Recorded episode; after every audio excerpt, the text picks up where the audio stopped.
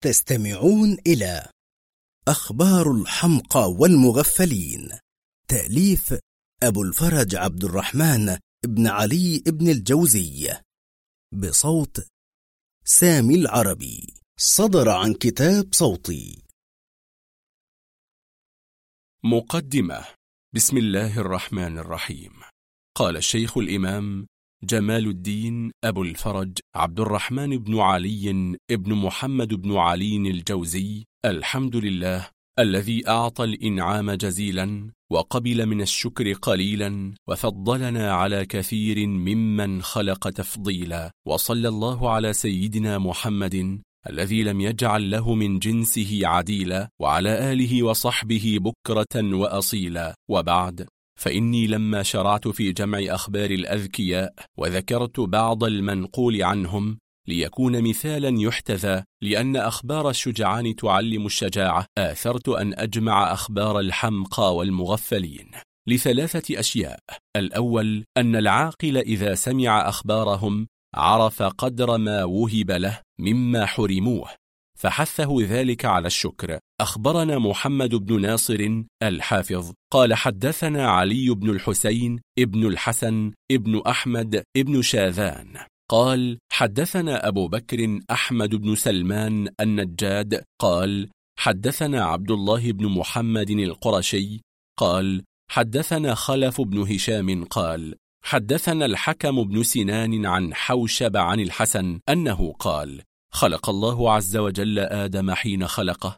فأخرج أهل الجنة من صفحته اليمنى وأخرج أهل النار من صفحته اليسرى فدبوا على وجه الأرض منهم الأعمى والأصم والمبتلى. فقال آدم يا رب ألا ساويت بين ولدي؟ قال يا آدم إني أردت أن أشكر. أخبرنا محمد بن عبد الملك قال أخبرنا أبو محمد الحسن بن علي الجوهري قال حدثنا أبو عمر بن حيوية قال أنبأنا ابن المرزبان قال قال حارث بن محمد سمعت محمد بن مسلم يقول تكلم رجل في مجلس ابن عباس فأكثر الخطأ فالتفت عبد الله بن عباس إلى عبد الله فقال له الرجل ما سبب هذا الشكر؟ قال إذ لم يجعلني الله مثلك. والثاني أن ذكر المغفلين يحث المتيقظ على اتقاء أسباب الغفلة إذا كان ذلك داخلا تحت الكسب وعامله فيه الرياضة. وأما إذا كانت الغفلة مجبولة في الطباع فإنها لا تكاد تقبل التغيير. والثالث أن يروح الإنسان قلبه بالنظر في سير هؤلاء المبخوسين حظوظا يوم القسمة فإن النفس قد تمل من الدؤوب في الجد وترتاح إلى بعض المباح من اللهو.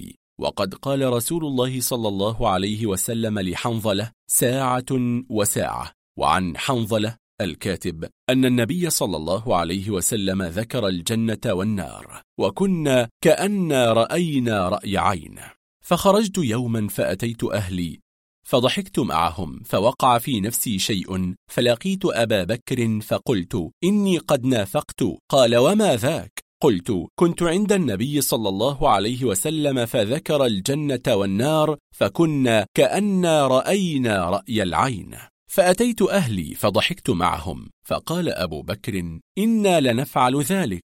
فأتيت رسول الله صلى الله عليه وسلم فذكرت ذلك له فقال يا حنظلة. لو كنتم عند أهليكم كما تكونون عندي لصافحتكم الملائكة على فرشكم وفي الطريق. يا حنظلة ساعة وساعة. وقال علي بن أبي طالب روحوا القلوب واطلبوا لها طرف الحكمة فإنها تمل كما تمل الأبدان.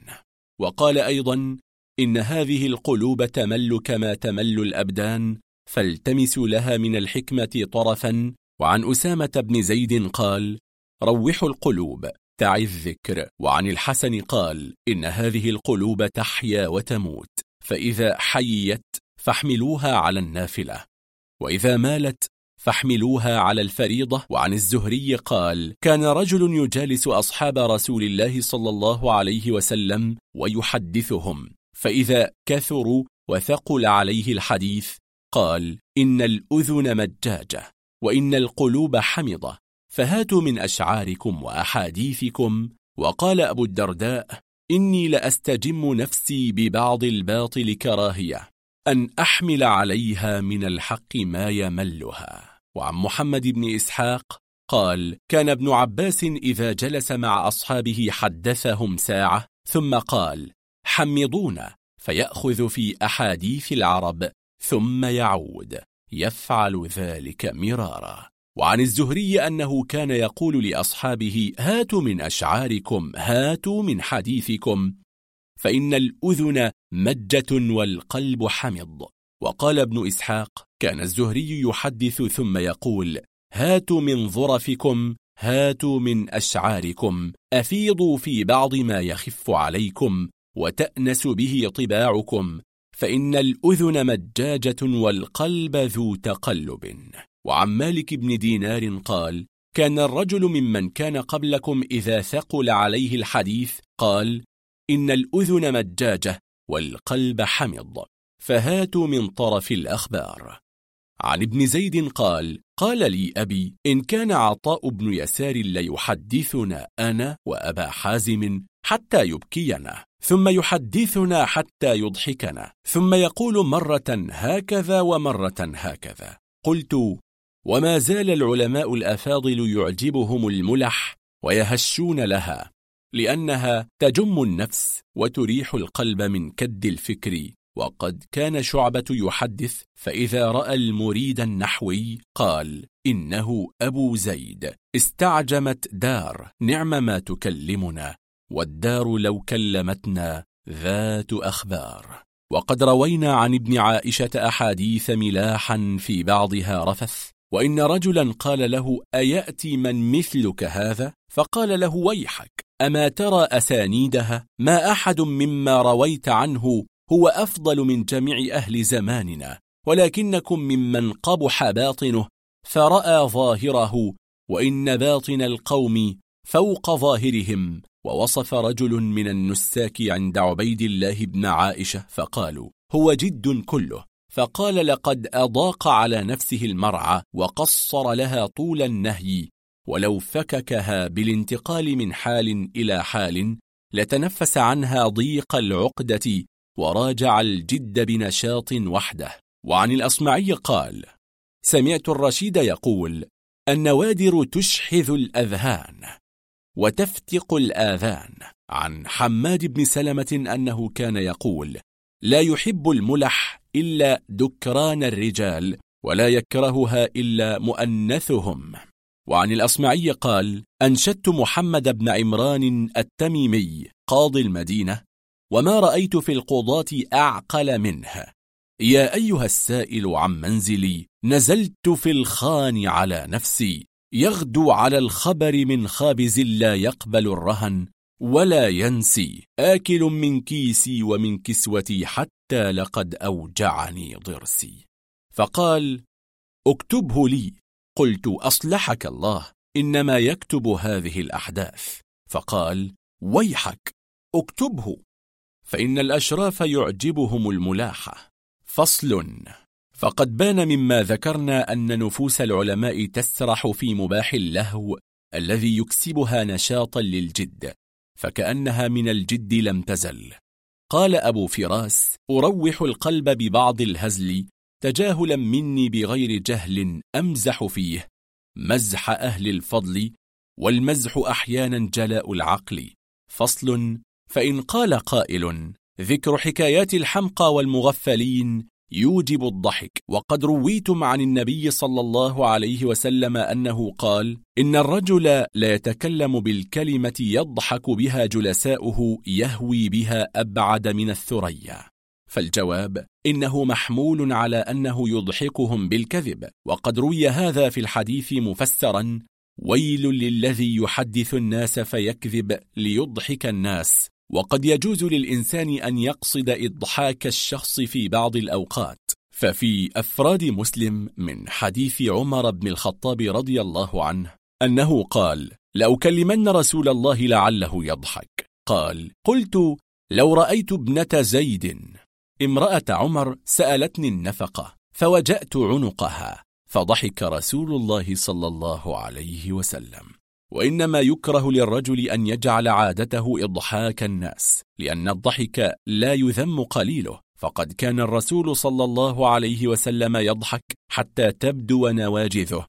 وإنه يكره كثيره لما روي عنه عليه السلام أنه قال كثرة الضحك تميت القلب والارتياح إلى مثل هذه الأشياء في بعض الأوقات كالملح في القدر. فصل. وقد قسمت هذا الكتاب أربعة وعشرين بابا وهذه تراجمها. الباب الأول في ذكر الحماقة ومعناها. الباب الثاني في بيان أن الحمق غريزة. الباب الثالث في ذكر اختلاف الناس في الحمق. الباب الرابع في ذكر أسماء الأحمق. الباب الخامس في ذكر صفات الأحمق. الباب السادس في التحذير من صحبة الأحمق. الباب السابع في ضرب العرب المثل بمن عرف حمقه. الباب الثامن في ذكر أخبار من ضرب المثل بحمقه وتغفيله. الباب التاسع في ذكر جماعة من العقلاء صدر عنهم فعل الحمقى الباب العاشر في ذكر المغفلين من القراء. الباب الحادي عشر في المغفلين من رواة الحديث وتصحيفه. الباب الثاني عشر في ذكر المغفلين من القضاة. الباب الثالث عشر في ذكر المغفلين من الأمراء والولاة. الباب الرابع عشر في ذكر المغفلين من الكتاب والحجاب. الباب الخامس عشر في المغفلين من المؤذنين. الباب السادس عشر في المغفلين من الأئمة. الباب السابع عشر في المغفلين من الأعراب. الباب الثامن عشر في من قصد الفصاحة والإعراب من المغفلين. الباب التاسع عشر في من قال شعرا من المغفلين. الباب العشرون في المغفلين من القصاص. الباب الحادي والعشرون في المغفلين من المتزهدين. الباب الثاني والعشرون في ذكر المغفلين من المعلمين. الباب الثالث والعشرون في ذكر المغفلين من الحاكة الباب الرابع والعشرون في ذكر المغفلين على الإطلاق. الباب الأول في ذكر الحماقة ومعناها. قال ابن الأعرابي الحماقة مأخوذة من حمقة السوق إذا كسدت. فكأنه كاسد العقل والرأي فلا يشاور ولا يلتفت إليه في أمر حرب. وقال أبو بكر المكارم إنما سميت البقلة الحمقاء لأنها تنبت في سبيل الماء وطريق الإبل. قال ابن الأعرابي وبها سمي الرجل أحمق لأنه لا يميز كلامه من رعونته. فصل. وقد ذكرنا ما يتعلق باللغة في هذا الاسم ولا يظهر المقصود إلا بكشف المعنى. فنقول معنى الحمق والتغفيل هو الغلط في الوسيلة والطريق إلى المطلوب مع صحة المقصود بخلاف الجنون. فإنه عبارة عن الخلل في الوسيلة والمقصود جميعا فالأحمق مقصوده صحيح ولكن سلوكه الطريق فاسد. ورؤيته في الطريق الوصال إلى الغرض غير صحيحة والمجنون أصل إشارته فاسد فهو يختار ما لا يختار ويبين هذا ما سنذكره عن بعض المغفلين. فمن ذلك أن طائرا طار من أمير فأمر أن يغلق باب المدينة فمقصود هذا الرجل حفظ الطائر. الباب الثاني في أن الحماقة غريزة عن أبي إسحاق قال إذا بلغك أن غنيا افتقر فصدق. وإذا بلغك أن فقيرا استغنى فصدق. وإذا بلغك أن حيا مات فصدق. وإذا بلغك أن أحمق استفاد عقلا فلا تصدق. عن أبي يوسف القاضي قال ثلاث صدق باثنتين ولا تصدق بواحدة. إن قيل لك إن رجلا كان معك فتوارى خلف حائط فمات فصدق. وإن قيل لك إن رجلا فقيرا خرج إلى بلد فاستفاد مالا فصدق. وإن قيل لك إن أحمق خرج إلى بلد فاستفاد عقلا فلا تصدق. عن الأوزاعي أنه يقول بلغني أنه قيل لعيسى بن مريم عليه السلام يا روح الله إنك تحيي الموتى. قال نعم بإذن الله. قيل وتبرئ الأكمة؟ قال نعم بإذن الله. قيل فما دواء الحمق؟ قال هذا الذي أعياني. قال جعفر بن محمد الأدب عند الحمق كالماء في أصول الحنظل. كلما ازداد ريا زاد مرارة قال المأمون تدرون ما جرى بيني وبين أمير المؤمنين هارون الرشيد؟ كان لي إليه ذنب فدخلت مسلما عليه. فقال أعزب يا أحمق. فانصرفت مغضبا. ولم أدخل إليه أياما. فكتب إلي رقعة يقول ليت شعري وقد تمادى بك الهجر أمنك التفريط أم كان مني؟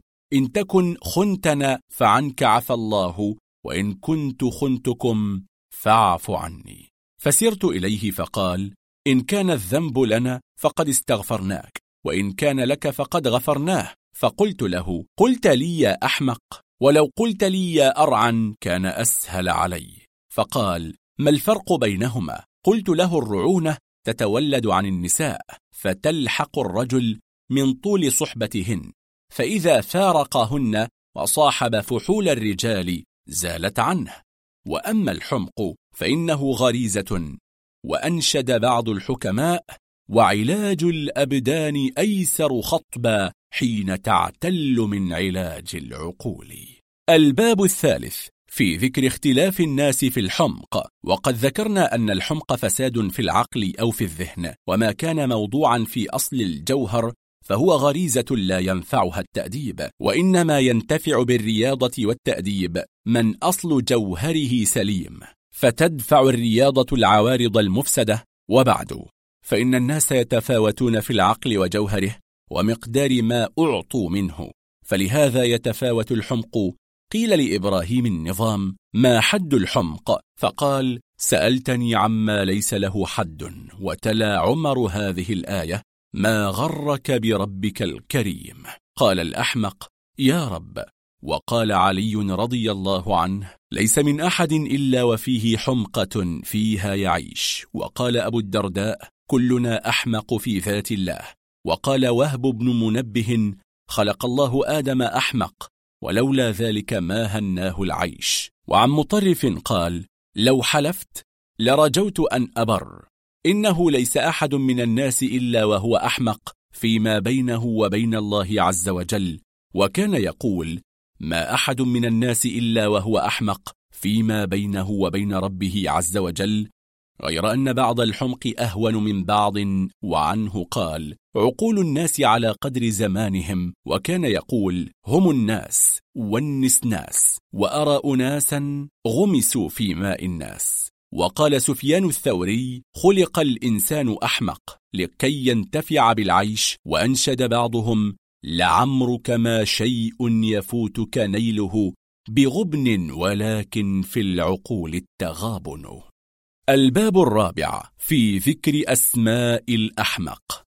الأحمق الرقيع المائق الأزبق الهجهاجة الهلباجة الخطل الخرف الملغ الماج المسلوس المأفون المأفوك الأغفك الفقاقة الهجأة الألق الخوعم الألفت الرطئ الباحر الهجرع المجع الأنوك الهبنك الأهوج الهبنق الأخرق الداعك الهداك الهبنقع المدله الذهول الجعبس الأوره الهوف المعضل الفدم الهتور عياياء طباقاء. فإذا كان يتجه لشيء في أسماء كثيرة وقريب هذه الأسماء على أحمق وقيل لو لم يكن من فضيلة الأحمق إلا كثرة أسمائه لكفى. قال ابن الأعرابي الرقيع هو الذي يحتاج أن يرقع من حمقه. وسئل بعض الأعراب ما الفرق بين الأحمق والمائق؟ فقال الأحمق مثل المائح على رأس البئر والمائق هو مثل المائح الذي هو أسفل البئر فبينهما من الجودة في الحماقة ما بين هذين. والعرب تقول أحمق ما يتوجه إلى ما يحسن أن تأتي الغائط والأخرق هو الذي يخرق الأشياء ولا يحسن لها مأتا. ومن أسماء النساء ذوات الحمق الورهاء الخرقاء الدفنس الخذعل الهوجاء القرثع الداعكة الرطيئة. الباب الخامس في ذكر صفات الأحمق صفات الأحمق تقسم إلى قسمين أحدهما من حيث الصورة والثاني من حيث الخصال والأفعال. ذكر القسم الأول. قال الحكماء إذا كان الرأس صغيرا رديء الشكل دل على رداءة في هيئة الدماغ. قال جالينوس لا يخلو صغر الرأس البتة من دلالة على رداءة هيئة الدماغ وإذا قصرت الرقبة دلت على ضعف الدماغ وقلته. ومن كانت بنيته غير متناسبة كان رديئا حتى في همته وعقله مثل الرجل العظيم البطل القصير الأصابع المستدير الوجه العظيم القامة الصغير الهامة اللحيم الجبهة والوجه والعنق والرجلين. فكأنما وجهه نصف دائرة. كذلك إذا كان مستدير الرأس واللحية ولكن وجهه شديد الغلظ وفي عينيه بلادة وحركة. فهو أيضا من أبعد الناس عن الخير. فإن جحظت فهو وقح مهذار. فإن كانت العين ذاهبة في طول البدن فصاحبها مكار لص. وإذا كانت العين عظيمة مرتعدة فصاحبها كسلان. بطال أحمق محب للنساء. والعين الزرقاء التي في زرقتها صفرة. كأنها زعفران تدل على رداءة الأخلاق جدا. والعين المشبهة لأعين البقر تدل على الحمق وإذا كانت العين كأنها ناتئة وسائر الجفن لاطئ فصاحبها أحمق. وإذا كان الجفن من العين منكسرا أو متلونا من غير علة فصاحبها كذاب مكار أحمق. والشعر على الكتفين والعنق يدل على الحمق والجرأة وعلى الصدر والبطن يدل على قلة الفطنة ومن طالت عنقه ورقت فهو صياح أحمق جبان. ومن كان أنفه غليظا ممتلئا فهو قليل الفهم. ومن كان غليظ الشفة فهو أحمق غليظ الطبع. ومن كان شديد استدارة الوجه فهو جاهل. ومن عظمت أذنه فهو جاهل طويل العمر. وحسن الصوت دليل على الحمق. وقلة الفطنة واللحم الكثير الصلب. دليل على غلظ الحس والفهم والغباوة والجهل في الطول أكثر. ومن العلامات التي لا تخطئ طول اللحية فإن صاحبها لا يخلو من الحمق. وقد روي أنه مكتوب في التوراة إن اللحية مخرجها من الدماغ فمن أفرط عليه طولها قل دماغه ومن قل دماغه قل عقله ومن قل عقله كان أحمق. قال بعض الحكماء الحمق سماد اللحية.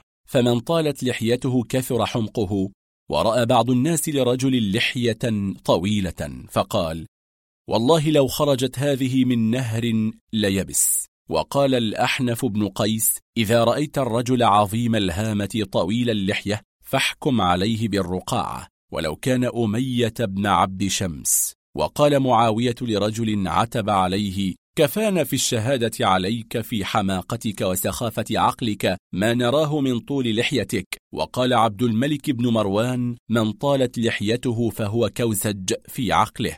وقال أصحاب الفراسة إذا كان الرجل طويل القامة واللحية فاحكم عليه بالحمق. وإذا انضاف إلى ذلك أن يكون رأسه صغيرا فلا تشك فيه. وقال بعض الحكماء موضع العقل الدماغ وطريق الروح الأنف. وموضع الرعونة طويل اللحية. وعن سعد بن منصور أنه قال قلت لابن إدريس أرأيت سلام بن أبي حفصة؟ قال نعم رأيته طويل اللحية وكان أحمق. وعن ابن سيرين أنه قال إذا رأيت الرجل طويل اللحية فاعلم ذلك في عقله.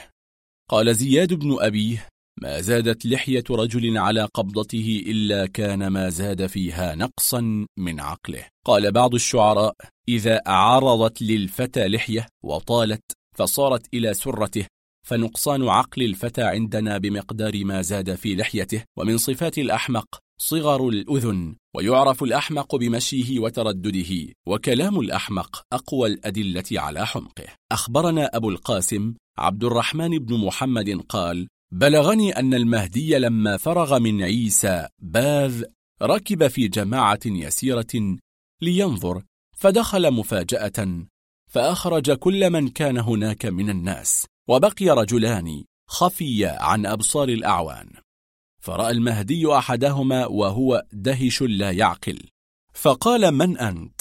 قال أنا أنا أنا قال ويلك من أنت؟ قال لا أدري قال ألك حاجة؟ قال لا لا قال أخرجوه.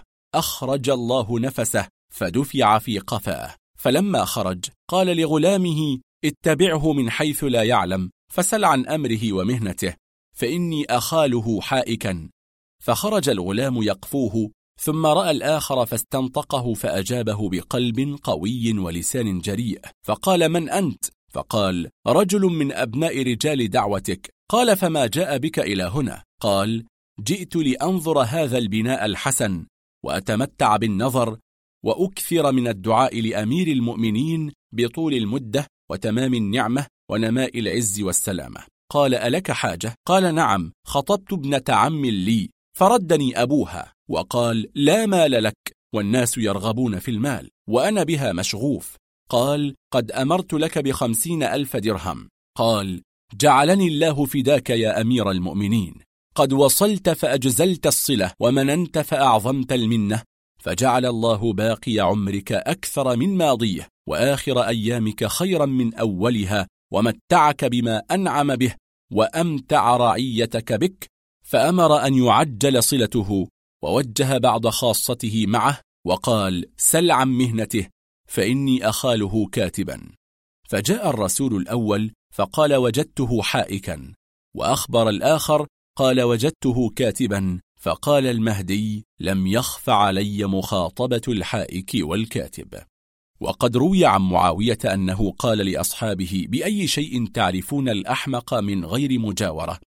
فقال بعضهم من قبل مشيته ونظره وتردده. وقال بعضهم لا بل يعرف حمق الرجل من كنيته ونقش خاتمه. فبينما هم يخوضون في حديث الحمقى إذ صاح رجل لرجل يا أبا الياقوت! فدعا به معاوية. فإذا رجل عليه بزة فحاوره ساعة. ثم قال ما الذي على فص خاتمك؟ فقال ما لي لا أرى الهدهد أم كان من الغائبين. فقالوا يا أمير المؤمنين. الأمر قلت وعن الشافعي أنه قال إذا رأيت الرجل خاتمه كبير وفصه صغير فذاك رجل عاقل وإذا رأيت فضته قليلة وفصه كبير فذاك عاجز وإذا رأيت الكاتب دواته على يساره فليس بكاتب وإذا كانت على يمينه وقلمه على أذنه فذاك كاتب. ذكر القسم الثاني وهو المتعلق بالخصال والأفعال من ذلك ترك نظره في العواقب. وثقته بمن لا يعرفه ولا يخبره ومنها أنه لا مودة له ومنها العجب وكثرة الكلام. قال أبو الدرداء لا يغرنكم ظرف الرجل وفصاحته وإن كان مع ذلك قائم الليل صائم النهار إذا رأيتم فيه ثلاث خصال العجب وكثرة المنطق فيما لا يعنيه وإن يجد على الناس فيما يأتي مثله فإن ذلك من علامة الجاهل. وقال عمر بن عبد العزيز ما عدمت من الأحمق فلن تعدم خلتين سرعة الجواب وكثرة الالتفاتات. وتكلم رجل عند معاوية فأكثر الكلام فضجر معاوية فقال أسكت. فقال وهل تكلمت؟ ومن علامات الأحمق خلوه عن العلم أصلا فإن العقل لا بد أن يحرك إلى اكتساب شيء من العلم. وإن قل فإذا غلب السن ولم يحصل شيئا من العلم دل على الحمق. قال الأعمش إذا رأيت الشيخ ليس عنده شيء من العلم أحببت أن أصفعه. كان عبد الله بن معاوية بن عبد الله بن جعفر ابن أبي طالب صديقا للوليد يأتيه ويؤانسه. فجلس يوما يلعبان بالشطرنج إذ أتاه الآذن فقال أصلح الله الأمير. رجل من أخوالك من أشراف ثقيف قدم غازيا فأحب السلام عليك. فقال دعه. فقال عبد الله وما عليك؟ ائذن له. فنظل نحن على لعبنا. فادع بمنديل يوضع عليها ونسلم على الرجل ونعود. ففعل. ثم قال أذن له. فإذا هو رجل له هيبة وبين عينيه أثر السجود. وهو معتم. قد رجل لحيته فسلم ثم قال أصلح الله الأمير. قدمت غازيا فكرهت أن أجوزك حتى أقضي حقك. فقال حياك الله وبارك عليك. ثم سكت عنها فلما أنس أقبل عليه الوليد فقال يا خال هل جمعت القرآن؟ قال لا كانت شغلتنا عنه شواغل. قال أحفظت من سنة رسول الله صلى الله عليه وسلم ومغازيه وأحاديثه شيئا؟ قال لا كانت شغلتنا عن ذلك شواغل. قال فأحاديث العرب وأشعارها؟ قال لا. قال فأحاديث أهل الحجاز ومضحكيها؟ قال لا. قال فأحاديث العجم وآدابها؟ قال ذاك شيء ما طلبته. فرفع الوليد المنديل وقال شاهك. فقال عبد الله بن معاوية سبحان الله. قال لا والله ما معنا في البيت أحد. فلما رأى ذلك الرجل خرج وأقبل على لعبهم ومن خصال الأحمق فرحه بالكذب من مدحه وتأثره بتعظيمه وإن كان غير مستحق لذلك. عن الحسن أنه يقول خفق النعال خلف الأحمق قلما يلبث. وقال زيد بن خالد ليس أحد أحمق من غني قد أمن الفقر وفقير قد آيس من الغنى. وقال الأصمعي إذا أردت أن تعرف عقل الرجل في مجلس واحد فحدثه بحديث لا أصل له فإن رأيته أصغى إليه وقبله فاعلم أنه أحمق وإن أنكره فهو عاقل. وقال بعض الحكماء من أخلاق الحمق العجلة والخفة والجفاء والغرور والفجور. والسفه والجهل والتواني والخيانة والظلم والضياع والتفريط والغفلة والسرور والخيلاء والفجر والمكر. إن استغنى بطر وإن افتقر قنط وإن فرح أشر وإن قال فحش وإن سئل بخل وإن سأل ألح وإن قال لم يحسن وإن قيل له لم يفقه وإن ضحك نهق وإن بكى خار. وقال بعض الحكماء يعرف الأحمق بست خصال. الغضب من غير شيء والإعطاء في غير حق والكلام من غير منفعة والثقة بكل أحد وإفشاء السر وأن لا يفرق بين عدوه وصديقه ويتكلم ما يخطر على قلبه ويتوهم أنه أعقل الناس. وقال أبو حاتم ابن حيان الحافظ علامة الحمق سرعة الجواب وترك التثبت والإفراط في الضحك وكثرة الالتفات.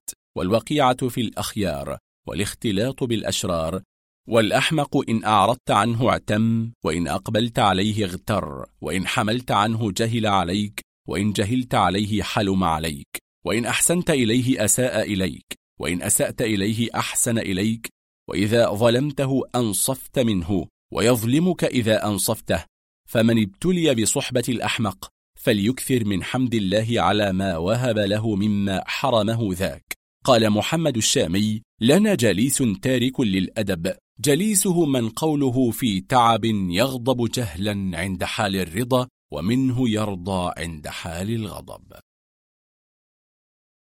الباب السادس في التحذير من صحبة الأحمق. قال عليه السلام لا تؤاخي الأحمق فإنه يشير عليك ويجهد نفسه فيخطئ وربما يريد أن ينفعك فيضرك وسكوته خير من نطقه وبعده خير من قربه وموته خير من حياته. وقال ابن أبي زياد قال لي أبي يا بني إلزم أهل العقل وجالسهم واجتنب الحمقى فإني ما جالست أحمق فقمت إلا وجدت النقص في عقلي. عن عبد الله بن حبيق قال أوحى الله عز وجل إلى موسى عليه السلام لا تغضب على الحمقى فيكثر غمك. وعن الحسن قال هجران الأحمق قربة إلى الله عز وجل. وعن سلمان بن موسى قال ثلاثة لا ينتصف بعضهم من بعض حليم من أحمق وشريف من دنيء وبر من فاجر. وكذلك روينا عن الأحنف بن قيس أنه قال قال الخليل بن أحمد الناس أربعة رجل يدري ويدري أنه يدري فذاك عالم فخذوا عنه. ورجل يدري وهو لا يدري أنه يدري فذاك ناس فذكره ورجل لا يدري وهو يدري أنه لا يدري فذاك طالب فعلموه. ورجل لا يدري وهو لا يدري أنه لا يدري فذاك أحمق فارفضوه. وقال أيضا الناس أربعة فكلم ثلاثا ولا تكلم واحدا. رجل يعلم ويعلم أنه يعلم فكلمه. ورجل يعلم ويرى أنه لا يعلم فكلمه. ورجل لا يعلم ويرى أنه لا يعلم فكلمه. ورجل لا يعلم ويرى أنه يعلم فلا تكلمه. قال جعفر بن محمد الرجال أربعة. رجل يعلم ويعلم أنه يعلم فذاك عالم فتعلموا منه. ورجل يعلم ولا يعلم أنه يعلم فذاك نائم فأنبهوه. ورجل لا يعلم ويعلم أنه لا يعلم فذاك جاهل فعلموه. ورجل لا يعلم ولا يعلم أنه لا يعلم فذاك أحمق فاجتنبوه. وقد روينا عن أبي يوسف القاضي أنه قال الناس ثلاثة مجنون ونصف مجنون وعاقل. فأما المجنون ونصف فأنت معهما في راحة. وأما العاقل فقد كفيت مؤنته. عن الأعمش أنه قال معاتبة الأحمق نفخ في تليسه. عن عبد الله بن داود الحربي أنه قال كل صديق ليس له عقل فهو أشد عليك من عدوك. عن بشر بن الحارث أنه قال النظر إلى الأحمق سخنة عين وسمعته يقول يأتي على الناس زمان تكون الدولة فيه للحمقى. وعنه أنه قال الأحمق سخنة عين غاب أو حضر.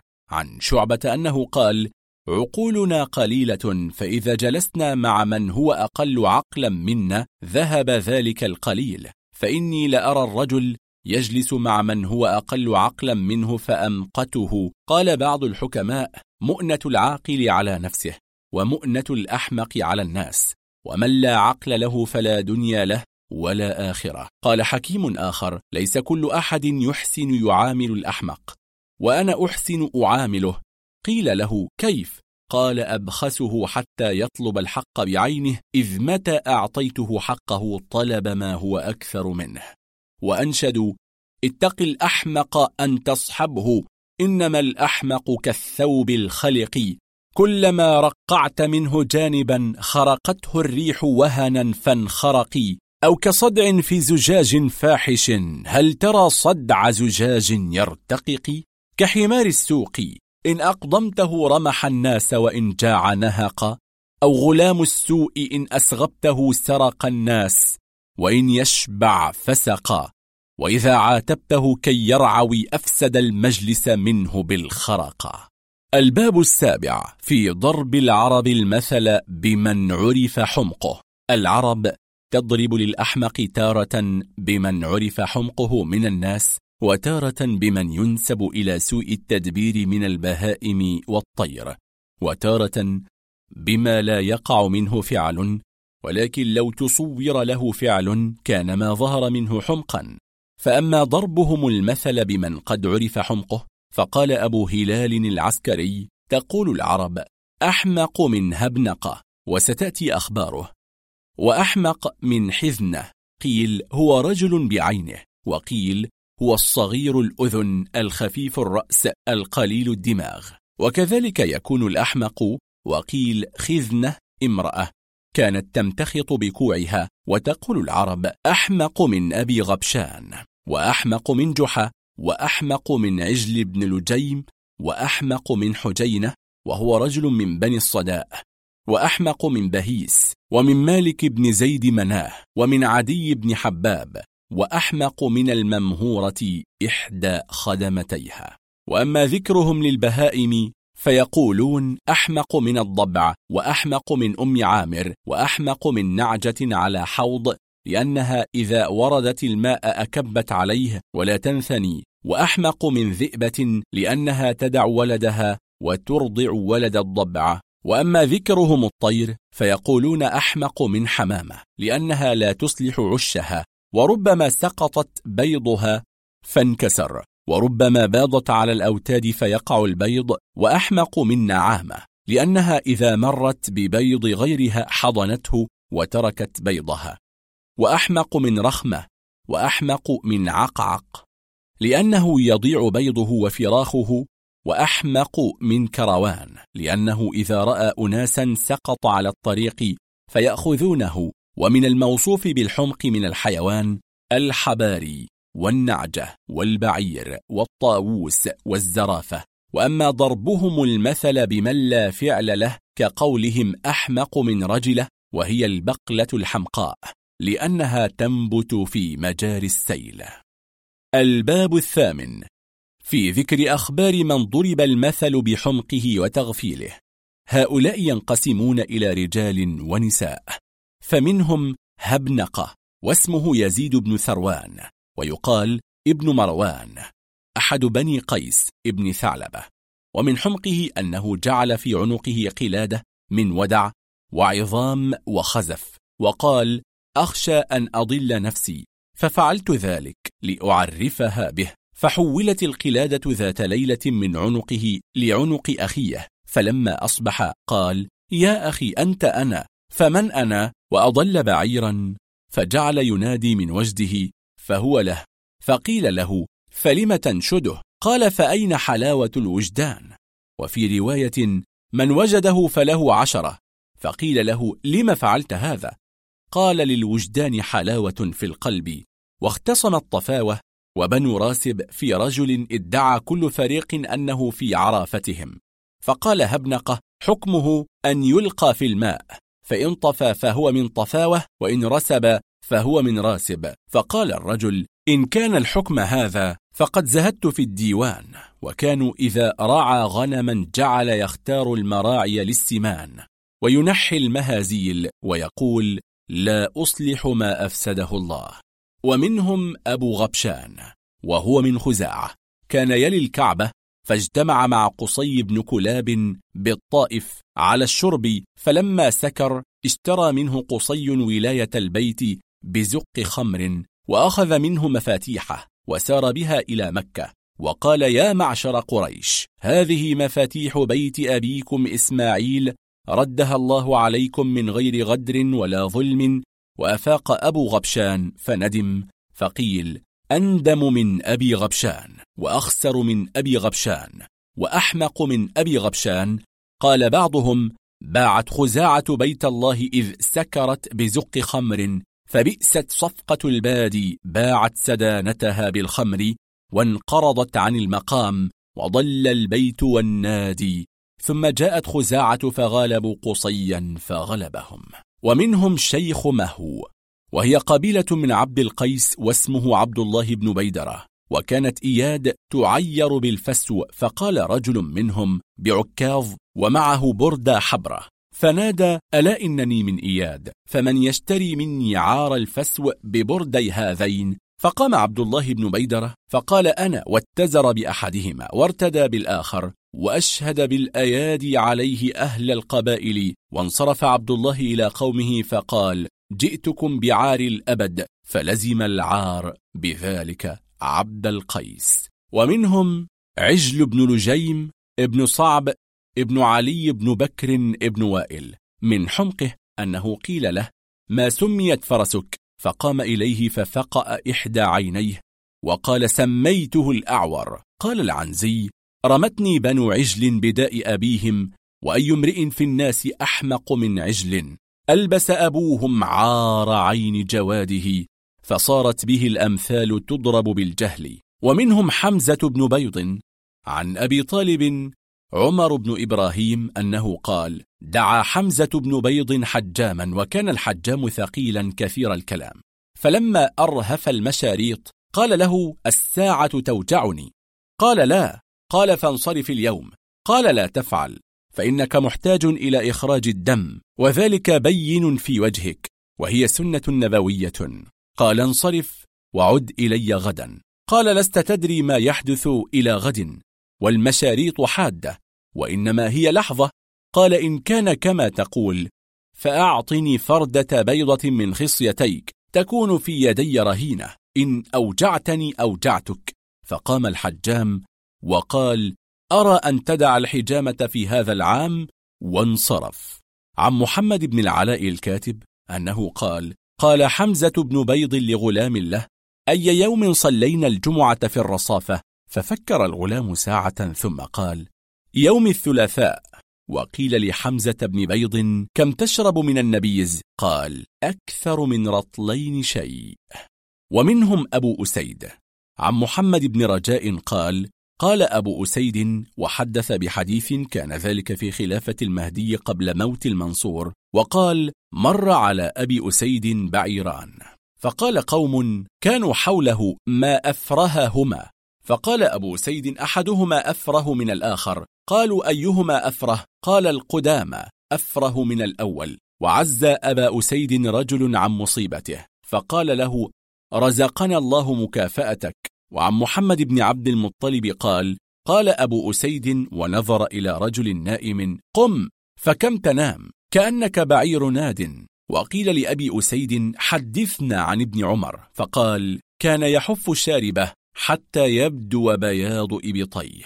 ومنهم جحا ويكنى أبا الغصن وقد روي عنه ما يدل على فطنة وذكاء إلا أن الغالب عليه التغفيل. وقد قيل إن بعض من كان يعاديه وضع له حكايات والله أعلم. عن مكي ابن إبراهيم أنه يقول رأيت جحا رجلا كيسا ظريفا وهذا الذي يقال عنه مكذوب عليه وكان له جيران مخنثون يمازحهم ويمازحونه فوضعوا عليه. وعن أبي بكر الكلبي أنه قال خرجت من البصرة فلما قدمت الكوفة إذا أنا بشيخ جالس في الشمس فقلت يا شيخ أين منزل الحكم؟ فقال لي وراءك. فرجعت إلى خلفي فقال يا سبحان الله أقول لك وراءك. وترجل إلى خلفك. أخبرني عكرمة عن ابن عباس في قوله تعالى وكان وراءهم ملك يأخذ كل سفينة غصبا. قال بين أيديهم. فقلت أبو من؟ قال أبو الغصن فقلت الاسم قال جحا. وقد رويت لنا هذه الحكاية على غير هذه الصفة. وعن عبادة بن صهيب قال قدمت الكوفة لأسمع من إسماعيل بن خالد فمررت بشيخ جالس فقلت يا شيخ كيف أمر إلى منزل إسماعيل بن خالد؟ فقال إلى ورائك. فقلت أرجع. فقال أقول لك وراءك. وترجع؟ فقلت أليس ورائي خلفي؟ قال لا. ثم قال حدثني عكرمة عن ابن عباس وكان وراءهم أي بين أيديهم. قال قلت بالله من أنت يا شيخ؟ قال أنا جحا. قال المصنف وجمهور ما يروى عن جحا تغفيل نذكره كما سمعناه. عن أبي الحسن قال رجل لجحا سمعت من داركم صراخا. قال سقط قميصي من فوق. قال وإذا سقط من فوق قال يا أحمق لو كنت فيه أليس كنت قد وقعت معه؟ وحكى أبو منصور الثعالبي في كتاب غرر النوادر قال تأذى أبو الغصن جحا بالريح مرة. فقال يخاطبها ليس يعرفك إلا سليمان بن داود الذي حبسك حتى أكلت خراك. وخرج يوما من الحمام في يوم بارد فضربته الريح فمس خصيتيه فإذا إحدى بيضته قد تقلصت فرجع إلى الحمام وجعل يفتش الناس فقالوا ما لك؟ فقال قد سرقت إحدى بيضتي ثم إنه دفئ وحمي. فرجعت البيضة فلما وجدها سجد شكرا لله وقال كل شيء لا تأخذه اليد لا يفقد. وما تجار له فأرسل إلى الحفار ليحفر له فجرى بينهما لجاج في أجرة الحفر فمضى جحا إلى السوق واشترى خشبة بدرهمين وجاء بها فسئل عنها فقال إن الحفار لا يحفر بأقل من خمسة دراهم وقد اشترينا هذه الخشبة بدرهمين لنصلبه عليها ونربح ثلاثة دراهم ويستريح من ضغطة القبر ومسألة منكر ونكير. وحكي أن جحا تبخر يوما فاحترقت ثيابه فغضب وقال والله لا تبخرت إلا عريانا وهبت يوما ريح شديدة فأقبل الناس يدعون الله ويتوبون فصاح جحا يا قوم لا تعجلوا بالتوبة وإنما هي زوبعة وتسكن. وذكر أنه اجتمع على باب دار أبي جحا تراب كثير من هدم وغيره فقال أبوه الآن يلزمني الجيران برمي هذا التراب وأحتاج إلى مؤنة وما هو بالذي يصلح لضرب اللبن فما أدري ما أعمل به. فقال له جحا إذا ذهب عنك هذا المقدار فليت شعري أي شيء تحسن؟ فقال أبوه فعلمنا أنت ما تصنع به. فقال يحفر له آبار ونكبسه فيها. واشترى يوما دقيقا وحمله على حمال فهرب بالدقيق. فلما كان بعد أيام رآه جحا فاستتر منه فقيل له ما لك فعلت كذا؟ فقال أخاف أن يطلب مني كراه.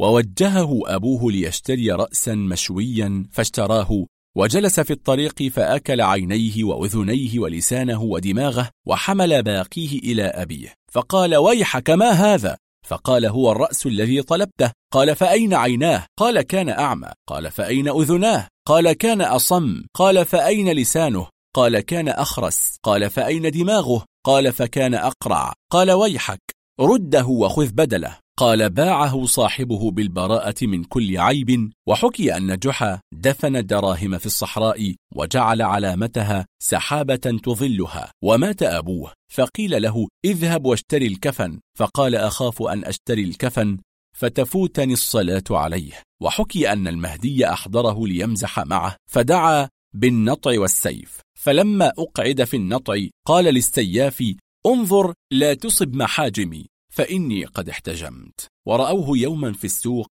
يعدو فقالوا ما شأنك؟ قال هل مرت بكم جارية رجل مخضوب اللحية؟ واجتاز يوما بباب الجامعة. فقال ما هذا؟ فقيل مسجد الجامع فقال رحم الله جامعا ما أحسن ما بنى مسجده. ومر بقوم وفي كمه خوخ. فقال من أخبرني بما في كمي فله أكبر خوخة. فقالوا خوخ. فقال ما قال لكم هذا إلا من أمه زانية. وسمع قائلا يقول ما أحسن القمر؟ فقال أي والله خاصة في الليل. وقال رجل أتحسن الحساب بإصبعك؟ قال نعم. قال خذ جريبين حنطة. فعقد الخنصر والبنصر. فقال له خذ جريبين شعيرا. فعقد السبابة والإبهام.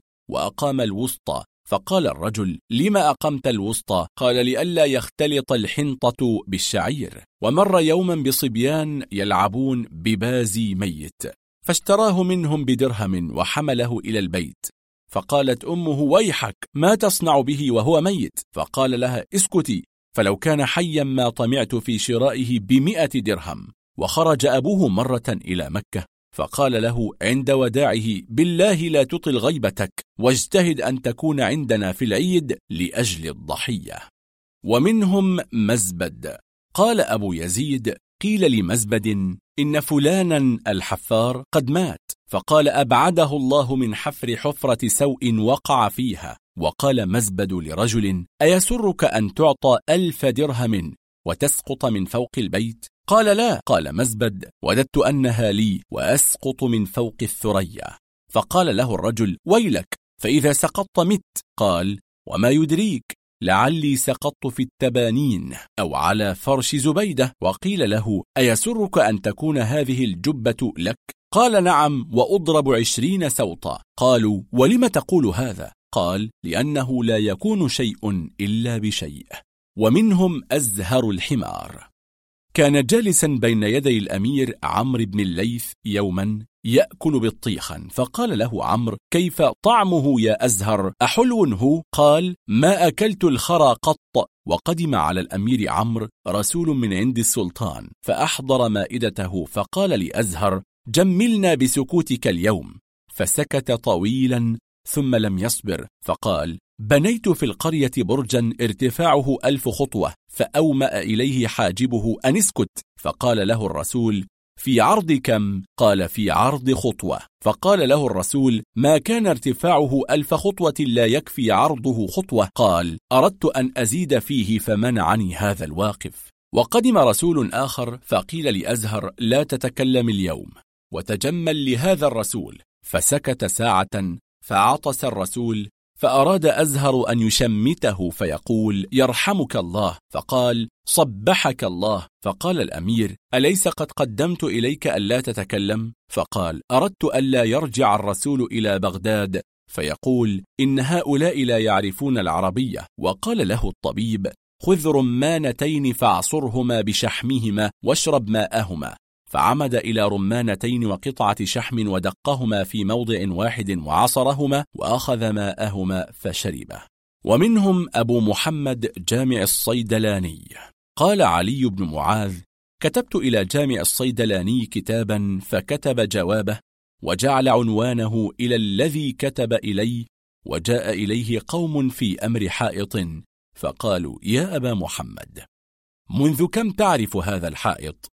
فقال أعرفه منذ كان وهو صغير لفلان وقيل له يوما كم سنة تعد؟ فقال إحدى وسبعين سنة. قيل له فمن تذكر من ولد العباس؟ قال إيتاخ. وركب زورقا فأعطى الملاح قطعة فاستزاده فقال مسخني الله ذو أربع قوائم مثلك إن زدتك شيئا. ومضى إلى السوق ليشتري لابنه نعلا فقيل له كم سنه؟ فقال لا أدري ولكنه ولد أول ما جاء العنب الداراني ومحمد بني استودعه الله أكبر منه بشهرين ونصف سنة. وكانت له بنت فقيل له كم سنها؟ فقال ما أدري إلا أنها ولدت أيام البراغيث وانبثق كنيف لجامع الصيدلاني فقال لغلامه بادر وأحضر من يصلحه حتى نتغدى به قبل أن يتعشى بنا. وحج ابنه في بعض السنين فقال له يا بني أنت تعلم أنني لا أصبر عنك فأجهد نفسك ألا تضحي إلا عندنا فإنك تعلم أن أمك لا تأكل شيئا في العيد حتى تجيء من الصلاة. ومنهم أبو عبد الله الجصاص حكي عنه أنه كان يوما يأكل مع الوزير فلما فرغ من الأكل قال الحمد لله الذي لا يحلف بأعظم منها ونظر يوما في المصحف وجعل يقول رخيص والله وهذا من فضل ربي آكل وأتمتع بدرهم وإذا في المصحف ذرهم يأكل ويتمتع فصحف ذرهم فظن أنه درهم. ودخل ابن الجصاص يوما على ابن الفرات الوزير الخاقاني وفي يده بطيخة كافور فأراد أن يعطيها الوزير ويبصق في دجلة فبصق في وجه الوزير ورمى البطيخة في دجلة فارتاع الوزير وانزعج ابن الجصاص وتحير.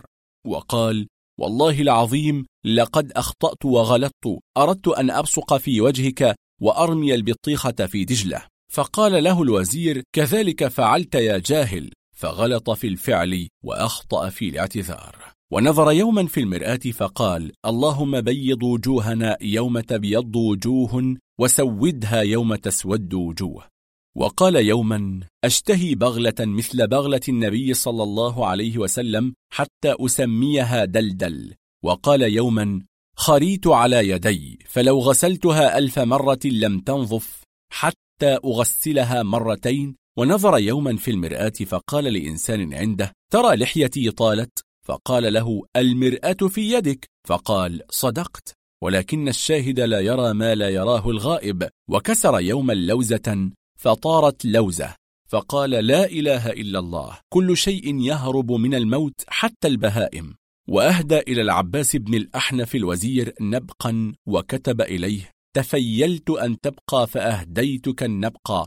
فكتب في جوابه ما تفيلت يا أبا عبد الله ولكن تبقرت. وكان ابن الجصاص يسبح كل يوم فيقول نعوذ بالله من نعمه ونتوب إليه من إحسانه ونستقيله من عافيته ونسأله عوائق الأمور. حسبي الله وأنبياؤه والملائكة الكرام.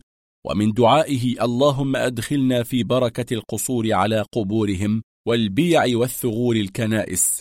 سبحان الله. قبل الله سبحان الله بعد الله وأتاه غلاما يوما بفرخ فقال انظروا إلى هذا الفرخ ما أشبهه بأمه. ثم قال أمه ذكر أم أنثى؟ واعتل مرة فقيل له كيف تجدك؟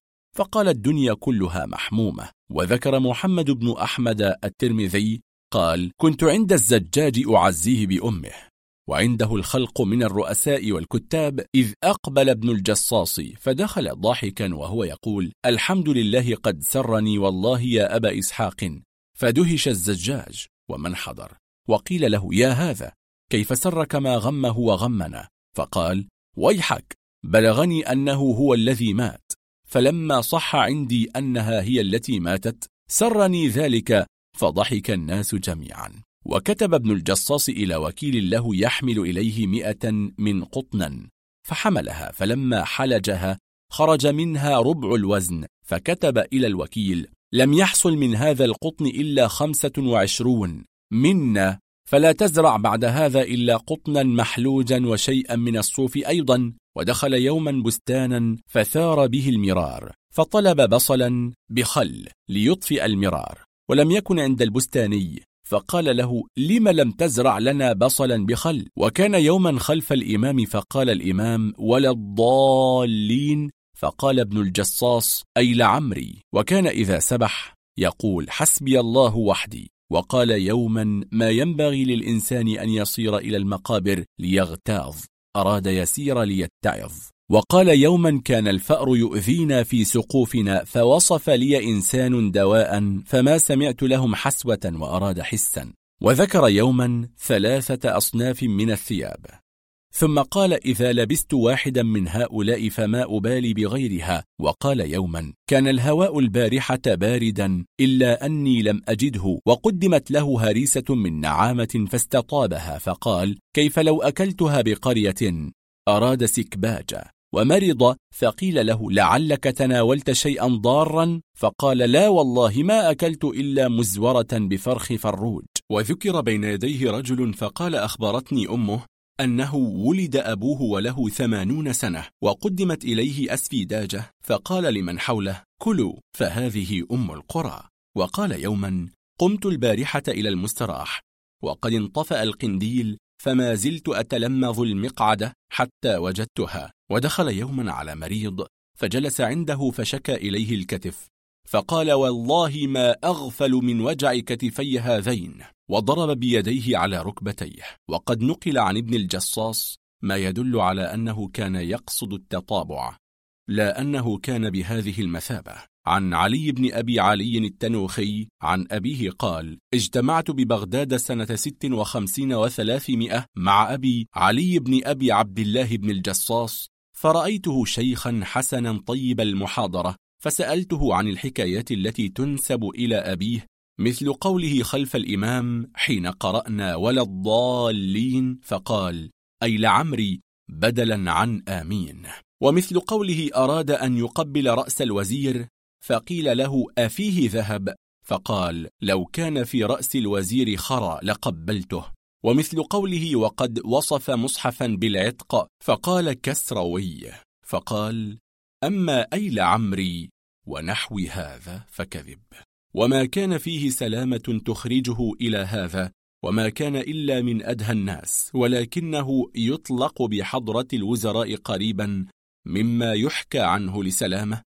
طبع كان فيه ولأنه كان يحب أن يصور نفسه عندهم بصورة الأبلة ليأمنه الوزراء لكثرة خلواته بالخلفاء فيسلم عليهم وأنا أحدثك عنه حديثا حدثنا به. تعلم منه أنه كان في غاية الحزم فإنه حدثني فقال إن أبا الحسن بن الفرات لما ولي الوزارة قصدني قصدا قبيحا فأنفذ العمال إلى ضياعي وأمر بقبض معاملاتي وبسط لسانه بثلبي وتنقصني في مجلسه فدخلت يوما داره فسمعت حاجبه يقول وقد وليت أي بيت المال يمشي على وجه الأرض ليس له من يأخذه. فقلت إن هذا من كلام صاحبه وإني مسلوب وكان عندي في ذلك الوقت سبعة آلاف ألف دينار. عينا وجواهر سوى ما يحتويه عليه ملكي فسهرت ليلتي أفكر في أمري معه فوقع لي الرأي في الثلث الأخير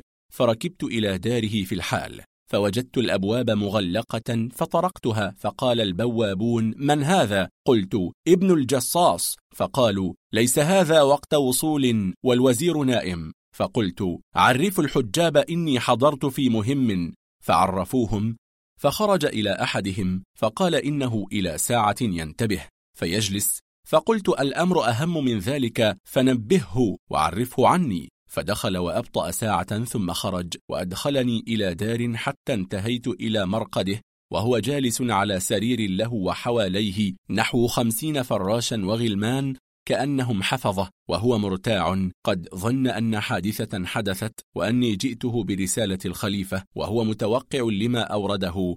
فقام فرفعني وقال ما الذي جاء بك في هذا الوقت؟ هل حدثت حادثة أو معك من الخليفة رسالة؟ قلت خير ما حدثت حادثة ولا معي رسالة ولا جئت أي في أمر يخصني ويخص الوزير. ولم تصلح المفاوضة فيه إلا على خلوة فسكن وقال لمن حوله.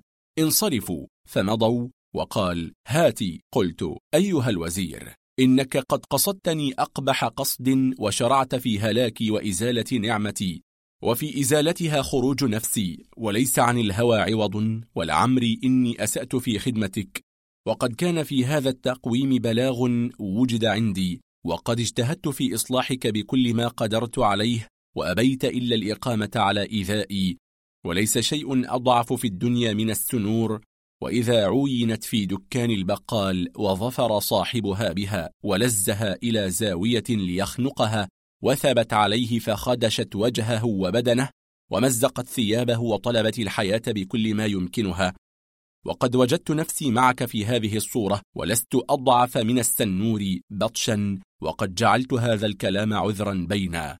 فإن نزلت تحت حكمي في الصلح وإلا فعلي وعلي. وحلفت أيمانا مغلظة لأقصدن الخليفة الساعة ولأحولن إليه من خزائني ألف دينار عينا وورقا ولا أصبح إلا وهي عنده وأنت تعلم قدرتي عليها وأقول خذ هذا المال وسلم ابن الفرات إلى فلان واستوزره وأذكر له أقرب من يقع في نفسي أنه يجيب إلى تقليده ممن له وجه مقبول ولسان عذب وخط حسن ولا أعتمد إلا على بعض كتابك فإنه لا يفرق بينك وبينهم إذا رأى المال حاضرا فيسلمك في الحال ويراني المتقلد بعين من أخذه وهو صغير فجعله وزيرا وغرم عليه هذا المال الكثير فيخدمني ويتدبر برأيي وأسلمك إليه فيفرغ عليك العذاب.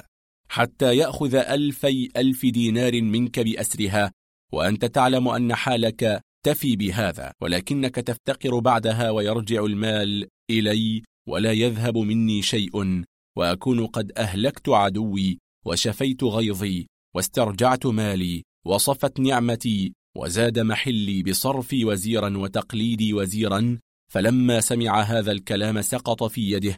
وقال يا عدو الله أو تستحل هذا؟ قلت لست عدو الله بل عدو الله من استحل مني هذا الذي أخرجني إلى الفكر في مثل هذا ولم لا أستحل مكروه من أراد هلاكي وزوال نعمتي. فقال أو إيش؟ فقلت أو تحلف الساعة بما أستحلفك به من الأيمان المغلظة أنك تكون لي لا علي في صغير أمري وكبيره ولا تنقص لي رسما ولا تغير لي معاملة ولا تدسس علي المكاره ولا تشر لي في سوء أبدا ظاهرا ولا باطنا. فقال وتحلف أنت أيضا لي بمثل هذا اليمين على جميل النية وحسن الطاعة والمؤازرة. فقلت أفعل. فقال لعنك الله. فما أنت إلا إبليس. والله لقد سحرتني واستدعى دواه وعملنا نسخة يمين فأحلفته أولا بها. ثم حلفت له فلما أردت القيام قال يا أبا عبد الله لقد عظمت في نفسي وخففت ثقلا عني. والله ما كان المقتدر يفرق بين كفاءتي وبين أخس كتابي مع المال الحاضر. فليكن ما جرى مطويا فقلت سبحان الله. فقال إذا كان غدا فصر إلى المجلس لترى ما أعاملك به.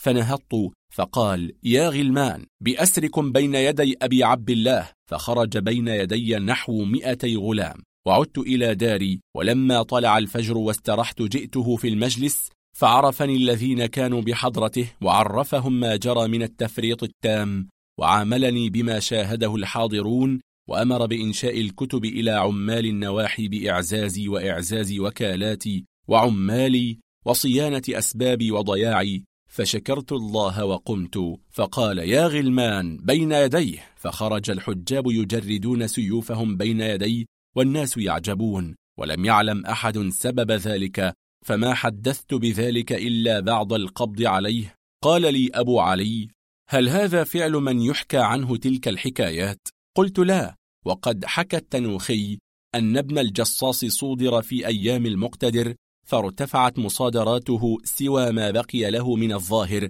وكانت ستة آلاف ألف دينار. قال التنوخي وحدثني أبو محمد عبد الله بن أحمد ابن مكرم قال حدثني بعض شيوخنا قال كنا بحضرة أبي عمرو القاضي فجرى ذكر ابن الجصاص وغفلته فقال أبو عمرو معاذ الله ما هو كما يقال عنه؟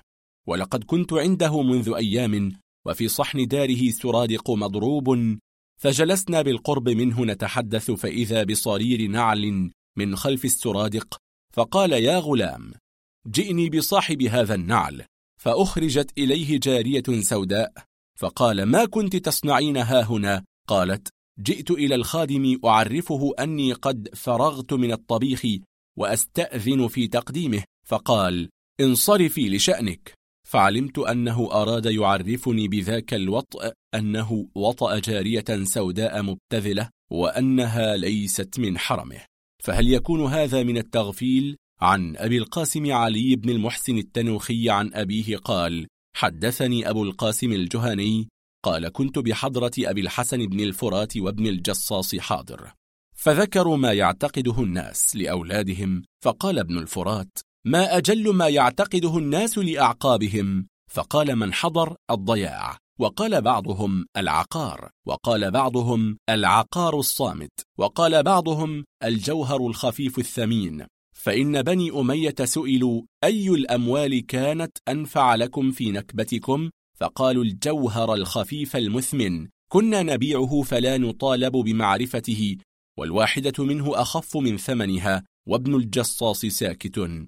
فقال له ابن الفرات ما تقول أنت يا أبا عبد الله فقال أجل ما يعتقده الناس لأولادهم الضياع والإخوان فإنهم إن اعتقدوا لهم ضياعا أو عقارا أو صامتا من غير إخوان ضاع ذلك وتمحق وأحدث الوزير بحديث جرى منذ مديدة يعلم منه صدق قولي فقال له ابن الفرات ما هو؟ فقال الناس يعرفون أن أبا الحسن كان رجلا مشتهرا بالجوهر يعتقده لنفسه وأولاده وجواريه فكنت جالسا يوما في داري فجاءني بوابي فقال بالباب امرأة تستأذن فأذنت لها فدخلت فقالت لي تخلي لي مجلسك؟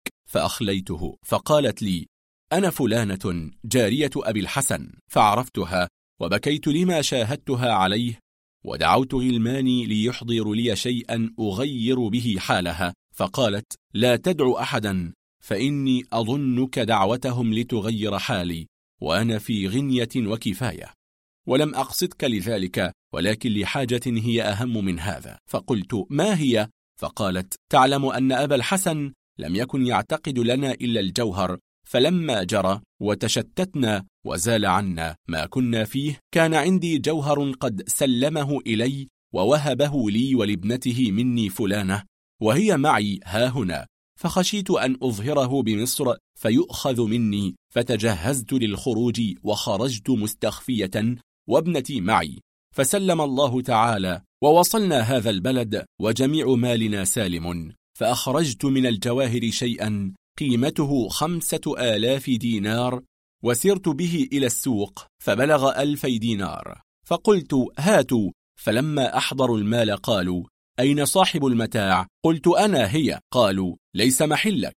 أن يكون هذا لك وأنت لصة فعلقوا بي ليحملوني إلى صاحب الشرطة. فخشيت أن أقع فأعرف فيؤخذ الجوهر وأطالب أنا بمال. فرشوت القوم دنانير كانت معي وتركت الجوهر عليهم وأقبلت. فما نمت ليلتي غما مما جرى علي من خشية الفقر لأن مالي هذا سبيله.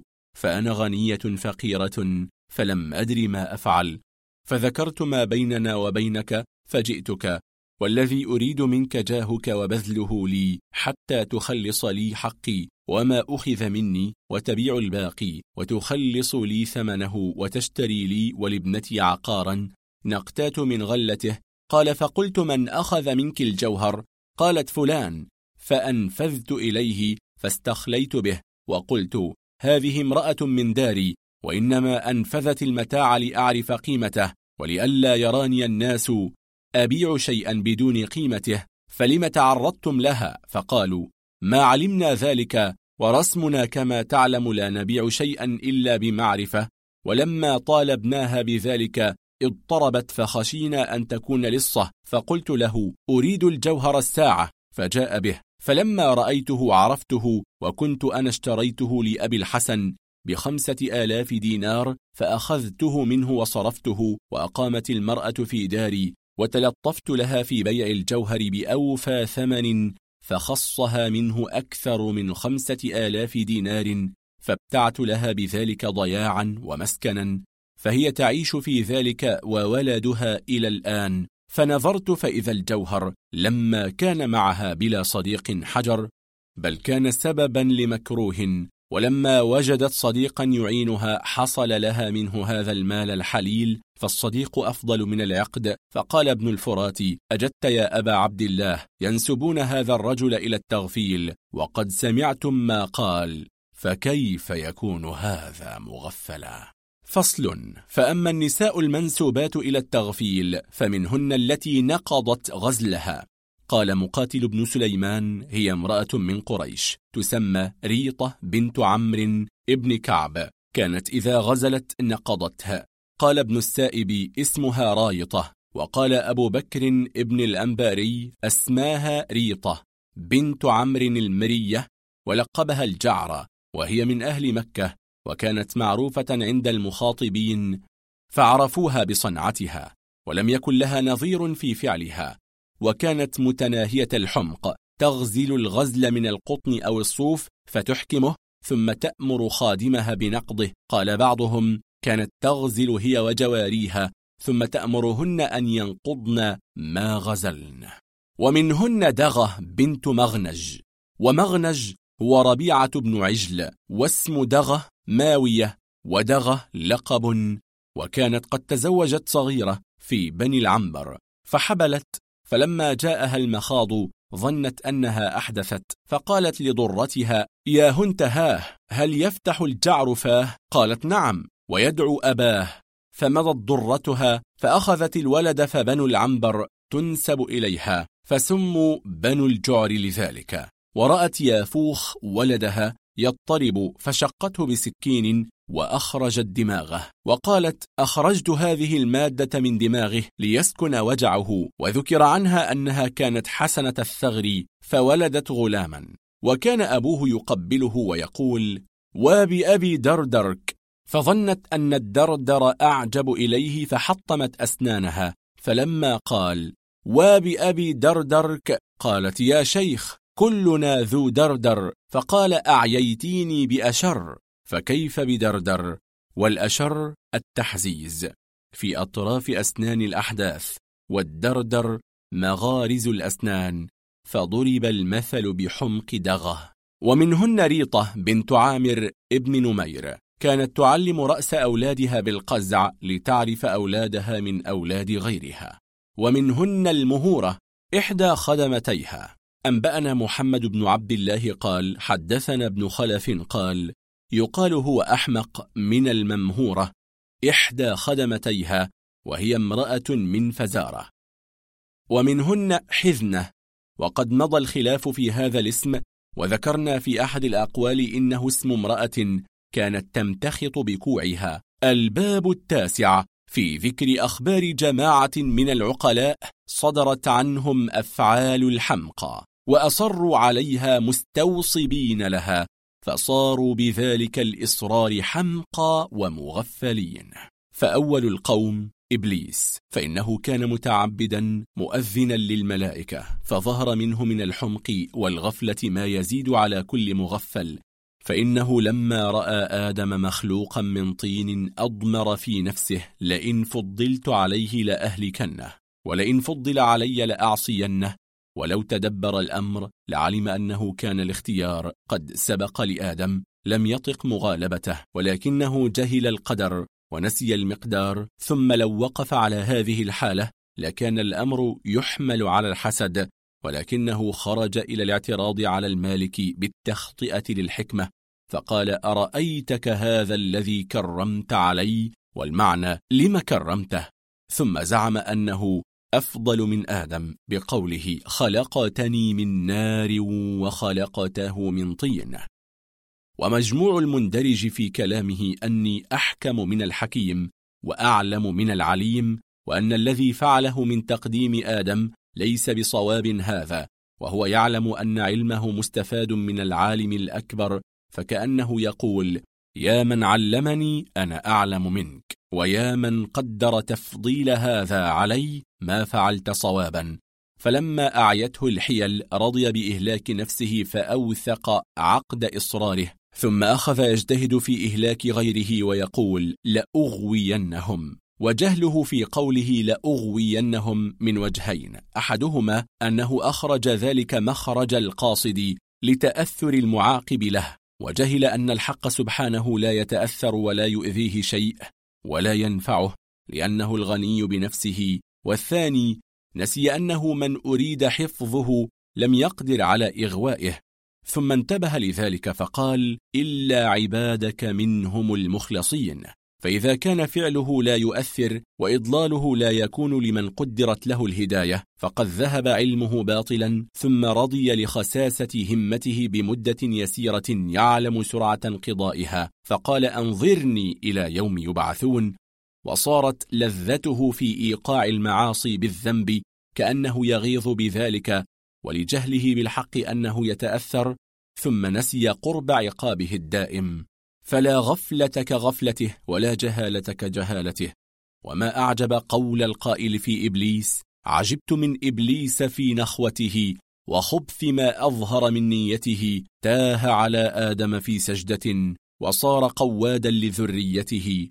وما رأيت من غير إبليس وزاد عليه في الجنون والتغفيل مثل أبي الحسين بن الرواندي فإنه له كتبا يزري فيها على الأنبياء عليهم السلام ويشتمهم ثم عمل كتابا يرد فيه على القرآن ويبين أن فيه لحنا وقد علم أن هذا الكتاب العزيز قد عاداه خلق كثير ما فيهم من تعرض لذلك منه ولا قدر فاستدرك هو بزعمه على الفصحاء كلهم ثم عمل كتاب الدامغ فأنا أستعصم أن أذكر بعض ما ذكر فيه من التعريض للرد على الخالق سبحانه وذكر إياه بأقبح ما يذكر به آدمي مثل أن يقول منه الظلم ومنه الشر في عبارات أقبح من هذه قد ذكرت بعضها في التاريخ فالعجب ممن يعترضون على الخالق بعد إثباته. فأما الجاحد فقد استراح أتراه خلق لهؤلاء عقولا كاملة. وفي صفاته هو نقص تعالى الله عن تغفيل هؤلاء. فصل. ثم اتبع إبليس في الغفلة والحمق قابيل. فإن من أعظم التغفيل قوله لمن قبل قربانه لأقتلنك. وهذا من أسمج الأشياء. لأنه لو فهم لنظر سبب قبول قربان أخيه ورد قربانه. ثم من التغفيل أنه حمله على ظهره ولم يهتد لدفنه ومثل هذا التغفيل حرقوه وانصروا آلهتكم. ومثله أن امشوا واصبروا على آلهتكم ومن جنسه أنا أحيي وأميت. ومثله أليس لي ملك مصر وهذه الأنهار تجري من تحتي؟ فافتخر بساقية لا هو أجراها ولا يدري منتهاها ولا مبتداها. ونسي أمثالها مما ليس تحت حكمه وليس في الحمق أعظم من ادعاء فرعون أنه الإله. وقد ضرب الحكماء له مثلا فقالوا أدخل إبليس على فرعون. فقال من أنت؟ قال إبليس. قال ما جاء بك؟ قال جئت أنظر إليك فأعجب من جنونك. قال وكيف؟ قال أنا عاديت مخلوقا مثلي وامتنعت من السجود له فطردت ولعنت. وأنت تدعي أنك أنت الإله. هذا والله الجنون البارد. ومن أعجب التغفيل اتخاذ الأصنام آلهة. فالإله ينبغي أن يفعل لا أن يفعل. ومن التغفيل بنيان نمرود الصرح ثم رميه بنشابه ليقتل بزعمه إله السماء. أتراه لو كان خصمه في مكان فرأى قوسا موتورة إلى جهته أما كان يمكنه أن ينزوي عنها؟ ومن أعظم التغفيل ما جرى لإخوة يوسف في قوله أكله الذئب ولم يشقوا قميصه وقصتهم مع يوسف في قوله إن الصاع يخبرني بكذا وكذا. ومن التغفيل ادعاء هاروت وماروت الاستعصام عن الوقوع في الذنب ومقاومة الأقدار. فلما نزل من السماء على تلك النية نزل. ومن عجيب التغفيل قول بني إسرائيل لموسى وقد جاوز بهم البحر اجعل لنا إلها. وقول النصارى إن عيسى إله أو ابن إله. ثم يقرون أن اليهود صلبوه فادعاؤهم الألوهية في بشر لم يكن فكان ولا يبقى إلا بأكل الطعام والإله من قامت به الأشياء لا من قام بها فظنهم أنه ابن الإله والبنوة تقتضي البعضية والمثلية وكلاهما مستحيل على الإله وقولهم إنه قتل وصلب فيقرون عليه بالعجز عن الدفع عن نفسه وكل هذه الأشياء تغفيل قبيح. ومن أعجب التغفيل اعتقاد المشبهة الذين يزعمون أن المعبود ذو أبعاض وجوارح وأنه يشبه خلقه مع علمهم. أن المؤلف لا بد له من مؤلف. ومن أعجب التغفيل أن الرافضة يعلمون إقرار علي بيعة أبي بكر وعمر واستيلاده الحنفية من سبي أبي بكر وتزويجه أم كلثوم ابنته من عمر وكل ذلك دليل على رضاه ببيعتهما ثم فيهم من يكفرهما وفيهم من يسبهما ويطلبون بذلك على زعمهم حب علي وموافقته وقد تركوها وراء ظهورهم. ومثل هذا الجنس كثير إذا تتبعته رأيته وإنما أشرنا بهذه النبذة إليه ليفكر في جنسه ولم نر بسط القصص فيه لأن المقصود الأكبر في هذا الكتاب غير ذلك. عن أحمد بن حنبل أنه قال لو جاءني رجل فقال إني قد حلفت بالطلاق ألا أكلم يومي هذا أحمق فكلم رافضيا أو نصرانيا لقلت ما حنث. قال فقال له الدينوري أعزك الله تعالى لما صار أحمقين؟ قال لأنهما خالف الصادقين عندهما. أما الصادق الأول فإنه المسيح عليه السلام. قال للنصارى اعبدوا الله وقال إني عبد الله فقالوا لا ليس هو يعبد بل هو إله وأما علي رضي الله عنه فقد روى عن النبي صلى الله عليه وسلم أنه قال لأبي بكر وعمر هذان سيدا كهول أهل الجنة ثم سبهما هذا وتبرأ منهما هذا. هذا ومن أعجب تغفيل القدماء ما روي عن جابر بن عبد الله أنه قال قال رسول الله صلى الله عليه وسلم تعبد رجل في صومعة فأمطرت السماء فأعشبت الأرض فرأى حمارا يرعى. فقال يا رب لو كان لك حمارا رعيته مع حماري فبلغ ذلك نبيا من أنبياء بني إسرائيل فأراد أن يدعو عليه فأوحى الله تعالى إليه إنما أجزي العباد على قدر عقولهم. فصل وقد جرى من خلق كثير من العقلاء ما يشبه التغفيل إلا أنهم لم يقصدوا ذلك فذكرت منهم طرفا لشبهه بالتغفيل فمن ذلك ما حكي عن بعض المغنين قال حضرت عند أمير لأغنيه فجرى حديث بعض الوزراء فذكرت من محاسنه وكرمه شيئا لأحركه به ليفعل مثله ثم غنيته قواصد كافور توارك غيره. ومن قصد البحر استقل السواقية فقال لي قبحك الله ما هذه المعاشرة؟ فاستيقظت وحلفت أني ما قصدته. ومثل هذا ما جرى لعبد الله بن حسن فإنه كان يساير السفاح وينظر إلى مدينته التي بناها ظاهر مدينة الأنبار فأنشده ألم تر مالكا أضحى يبني بيوتا نفعها لبني بقيله يرجى أن يعمر عمر نوح وأمر الله يأتي كل ليلة فغضب فاعتذر إليه وبين عيسى بن موسى يساير أبا مسلم يوم إدخاله على المنصور تمثل عيسى فقال سيأتيك ما أفنى القرون التي مضت وما حل في أكباد عاد وجرهم فقال أبو مسلم هذا مع الأمان الذي أعطيت. فقال عيسى أعتقت ما أملك إن كان هذا شيئا أضمرته ولما حوصر الأمين قال لجاريته غني. فغنت كليب لعمري كان أكثر ناصرا وأيسر جرما منك ضرج بالدم فاشتد ذلك عليه. ثم قال غني غير هذا. فغنت. شكت فراقهم عيني فأرقها إن التفرق للأحباب بكاء. فقال لعنك الله. أما تعرفين غير هذا؟ فغنت. ما اختلف الليل والنهار وما دارت نجوم السماء في الفلك إلا لنقل السلطان من ملك قد غاب تحت الثرى إلى ملك فقال قومي. فقامت فعثرت بقدح بلور فكسرتها. فإذا قائل يقول قضي الأمر الذي فيه تستفتيان. ولما دخل المأمون على زبيدة ليعزيها في الأمين قالت أرأيت أن تسليني في غدائك اليوم عندي؟ فتغدى وأخرجت إليه من جوار الأمين من تغنيه فغنت هم قتلوه كي يكونوا مكانه كما فعلت يوما بكسرى مرازبه فوثب مغضبا فقال له يا أمير المؤمنين حرمني الله أجره إن كنت علمت أو دسست إليها فصدقها ولما فرغ المعتصم من بناء قصره دخل الناس عليه فاستأذنه إسحاق بن إبراهيم أن ينشده فأنشده شعرا في صفته وصفة المجلس أوله يا دار غيرك البلا ومحاكي يا ليت شعري ما الذي أبلاك فتطير المعتصم وعجب الناس من إسحاق كيف فعل هذا مع فهمه؟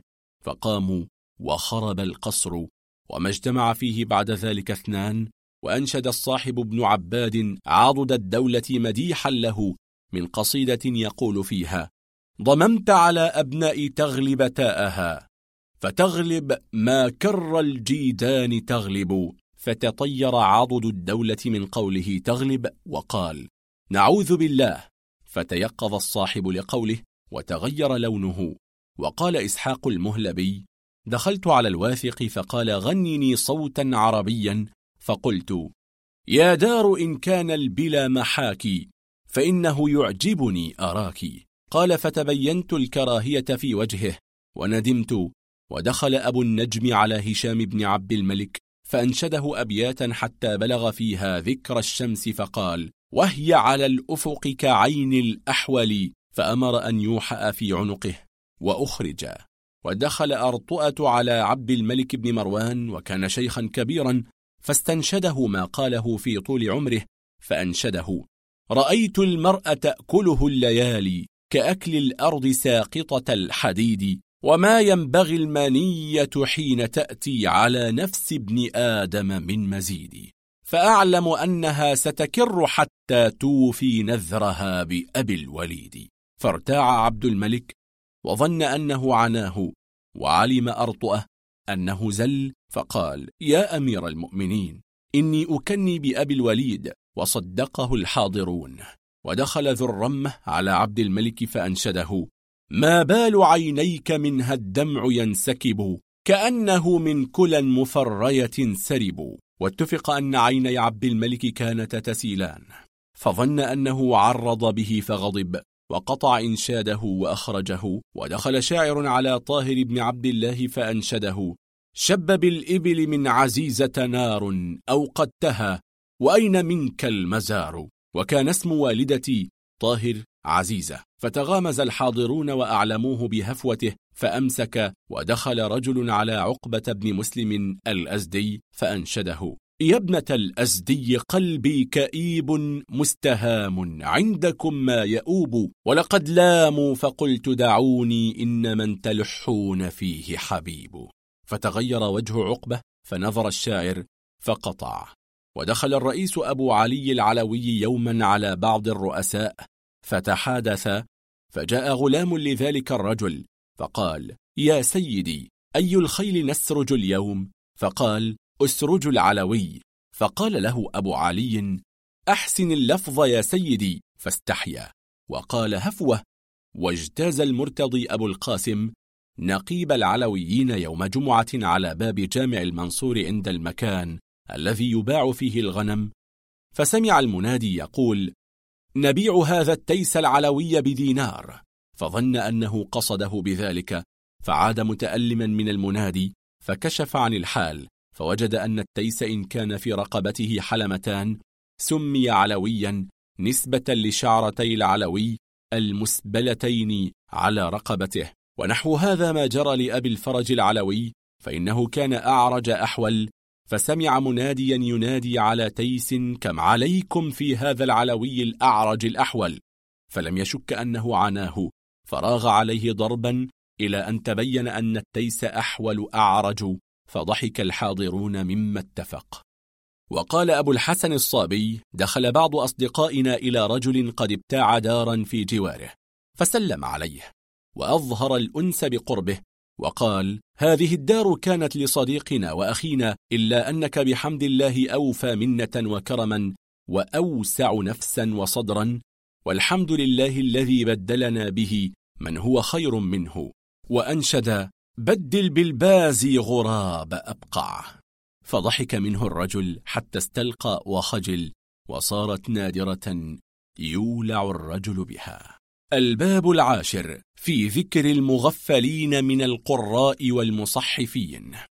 عن عبد الله بن عمر بن إبان أن مشكدانة قرأ عليه في التفسير ويعوق وبشرا فقيل له ونسرا فقال هي منقوطة بثلاثة من فوق فقيل له النقط غلط قال فارجع إلى الأصل وعن محمد بن أبي الفضل قال قرأ علينا عبد الله بن عمر بن أبان ويعوق وبشرا فقال له رجل إنما هو ونسرا فقال هو ذا فوقها نقط مثل رأسك وقال أبو العباس بن عمار الكاتب انصرفت من مجلس مشكدانة فمررت بمحمد بن عباد بن موسى فقال من أين أقبلت؟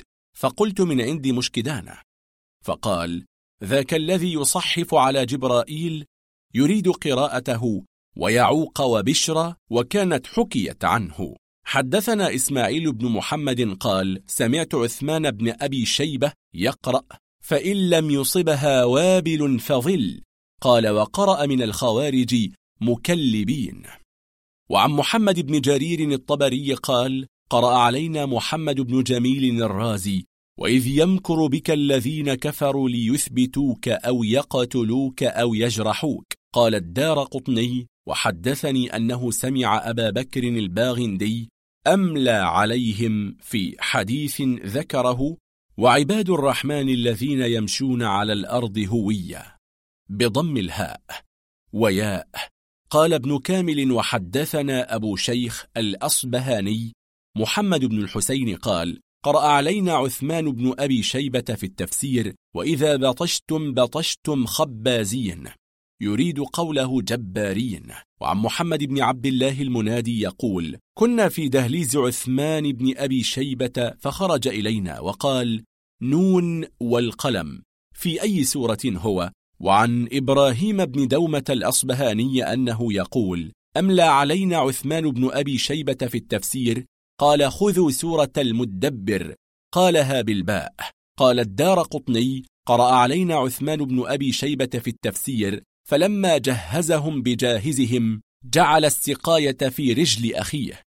فقيل له السقاية في رحل أخيه فقال أنا وأخي أبو بكر لا نقرأ لعاصم.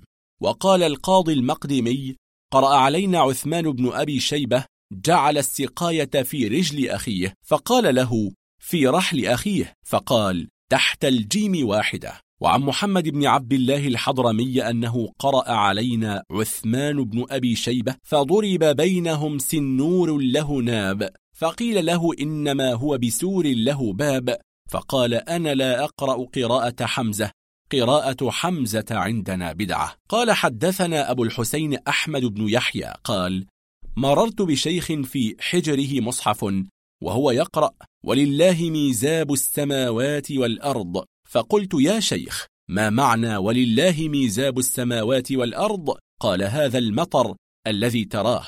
فقلت ما يكون التصحيف إلا إذا كان بتفسير يا هذا إنما هو ميراث السماوات والأرض. فقال اللهم اغفر لي.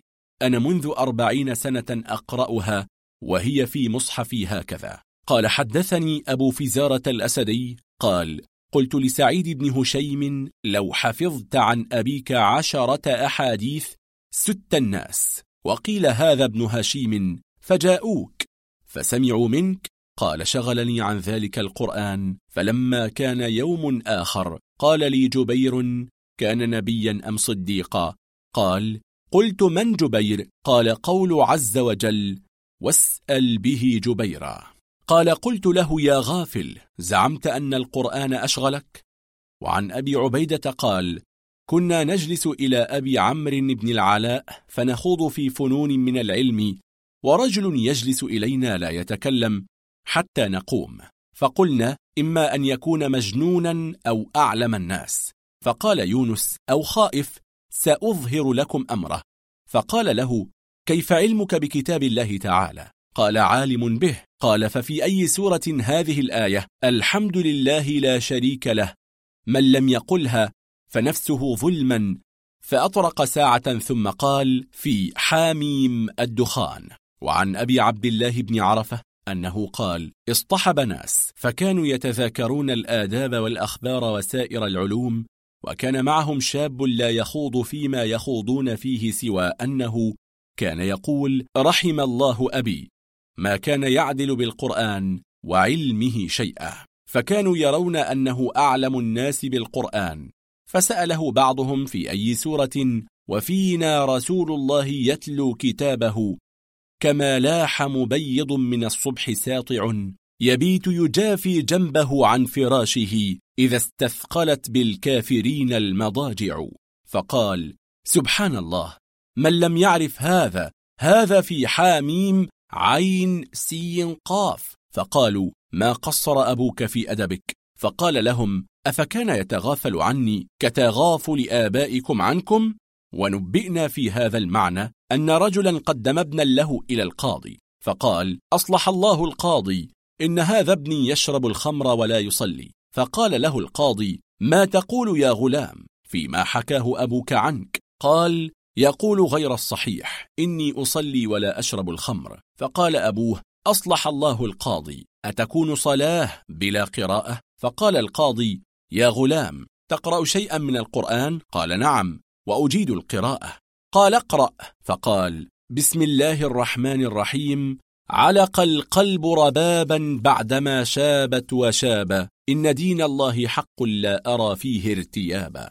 فقال أبوه والله أيها القاضي ما تعلم هاتين الآيتين إلا البارحة لأنه سرق مصحفا من بعض جيراننا فقال القاضي قبحكم الله أحدكما يقرأ كتاب الله ولا يعمل به؟ وعن المزني أنه قال سمعت الشافعي يقول قرأ رجل فما لكم في المنافقين قيس؟ قيل فما قيس؟ قال يقتاسون به.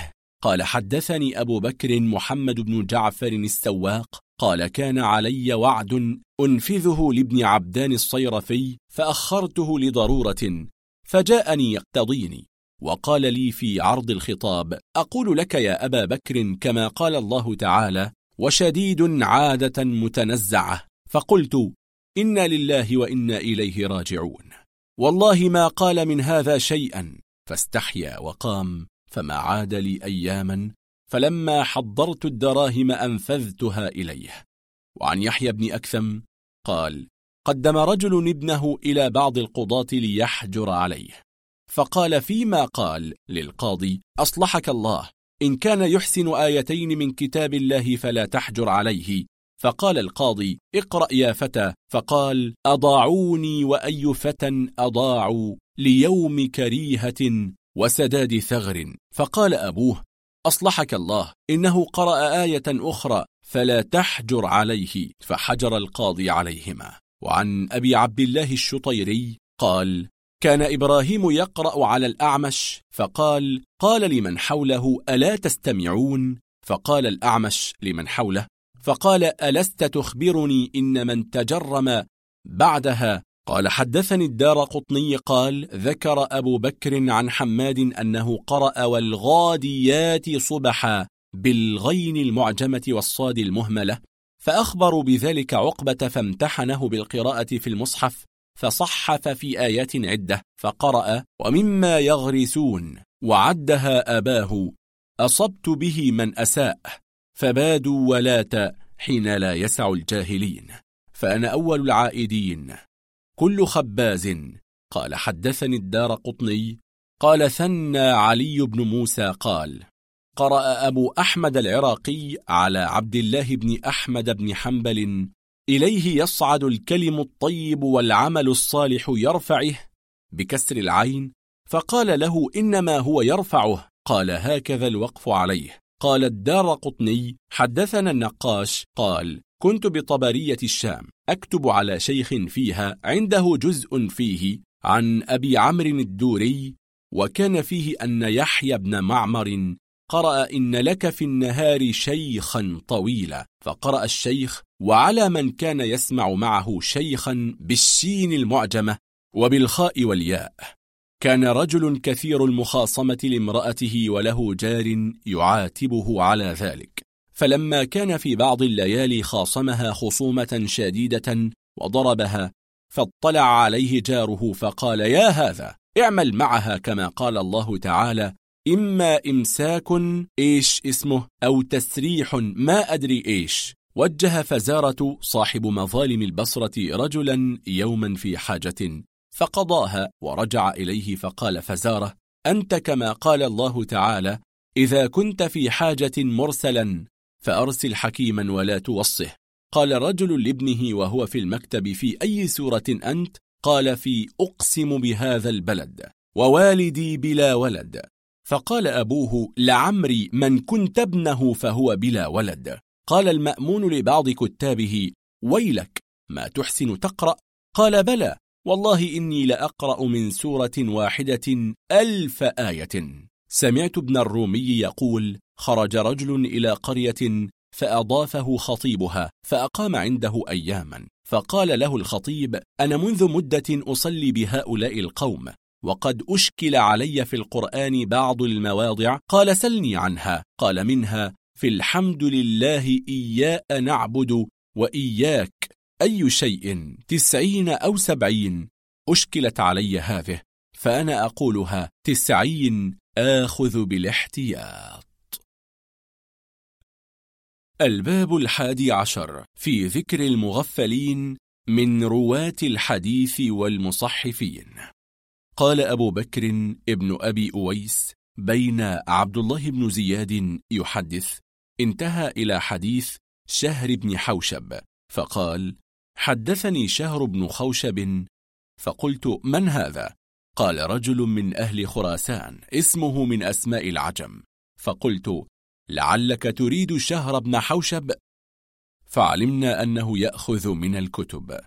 وعن عوام بن إسماعيل قال جاء حبيب كاتب مالك يقرأ على سفيان بن عيينة فقال حدثكم المسعودي عن جراب التيمي؟ فقال سفيان ليس هو جراب إنما هو خوات. وقرأ عليه حدثكم أيوب عن ابن شيرين؟ فقال ليس كذلك إنما هو سيرين وعن عبد الله بن أحمد بن حنبل أنه يقول حكاية عن بعض شيوخه قال قال رجل لهشيم يا أبا معاوية أخبركم أبو حرة عن الحسن؟ فقال هشيم أخبرنا أبو حرة عن الحسن. ووصف شيخنا ضحك هشيم هه هه. وعن محمد بن يونس الكندي أنه قال حضرت مجلس مؤمل بن إسماعيل فقرأ عليه رجل من أهل المجلس حدثكم سبعة وسبعين فضحك المؤمل وقال للفتى من أين؟ فقال من مصر.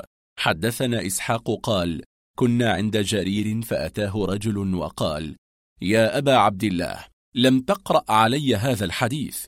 فقال له وما هو؟ قال حدثنا خريز عن رقبة. قال ويحك أنا جرير.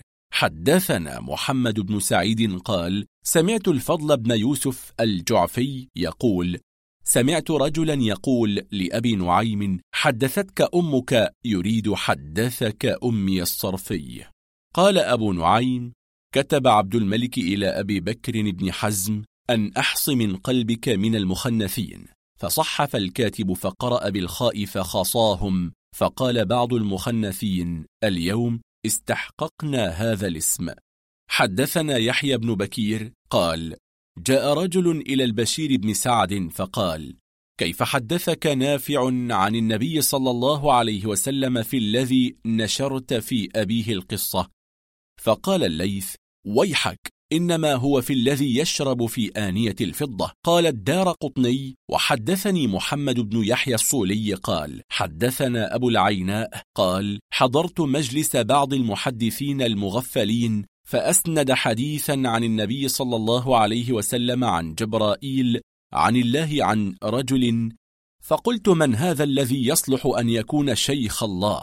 فإذا هو قد صحفه وإذ هو عز وجل.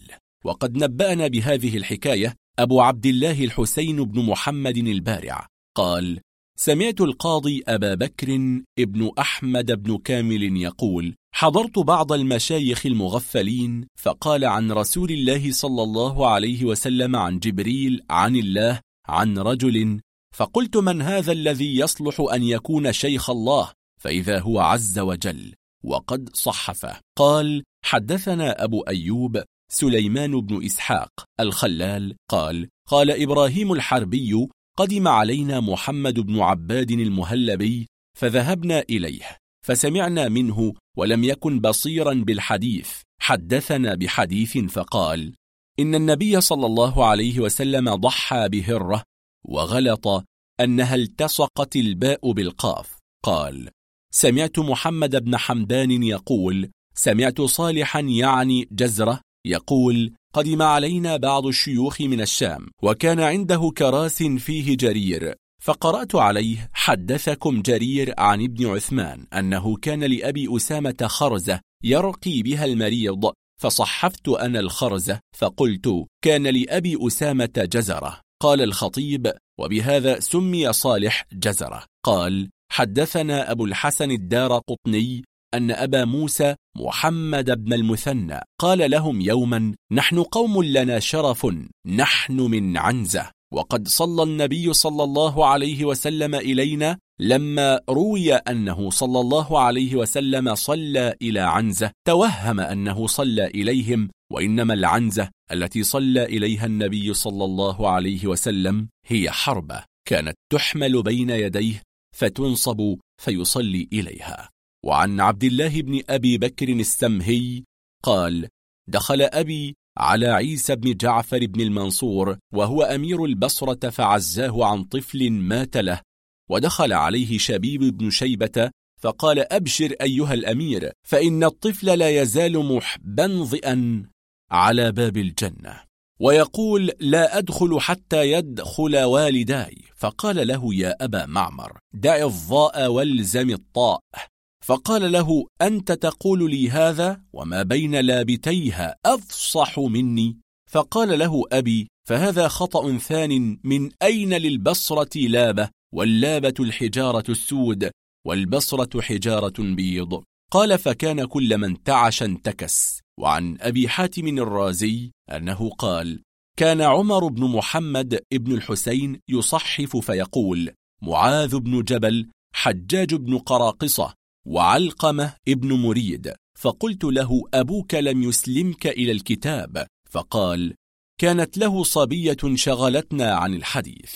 قال الدار قطني وأخبرني يعقوب بن موسى. قال قال أبو زرعة كان بشر بن يحيى بن حسان من أصحاب الرازي وكان يناظر فاحتجوا عليه بطاووس. فقال يحتجون علينا بالطيور؟ قال أبو زرعة وبلغني أنه ناظر إسحاق في القرعة فاحتج عليه إسحاق بالأحاديث الصحيحة فأفحمه فانصرف ففتش كتبه فوجد في حديث النبي صلى الله عليه وسلم القزع فصحف بالراء فانصرف. وقال لأصحابه قد وجدت حديثا أكسر به ظهره فأتى إسحاق فأخبره فقال إنما هو القزع وسأل حماد بن يزيد غلاما. فقال يا أبا إسماعيل حدثك عمر أن النبي صلى الله عليه وسلم نهى عن الخبز. قال فتبسم حماد وقال يا بني إذا نهى عن الخبز فمن أي شيء يعيش الناس؟ وإنما هو نهى عن الخمر وعن يحيى بن معين. قال قدم داود بن أبي هند عليهم الكوفة فقام مستملي أهل المدينة فقال كيف حديث سعيد يكفن الضبي في ثوب واحد يريد الصبي في ثوب واحد. وعن الحسن بن البرى قال كان لعمر بن عون وراق يلحن فأخره وتقدم إلى وراق أديب أن يقرأ عليه فقرأ حدثكم هسيم فقال ردونا إلى الأول فإنه يلحن وهذا يمسخ. وجاء رجل إلى الليث بن سعد فقال كيف حدثك نافع عن النبي صلى الله عليه وسلم في الذي نشرت في أبيه القصة؟ قال حدث أبو حفص ابن شاهي عن النبي صلى الله عليه وسلم أنه قال يوشك أن الضعينة بلا خفير. فصحفت فقال بلا خفين. قال كان حيان بن بشر قد تولى قضاء بغداد وأصبهان وكان من جملة رواة الحديث فروى يوما أن عرفجة قطع أنفه يوم الكلام وكان مستمليه رجلا من أهل كجة فقال أيها القاضي إنما هو الكلاب فأمر بحبسه فدخل الناس إليه فقالوا ما دهاك فقال قطع أنف عرفجة في الجاهلية وابتليت أنا به في الإسلام. وعن عبد الله بن ثعلبة قال كان رسول الله صلى الله عليه وسلم يمسح وجهه من القيح. قال عبد الله أخطأ فيه وصحف يعني المخزومي إنما هو الفيح. وعن معاوية بن أبي سفيان قال لعن رسول الله صلى الله عليه وسلم الذين يشققون الخطب تشقيق الشعر. قال أبو نعيم شهدت وكيعا مرة يقول يشققون الحطب فقلت بالحاء. قال نعم. عن عامر بن صعب قال اعتكفت عائشة عن أختها بعدما ماتت كذا قال وإنما هو اعتقت. قال حدثنا الشافعي قال قيل لعبد الرحمن بن زيد بن أسلم حدثك أبوك عن جدك أن رسول الله صلى الله عليه وسلم قال إن سفينة نوح طافت بالبيت سبعا وصلت خلف المقام ركعتين. قال نعم. قال حدثنا إسحاق بن وهب قال كنا عند يزيد بن هارون وكان له مستمل يقال له بريح فسأله رجل عن حديث فقال يزيد حدثنا به عدة. فصاح به المستملي يا أبا خالد عدة ابن من؟ قال عدة ابن فقدتك. قال حدثني الفضل بن أبي طاهر. قال صحف رجل في قول النبي صلى الله عليه وسلم عم الرجل صنو أبيه. فقال عم الرجل ضيق آنية. وعن زكريا بن مهران قال صحف رجل لا يورث حميلا إلا ببنية الحميل اللقيط. فقال بثينة قد حضرت أحمد بن يحيى بن زهير ورجل من أصحاب الحديث يقول له كيف الزبير بن خريت؟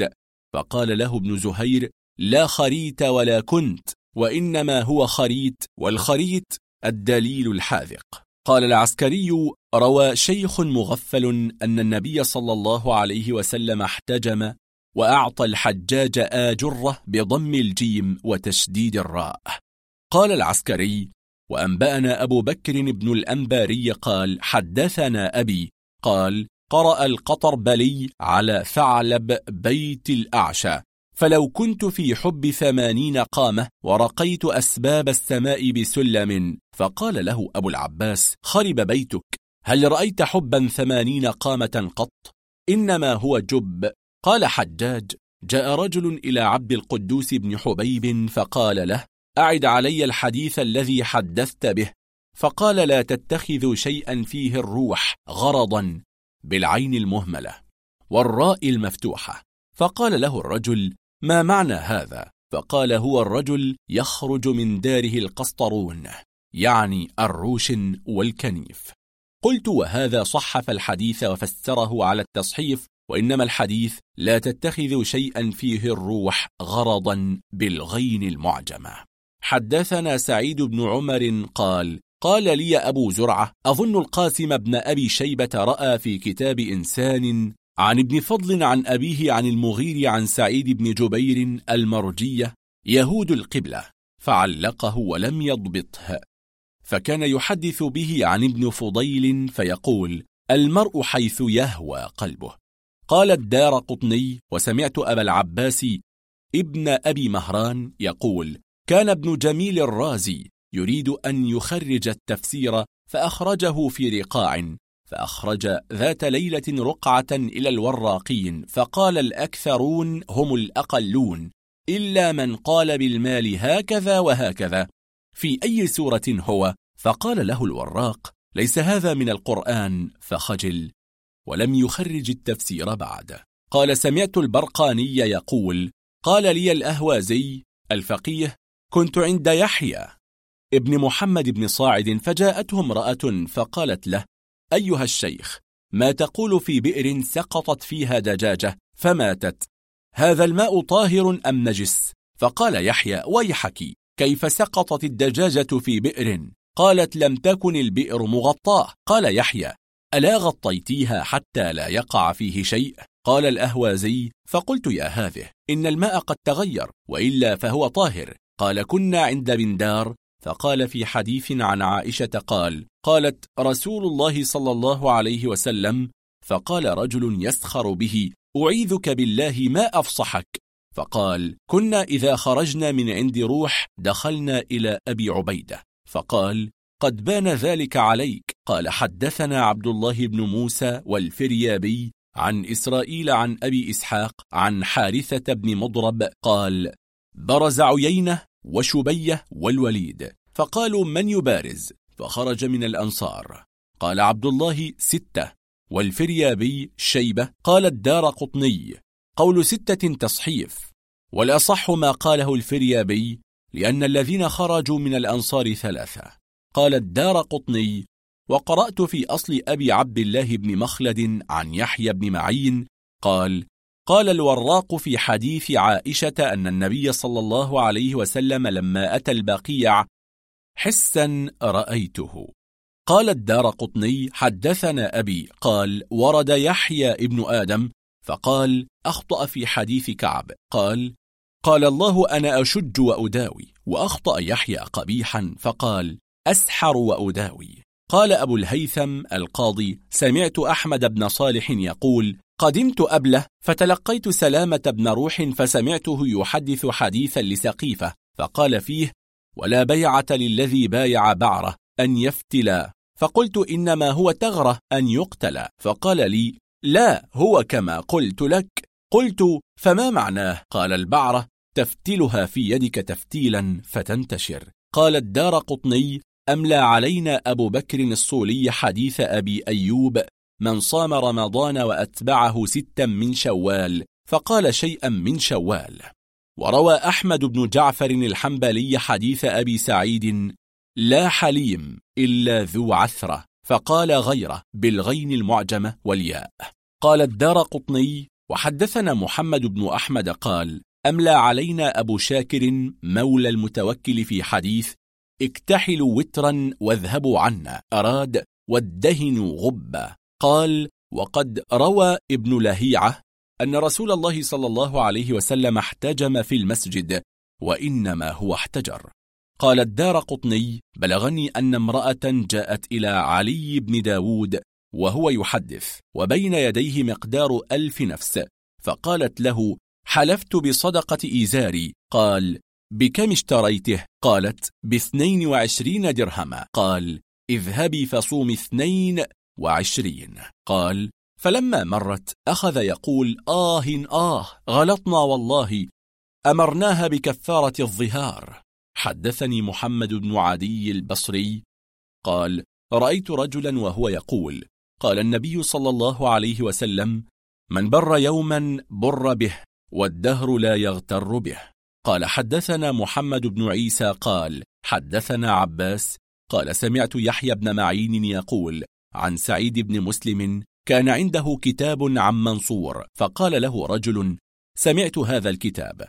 فقال حتى يجيء أبي وأسأله قال الدار قطني سمعت حمزة السهمي يقول سمعت على شيخ وأخذنا بكتابة السماع فقالوا اكتب اسمي معكم. فقلت للإسماعيلي من الغفلة ذلك. قال نعم. حدثني أبو الحسن ابن خلف الفقيه قال كتب لنا بعض المشايخ خطة في إجازة ولم يكتب اسمه فقلنا له اكتب اسمك. فقال والله لا أفعل ولا أكتب اسمي لمن لا أعرفه. وعن أحمد بن علي بن ثابت قال قرأت في كتاب أبي الفتح عبد الله بن أحمد النحوي بخطه سمعت القاضي أحمد بن كامل يقول ما جمع أحد من العلم ما جمع محمد بن موسى البربري. ودخلت عليه يوما وهو مغموم فقلت له مالك فقال فلانة. يعني امرأته حملتني على أن أعتقت هذه الجارية. وقد بقيت لا أمة لي تخدمني ولا أحد يعينني. قلت وأي شيء مقدار ثمن الجارية؟ فقال إن امرأتي دفعت إلي دنانير أشتري لها بها جارية فاشتريت هذه الجارية. فقلت تعتق ما لا تملك قال كأنه لا يجوز؟ قلت لا الجارية لها على ملكها. فجعل يدعو لي. قال الجاحظ أمليت مرة على إنسان عمرا فاستملى سترا وكتب زيدا. قال إسماعيل بن محمد الحافظ كنا بمجلس نظام الملك فأملى أف للدنيا الدنية دراهم وبلية. فقال المستملي وتلية. فقيل له وبلية. فقال وملية. فضحك الجماعة. فقال النظام اتركوه. ذكر محمد بن الحسن عن بعض المغفلين وقيل له فلان مات في الري. فقال إلى الري رحلتان لا أدري في أيهما مات. قال سمعت أحمد بن موسى بن عيسى الوراق يقول سمعت عبد الرحمن بن أبي حاتم الرازي يقول سمعت أبي يقول كتب إلى صالح بن محمد العبادي أن محمد بن يحيى لما مات أجلسوا مكانه محدثا يعرف بمحمد بن يزيد فأملى عليهم يا أبا عمير ما فعل البعير؟ وأملى عليهم لا تصحب الملائكة رفقة فيها حرس يعني الذئب.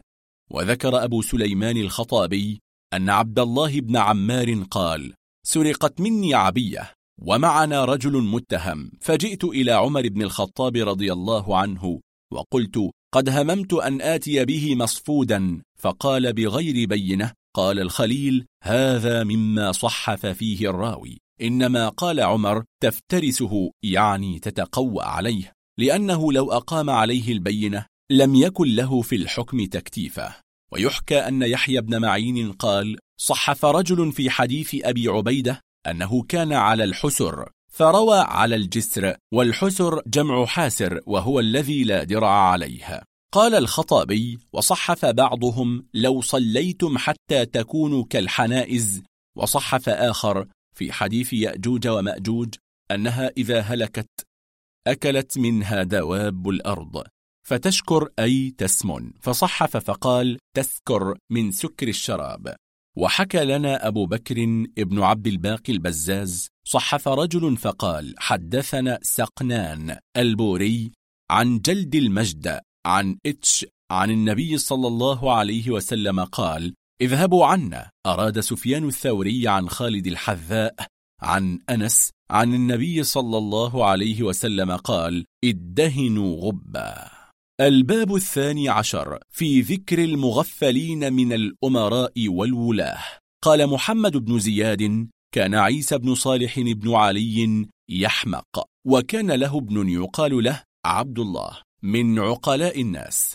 فتولى عيسى جندق النسرين فاستخلف ابنه على العمل. قال ابنه فأتاني رسوله في بعض الليل يأمرني بالحضور في وقت منكر لا يحضر فيه إلا لأمر مهم. فتوهمت أن كتابا ورد من الخليفة في بعض الأشياء التي يحتاج فيها إلى حضوري وحضور الناس فلبست السواد وتقدمت بالبعثة إلى وجوه القواد وركبت إلى داره فلما دخلتها سألت الحجاب هل ورد كتاب من الخليفة أو حدث أمر؟ فقالوا لم يكن من هذا شيء فصرت من الدار إلى موضع تخلف الحجاب عنه فسألت الخدام أيضا فقالوا مثل مقالة الحجاب.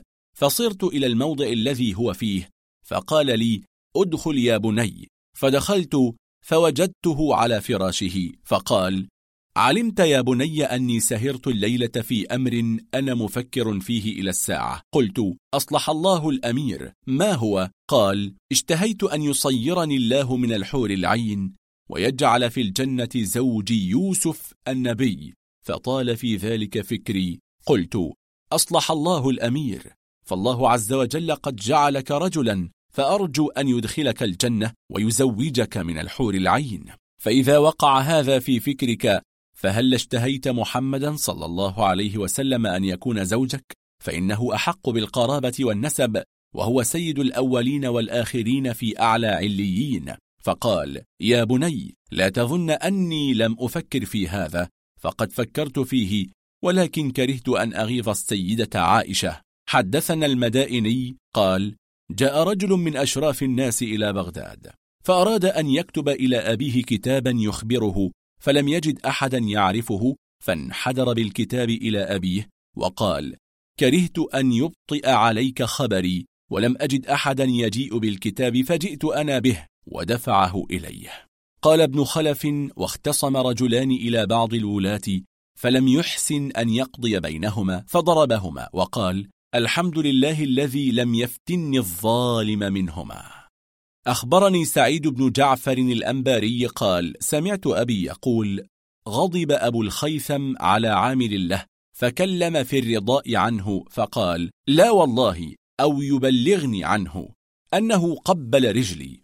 قال أبو عثمان الجاحظ كان فزارة صاحب مظالم البصرة وكان أطول خلق الله لحية وأقلهم عقلا وهو الذي قال فيه الشاعر ومن المظالم أن تكون على المظالم يا فزارة أخذ الحجام يوما من شعره فلما فرغ دعا بمرآة فنظر فيها فقال للحجام أما شعر رأسي فقد جودت أخذه ولكنك والله يا ابن الخبيثة سلحت على شاربي ووضع يديه عليه وسمع فزارة يوما صياحا فقال ما هذا الصياح؟ فقالوا قوم يتكلمون في القرآن. فقال اللهم أرحنا من القرآن واجتاز به صاحب دراج. فقال بكم تبيع هذا الدراج؟ فقال واحد بدرهم. قال لا. قال كذا بعت. قال نأخذ منك اثنين بثلاثة دراهم قال خذ. فقال يا غلام. أعطه ثمن اثنين ثلاثة دراهم فإنه أسهل للمبيع. وبلغنا أن المهلب ولي بعض الأعراب كورة بخراسان. وعزل واليها فصعد المنبر وحمد الله وأثنى عليه ثم قال أيها الناس اقصدوا لما أمركم الله به فإنه رغبكم في الآخرة الباقية وزهدكم في الدنيا الفانية فرغبتم في هذه وزهدتم في تلك فيوشك أن تفوتكم الفانية ولا تحصل لكم الباقية فتكونوا كما قال الله تعالى لا ماءك أبقيت ولا حرك أنقيت واعتبروا بالمغرور الذي عزل عنكم.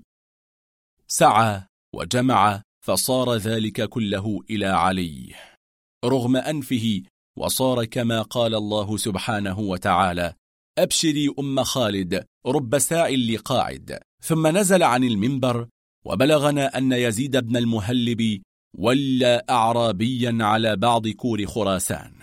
فلما كان يوم الجمعة صعد المنبر وقال الحمد لله. ثم ارتج عليه فقال أيها الناس إياكم والدنيا فإنكم لم تجدوها إلا كما قال الله تعالى وما الدنيا بباقية لحي وما حي على الدنيا بباقي. فقال كاتبه أصلح الله الأمير هذا شعر. قال فالدنيا باقية على أحد. قال لا. قال فيبقى عليها أحد. قال لا. قال فما كلفتك إذا وبلغنا أن بعض العرب خطب في عمل وليه. فقال في خطبته إن الله خلق السماوات والأرض في ستة أشهر فقيل له في ستة أيام فقال والله ما أردت أن أقولها ولكن استقللتها. قال حدثنا أبو بكر النقاش.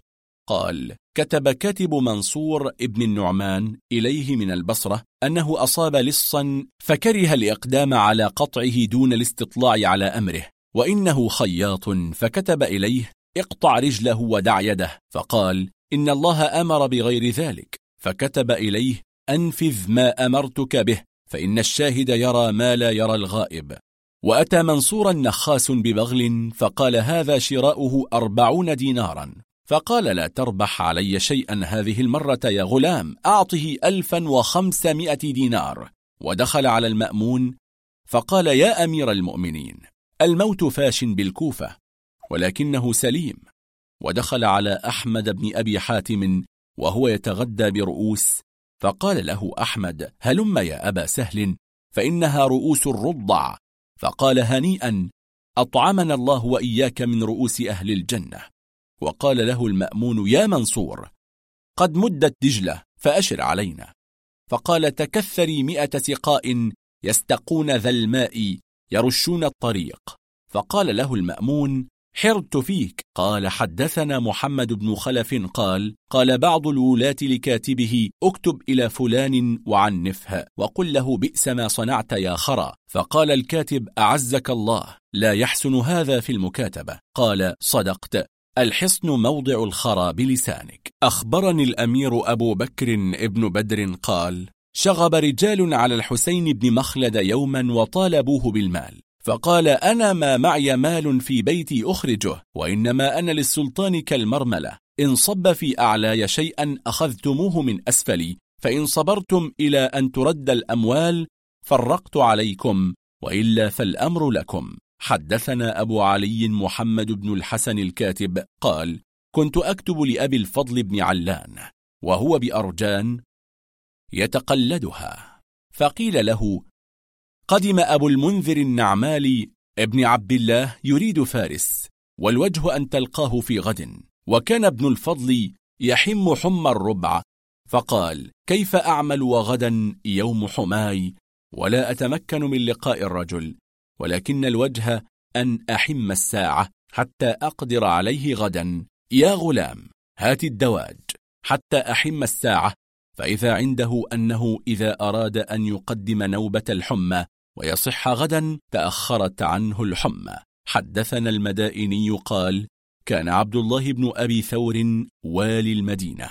فخطبهم فقال أيها الناس اتقوا الله وارجوا التوبة فإنه أهلك قوم صالح في ناقة قيمتها خمسمائة درهم.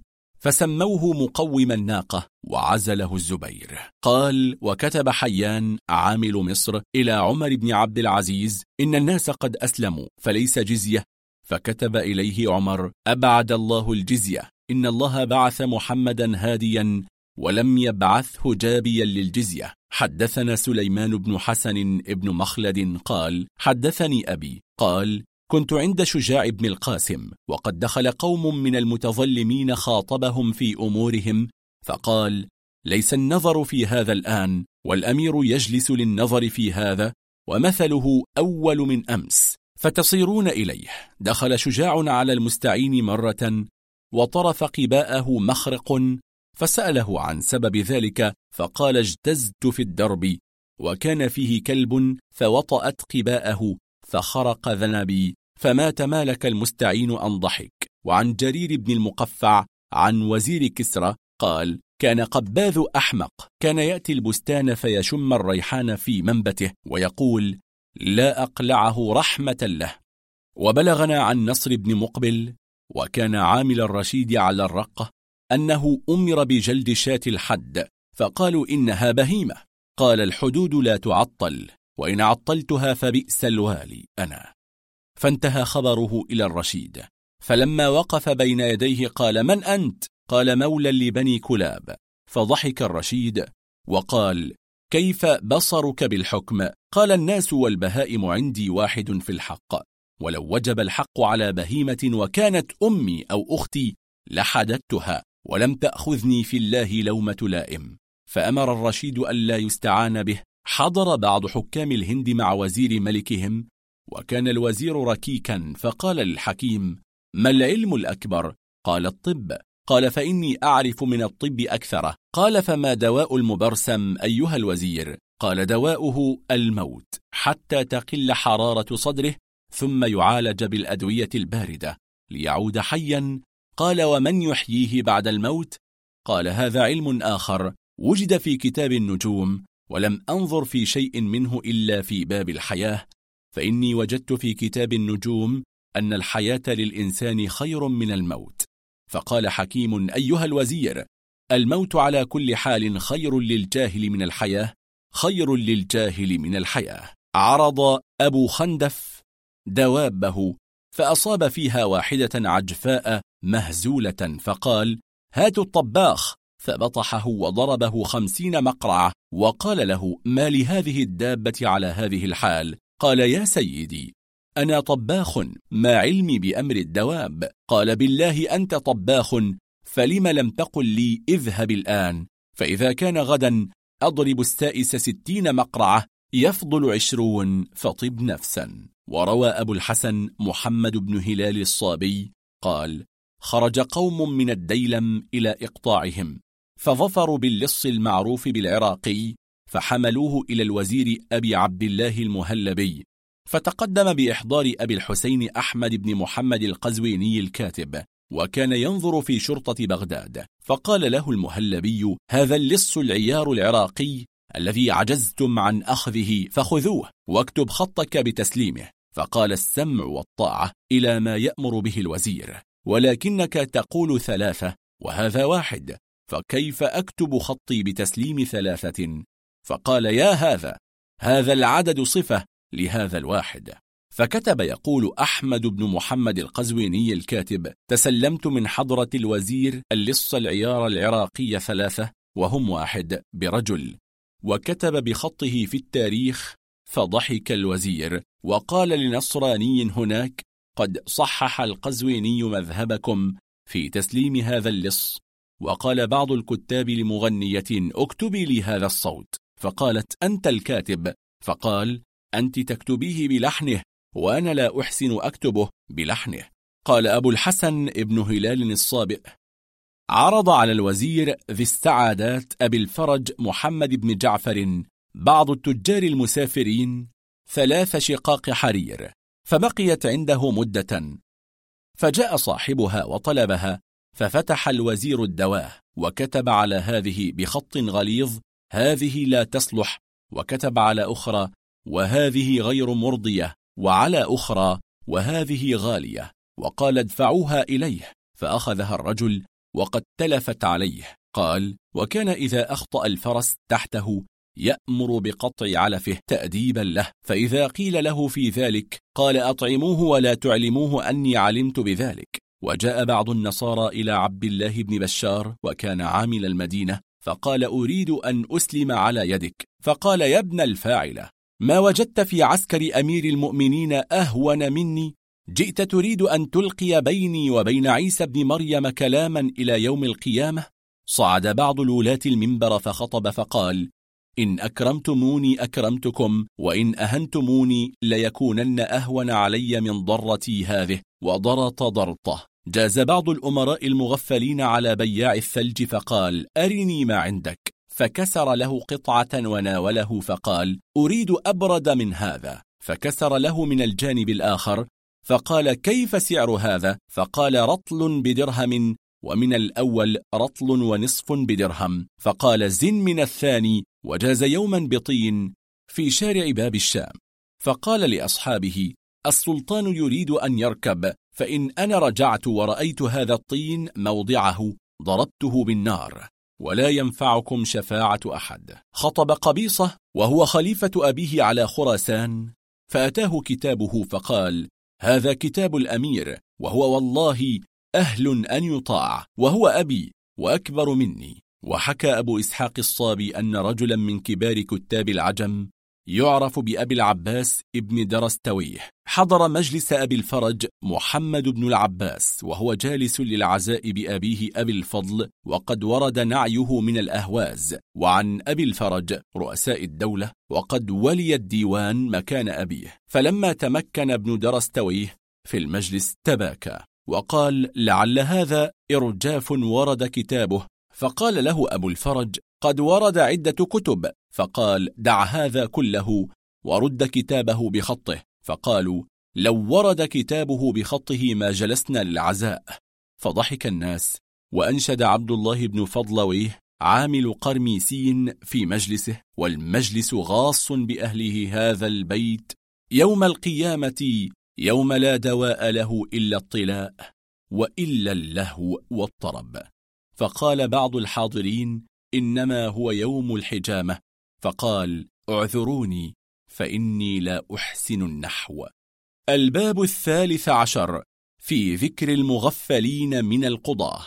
عن الأعرابي قال خاصم أبو دلامة رجلا إلى عافية. فقال لقد خاصمتني غوات الرجال وخاصمتهم سنة وافية. فما أدحض الله لي حجة وما خيب الله لي قافية. فمن كنت من جوره خائفا فلست أخافك يا عافية. فقال له عافية لأشكونك لأمير المؤمنين. قال لم تشكوني؟ قال لأنك هجوتني. قال والله لئن شكوتني إليه ليعزلنك. قال لم؟ قال لأنك لا تعرف الهجو من المدح. عافية هذا هو ابن زيد القاضي والله المهدي القضاء على بغداد. قال حدث عبد الرحمن بن مسهر قال ولاني القاضي أبو يوسف القضاء بجبل وبلغني أن الرشيد منحدر إلى البصرة فسألت أهل جبل أن يثنوا علي فوعدوني أن يفعلوا ذلك وتفرقوا فلما آيسوني من أنفسهم سرحت لحيتي وخرجت فوقفت له فوافى وأبو يوسف في الحراقة فقلت يا أمير المؤمنين نعم القاضي قاضي جبل. قد عدل فينا وفعل وصنع وجعلت أثني على نفسي. فرآني أبو يوسف فطأطأ رأسه وضحك. فقال هارون مما تضحك؟ فقال إن المثني على نفسه هو القاضي. فضحك هارون حتى فحص برجليه.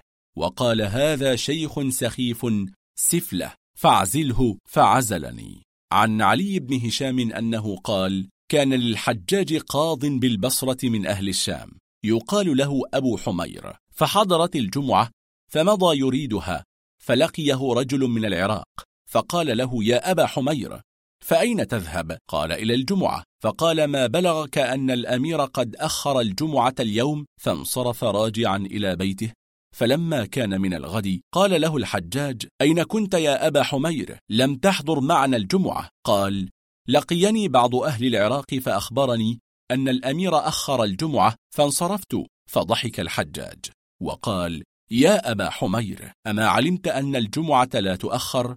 قال المدائني استعمل حيان بن حسان قاضي فارس على ناحية كرمان فخطبهم فقال يا أهل كرمان تعرفون عثمان بن زياد هو عمي أخو أمي؟ فقالوا فهو خالك إذن. قال ابن خلف وسقط الذباب على وجه قاضي عبدان فقال كثر الله بكم القبور. قال ابن خلف قال بعض الرواه تقدم رجلان إلى أبي العطوف قاضي حيران. فقال أحدهما أصلح الله القاضي هذا ذبح ديكا لي فخذ لي بحقي. فقال لهما القاضي عليكما بصاحب الشرطة فإنه ينظر في الدماء.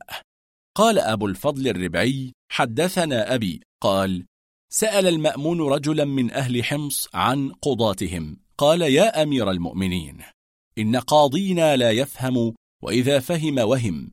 قال ويحك كيف هذا؟ قال قدم عليه رجل رجلا فادعى عليه أربعة وعشرين درهما فأقر له الآخر. فقال أعطه. قال أصلح الله القاضي. إن لي حمارا أكتسب عليه كل يوم أربعة دراهم.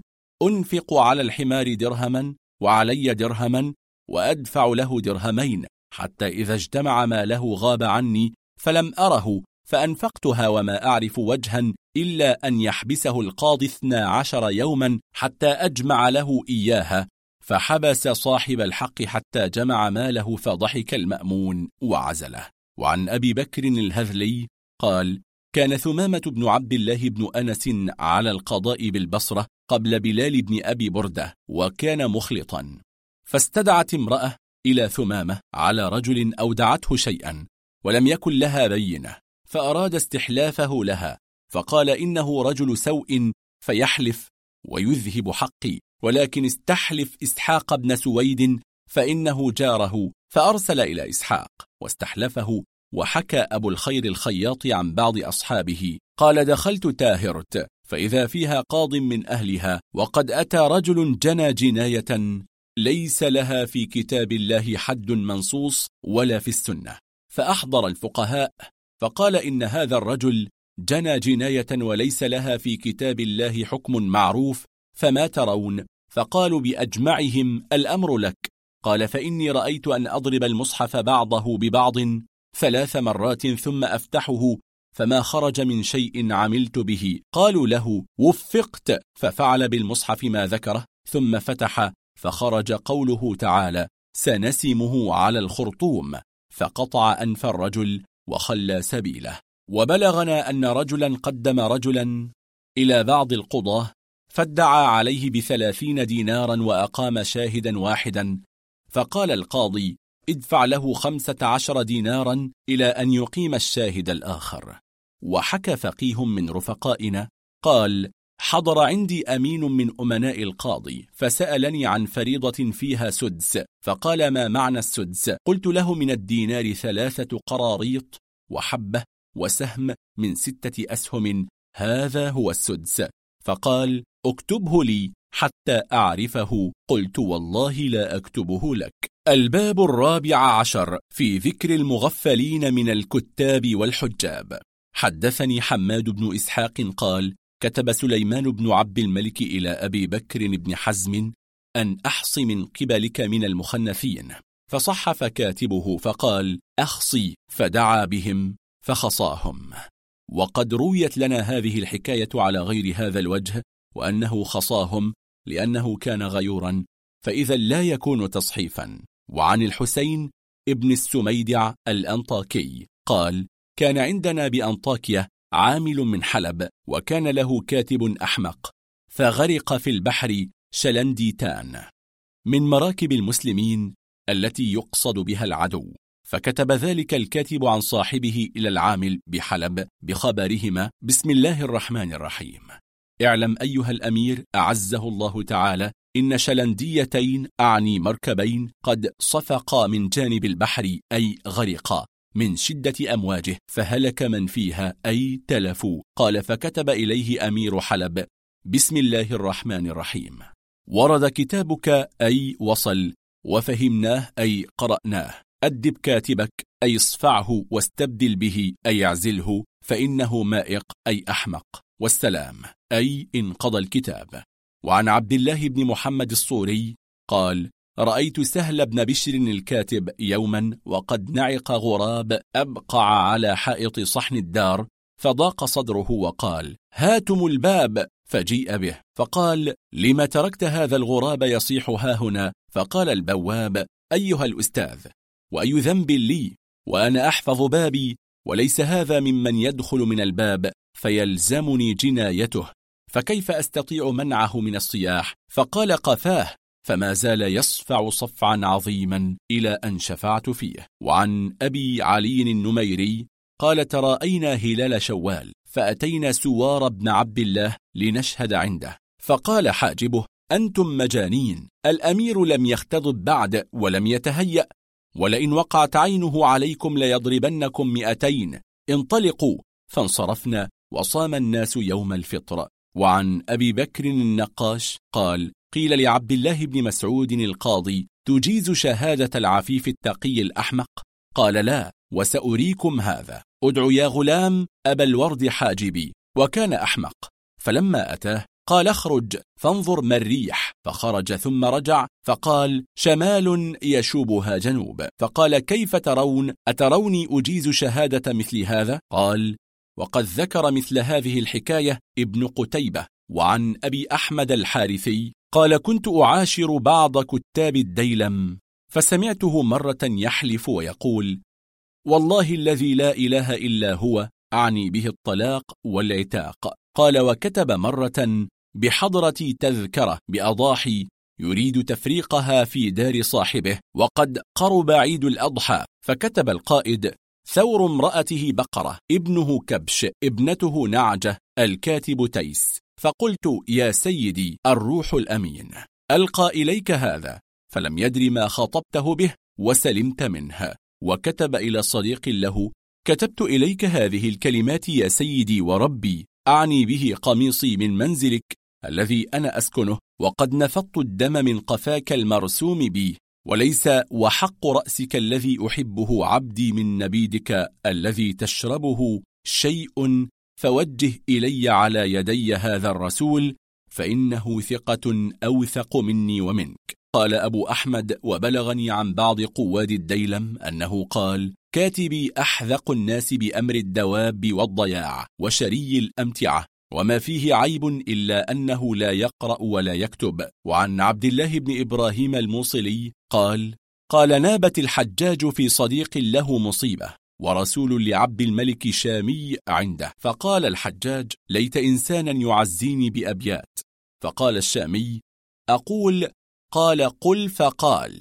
وكل خليل سوف يفارق خليله يموت أو يصاب أو يقع من فوق البيت أو يقع البيت عليه أو يقع في بئر أو يكون شيئا لا نعرفه. فقال الحجاج قد سليتني عن مصيبتي بأعظم منها.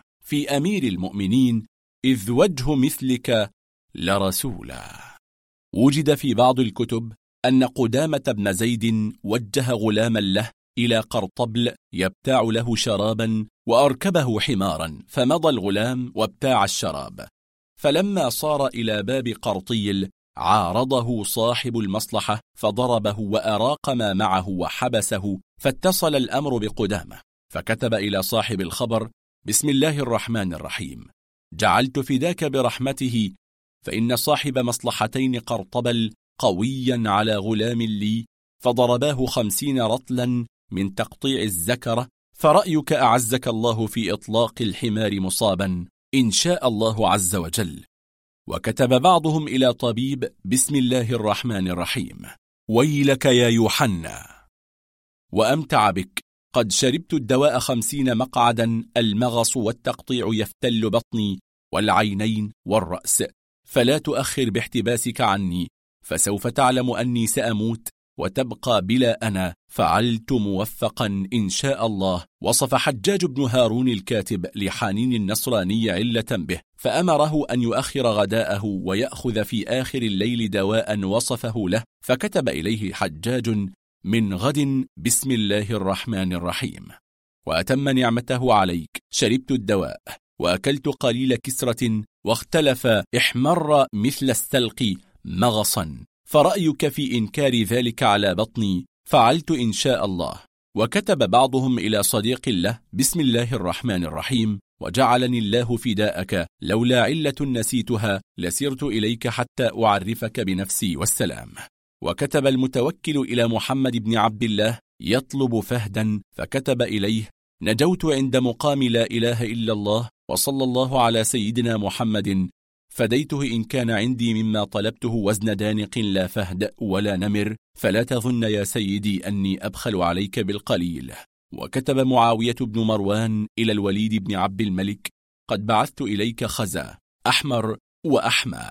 وكتب رجل من البصرة إلى أبيه كتبت إليك يا أبتي نحن كما يسترك الله عونه وقوته لم يحدث علينا بعدك إلا كل خير إلا أن حائطا لنا وقع على أمي وأخي الصغير وأختي والجارية والحمار والديك والشاه ولم يفلت غيري. وكتب أبو كعب إلى منزله كتابا عنوانه من أبي كعب يدفع عنوانه في عياله إن شاء الله. وكتب بعض ولد الملوك إلى بعض استوهب الله المكاره فيك برحمته أنا وحق جدي رسول الله الذي لا إله إلا هو. أحبك أشد من جدي المتوكل فقد بلغني أنه قد جاءك من النبيذ شيء كثير كثير شطرا وأنا أحبه شديد شديد شطرا آخر وبحياتي عليك. إلا بعثت إلي دستجة أو خمس دبات أو ستة أو سبعة أو أكثر جياد بالغة وإلا فثلاث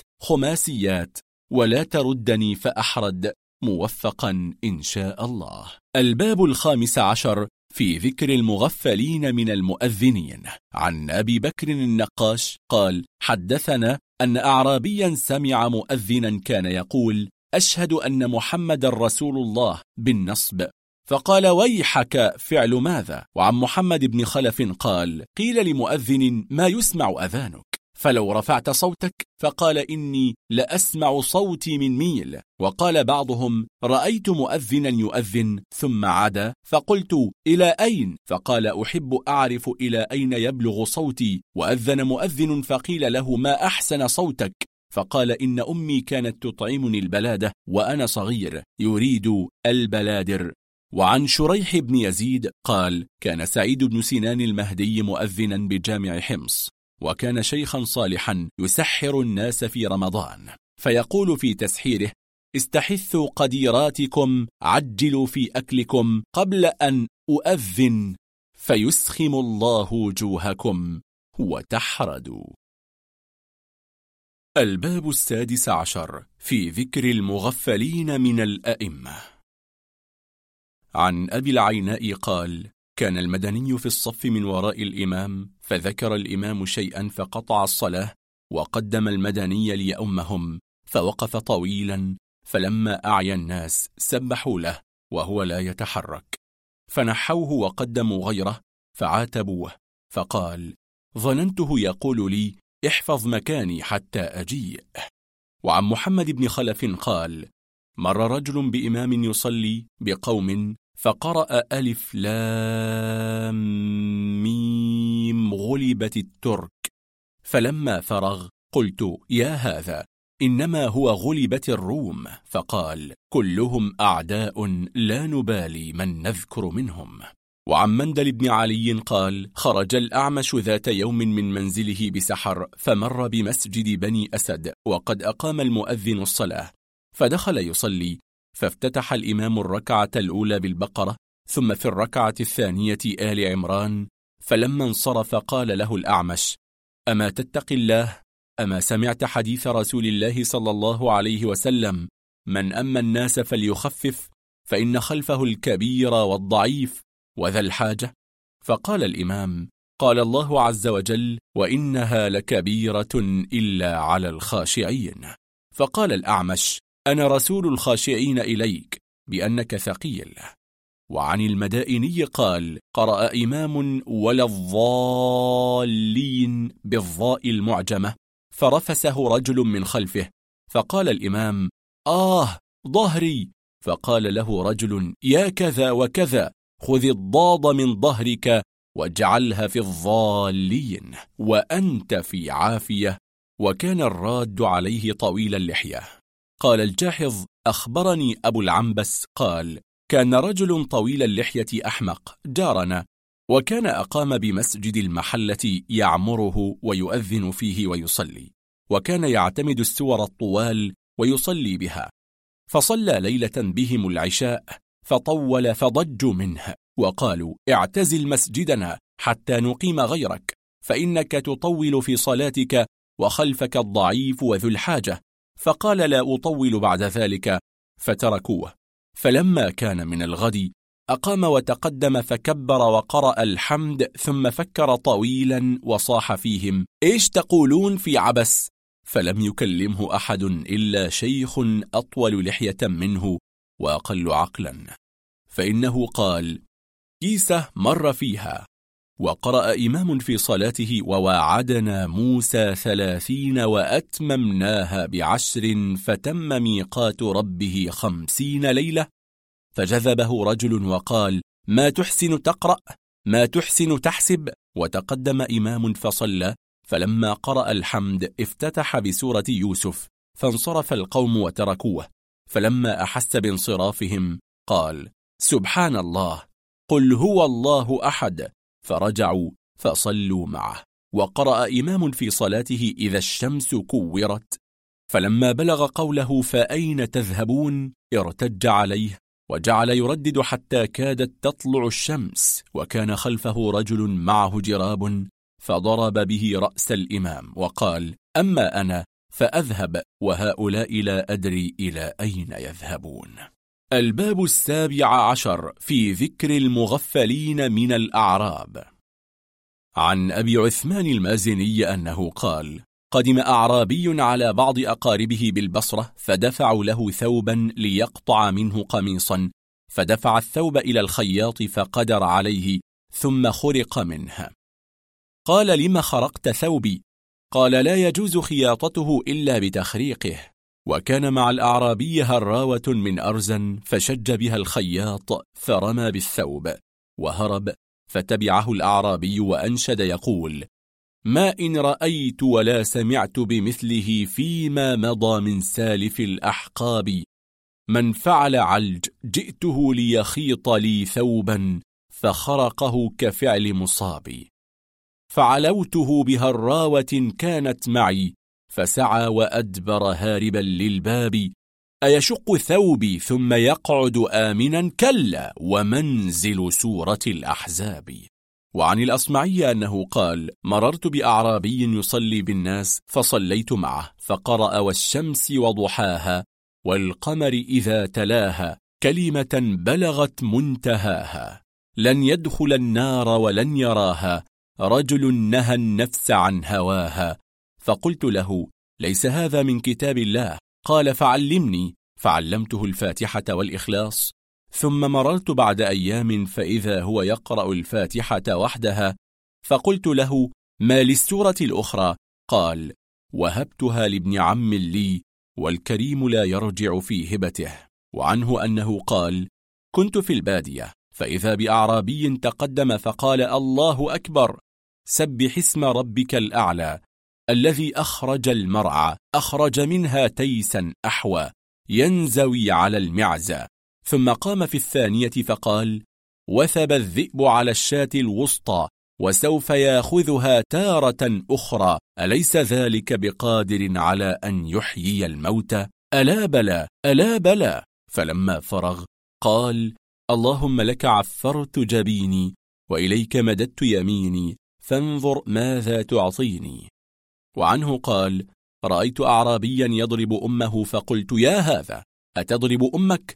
فقال أسكت فإني أريد أن تنشأ على أدبي وعنه أنه قال حج أعرابي فدخل مكة قبل الناس وتعلق بأستار الكعبة وقال اللهم اغفر لي قبل أن يدهمك الناس وعن أبي الزناد قال جاء أعرابي إلى المدينة فجالس أهل الفقه ثم تركهم ثم جالس أصحاب النحو فسمعهم يقولون نكرة ومعرفة فقال يا أعداء الله يا زنادقة. وعن علاء بن سعيد قال قعد طائي وطائية في الشمس فقالت له امرأته والله لئن ترحل الحي غدا لأتبعن قماشهم وأصوافهم ثم لأنفشنه ولأغسلنه ولأغزلنه ثم لأبعثنه إلى بعض الأمصار فيباع وأشتري بثمنه بكرا فأرتحل عليه مع الحي إذا ترحلوا. قال الزوج أفتراك الآن تاركتيني وابني بالعراء؟ قالت إي والله. قال كلا والله. وما زال الكلام بينها حتى قام يضربها فأقبلت أمها فقالت ما شأنكم؟ وصرخت يا آل فلانة أفتضرب ابنتي على كد يديها؟ ورزق رزقها الله؟ فاجتمع الحي فقالوا ما شأنكم؟ فأخبروهم بالخبر. فقالوا ويلكم القوم لم يرحلوا وقد تعجلتم الخصومة. وعن الأصمعي قال خرج قوم من قريش إلى أرضهم وخرج معهم رجل من بني غفار فأصابهم ريح عاصف يئسوا معها من الحياة ثم استلموا فأعتق كل رجل منهم مملوكا. فقال ذلك الأعرابي اللهم لا مملوك لي أعتقه ولكن امرأتي طالق لوجهك ثلاثا. وكان رجل من الأعراب يعمل في معمل للذهب فلم يصب شيئا فأنشأ يقول يا رب قدر لي في حماسي وفي طلاب الرزق بالتماسي صفراء تجلو كسل النعاس فضربته عقرب صفراء سهرته طول الليلة. وجعل يقول يا رب الذنب لي إذ لم أبين لك ما أريده. اللهم لك الحمد والشكر. فقيل له ما تصنع؟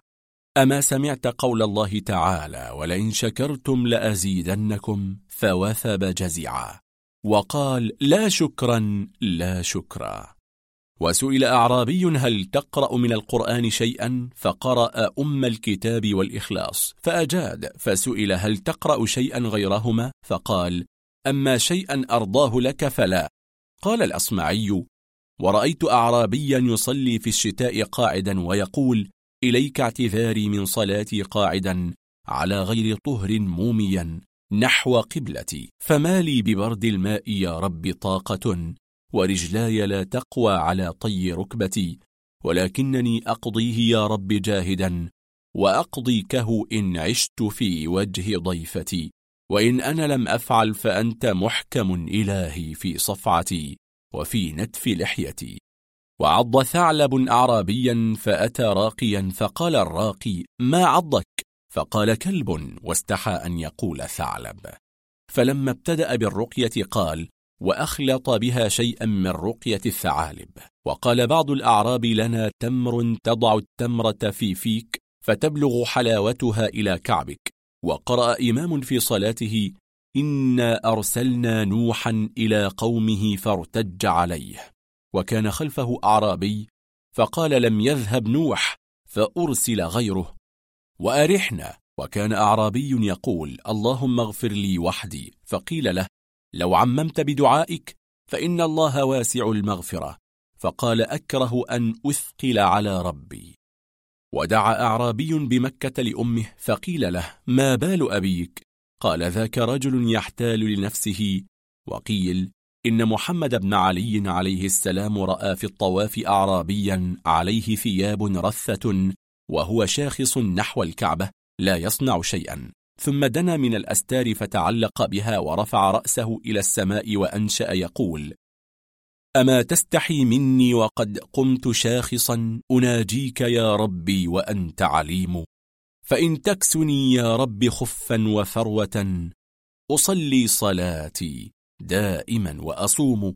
وإن تكن الأخرى على حال ما أرى فمن ذا على ترك الصلاة يلوم؟ أترزق أولاد العلوج وقد طغوا؟ وتترك شيخا والداه تميم؟ فدعا به وخلع عليه فروة وعمامة وأعطاه عشرة آلاف درهم وحمله على فرس.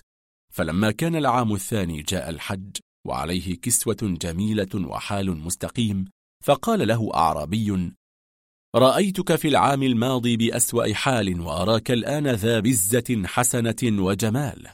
فقال إني عاتبت كريما فأغنيت. وكان لبعض المغفلين حمار فمرض الحمار. فنذر إن عوفي حماره صام عشرة أيام فعوفي الحمار فصام فلما تمت مات الحمار فقال يا ربي تلهيت بي ولكن رمضان إلى هنا يجيء والله لآخذن من نقاوته عشرة أيام لا أصومها. وصلى بعض الأعراب خلف بعض الآئمة في الصف الأول وكان اسم الأعرابي مجرما فقرأ الإمام والمرسلات إلى قوله ألم نهلك الأولين؟ فتأخر البدوي إلى الصف الآخر فقال ثم نتبعهم الآخرين. فرجع إلى الصف الأوسط فقال كذلك نفعل بالمجرمين. فولى هارا وهو يقول ما أرى المطلوب غيري؟ وصلى أعرابي خلف إمام صلاة الغداء فقرأ الإمام سورة البقرة وكان الأعرابي مستعجلا ففاته مقصوده فلما كان من الغد بكر إلى المسجد فابتدأ الإمام بسورة الفيل فقطع الأعرابي الصلاة وولى وهو يقول أمس قرأت البقرة فلم تفرغ إلى نصف النهار واليوم تقرأ الفيل ما أظنك تفرغ منها إلى نصف الليل. وكان أعرابي يصلي فأخذ قوم يمدحونه ويصفونه بالصلاح فقطع صلاته وقال مع هذا إني صائم وتذاكر قوم قيام الليل وعندهم أعرابي فقالوا له أتقوم بالليل؟ قال أي والله. قالوا فما تصنع؟ قال أبول وأرجع أنام. وقال إسحق الموصلي تذاكر قوم من نزار واليمن أصنام الجاهلية. فقال رجل لهم من الأزد عندي الحجر الذي كان قومنا يعبدونه. قالوا وما ترجو به؟ قال لا أدري ما يكون. وروى أبو عمر الزاهد أن بعض الأعراب قال اللهم أمتني ميتة أبي. قالوا وكيف مات أبوك؟ قال أكل بذجا وشرب مشعلا ونام في الشمس فلقي الله وهو شبعان ريان دفآن البذج الحمل والمشعل الزق. الباب الثامن عشر. المغفلين من المتحذلقين في من قصد الفصاحة والإعراب في كلامه من المغفلين. عن أبي زيد الأنصاري قال كنت ببغداد فأردت الانحدار إلى البصرة فقلت لابن أخي أكتر لنا فجعل ينادي يا معشر الملاحون! فقلت ويحك ما تقول؟ جعلت فداك. فقال أنا مولع بالنصب عن أبي طاهر قال دخل أبو صفوان الحمام وفيه رجل مع ابنه فأراد أن يعرف خالدا أما عنده من البيان؟ فقال يا بني ابدأ بيداك ورجلاك. ثم التفت إلى خالد فقال يا أبا صفوان هذا كلام قد ذهب أهله. فقال هذا كلام لم يخلق الله له أهلا قط. وعن أبي العيناء عن العطري الشاعر أنه دخل إلى رجل عندنا بالبصرة وهو يجود بنفسه فقال له يا فلان قل لا إله إلا الله وإن شئت فقل لا إله إلا الله والأولى أحب إلى سيبويه. ثم اتبع أبو العيناء ذاك بأن قال سمعتم ابن الفاعلة يعرض أقوال النحويين على رجل يموت؟ وعن عبد الله بن صالح العجلي قال أخبرني أبو زيد النحوي قال قال رجل للحسن ما تقول في رجل ترك أبيه وأخيه؟ فقال الحسن ترك أباه وأخاه. فقال الرجل فما لأباه وأخاه؟ فقال الحسن فما لأبيه وأخيه؟ فقال الرجل للحسن أراني كلما كلمتك خالفتني. وعن ابن أخي شعيب ابن حرب قال سمعت ابن أخي عمير الكاتب يقول وهو يعزي قوما آجركم لله وإن شئتم أجركم الله كلاهما سماعي من الفراء. وعن سلمة قال كان عند المهدي مؤدب يؤدب الرشيد فدعاه يوما المهدي وهو يستاك فقال كيف تأمر من السواك؟ قال استك يا أمير المؤمنين فقال المهدي إنا لله ثم قال التمسوا من هو أفهم من هذا قالوا رجل يقال له علي بن حمزة الكسائي من أهل الكوفة قدم من البادية قريبا فلما قدم على الرشيد قال له يا علي. قال لبيك يا أمير المؤمنين. قال كيف تأمر من السواك؟ قال سك يا أمير المؤمنين. قال أحسنت وأصبت. وأمر له بعشرة آلاف درهم. وقد روينا عن الوليد أنه قال لرجل ما شأنك؟ فقال الرجل شيخ نايفي. فقال عمر بن عبد العزيز إن أمير المؤمنين يقول لك ما شأنك فقال ختني ظلمني. فقال الوليد ومن ختنك فنكس الأعرابي رأسه. وقال ما سؤال أمير المؤمنين عن هذا؟ فقال عمر إنما أراد أمير المؤمنين من ختنك. فقال هذا. وأشار إلى رجل معه. وعن أبي معمر عن أبيه قال كان أمير على الكوفة من بني هاشم وكان لحانا فاشترى دورا من جيرانه ليزيدها في داره. فاجتمع إليه جيرانه فقالوا أصلحك الله هذا الشتاء قد هجم علينا فأمهلنا إن رأيت حتى يقبل الصيف. ونتحول قال لسنا بخارجيكم يريد بمخرجيكم. وعن ميمون ابن هارون قال قال رجل لصديق له ما فعل فلان بحماره؟ قال باعه. قال باعه. قال فلم قلت بحماره؟ قال الباء تجر. قال فمن جعل باءك تجر وبائي ترفع. وعن سعيد بن أحمد قال دعاني محمد بن أحمد بن الخصيب يوما فأقمنا عنده فقال لابن له صغير يا عبد الله اخدم عماك. فقال أخدم عمي. قالوا يقول لك أخدم عمك وتلحن. فقلت له جعلت فداك أنت أعلم الناس بالنحو فمن أفسد بيان هذا الصبي؟ قال من قبل أمه وعن أبي عبد الله أحمد بن فتن قال دعاني إنسان من جيراننا. فوجه إلى البقال وجه إلى جزرة بدنقان فقلت سبحان الله ما هذا؟ قال أردت أن يهابني. وقدم علي بن علقمة النحوي ابن أخ له فقال له ما فعل أبوك؟ قال مات. قال وما فعلت علته؟ قال ورمت قدميه. قال قل قدماه. قال فارتفع الورم إلى ركبتاه. قال قل ركبتيه. فقال دعني يا عم فما موت أبي بأشد علي من نحوك هذا. ووقف نحوي على رجل فقال كم لي من هذا الباذنجان بقيراط فقال خمسين. فقال النحوي قل خمسون. ثم قال لي أكثر فقال ستين. قال قل ستون. ثم قال لي أكثر فقال إنما تدور على مئون وليس لك مئون ولقي رجلا من أهل الأدب وأراد أن يسأله عن أخيه وخاف أن يلحن. فقال أخاك أخوك أخيك ها هنا. فقال الرجل لا لي لو ما هو حضر.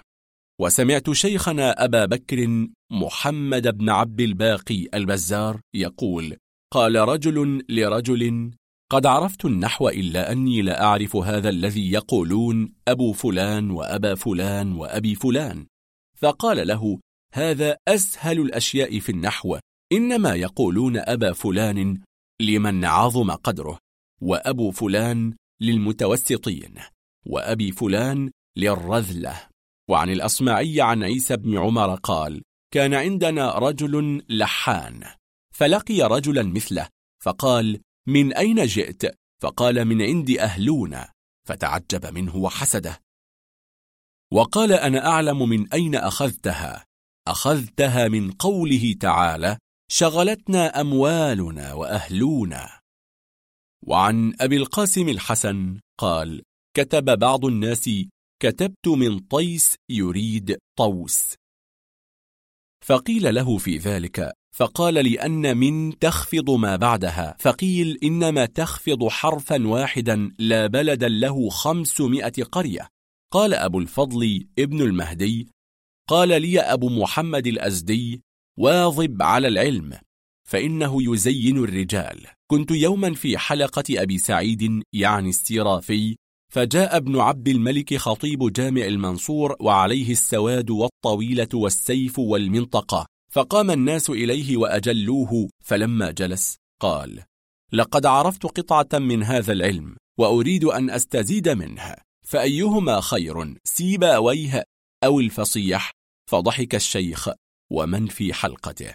ثم قال يا سيدنا محبرة اسم أو فعل أو حرف فسكت ثم قال حرف فلما قام لم يقم له أحد. فصل. وقد تكلم قوم من النحويين بالأعراب مع العوام فكان ذلك من جنس التغفيل. وإن كان صوابا لأنه لا ينبغي أن يكلم كل قوم إلا بما يفهمون. قال ابن عقيل كان شيخنا أبو القاسم ابن برهان الأسدي يقول لأصحابه إياكم والنحو بين العامة فإنه كاللحن بين الخاصة. قال ابن عقيل وتعليل هذا أن التحقيق بين المحرفين ضائع وتضييع العلم لا يحل. ولهذا روى حدث الناس بما يعقلون. أتحبون أن يكذب على الله ورسوله؟ وقد قال رسول الله صلى الله عليه وسلم يا أبا عمير ما فعل النغير. ولعب مع الحسن والحسين وإنما نسب المعلمون للحماقة لمعاملتهم الصبيان بالتحقيق قال الأصمعي كان يحيى بن معمر قاضيا بخراسان فتقدم إليه رجل وامرأته فقال يحيى للرجل رأيت إن سألتك حق شكرها وشبرك إن إن شاءت تطلها وتضهلها. قال يقول الرجل لامرأته والله ما أدري ما يقول قومي حتى ننصرف الشكر الفرج والشبر النكاح. وتطلها تبطل حقها. وتضهلها تعطيها حقها قليلا قليلا. وكذلك قال عيسى بن عمر ليوسف بن عمر وهو يضربه بالسياط والله إن كانت إلا أثيابا في أسيفاط قبضها عشاروك. قال ابن قتيبة ومثل هذا يستقبح والأدب عض فكيف اليوم؟ وقع نحوي في كنيف فصاح به الكناس أنت في الحياة.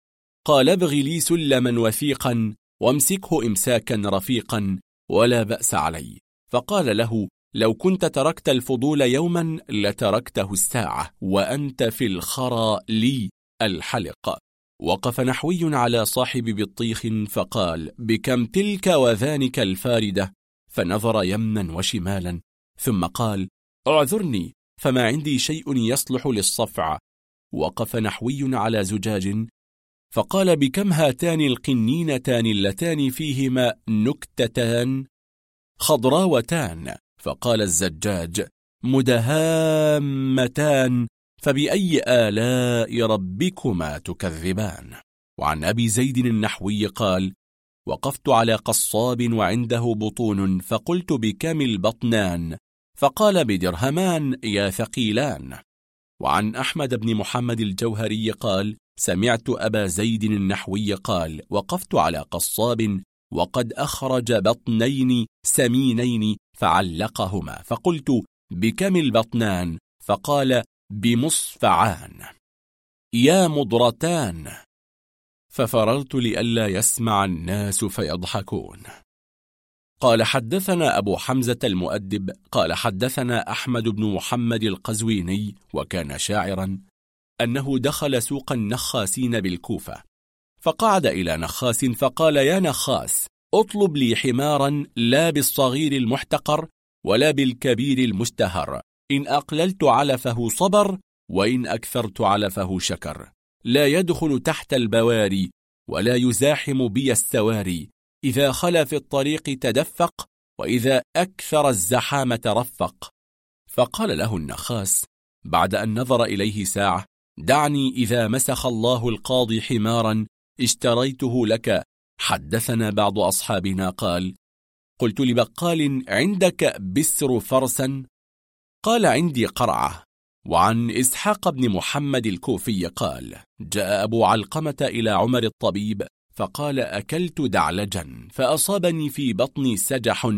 فقال خذ غلوص وخلوص. فقال أبو علقمة وما هذا؟ قال وما الذي قلت أنت؟ كلمني بما أفهم. قال أكلت زبدا في سكرجة فأصابني نفخ في بطني. فقال خذ صعترا.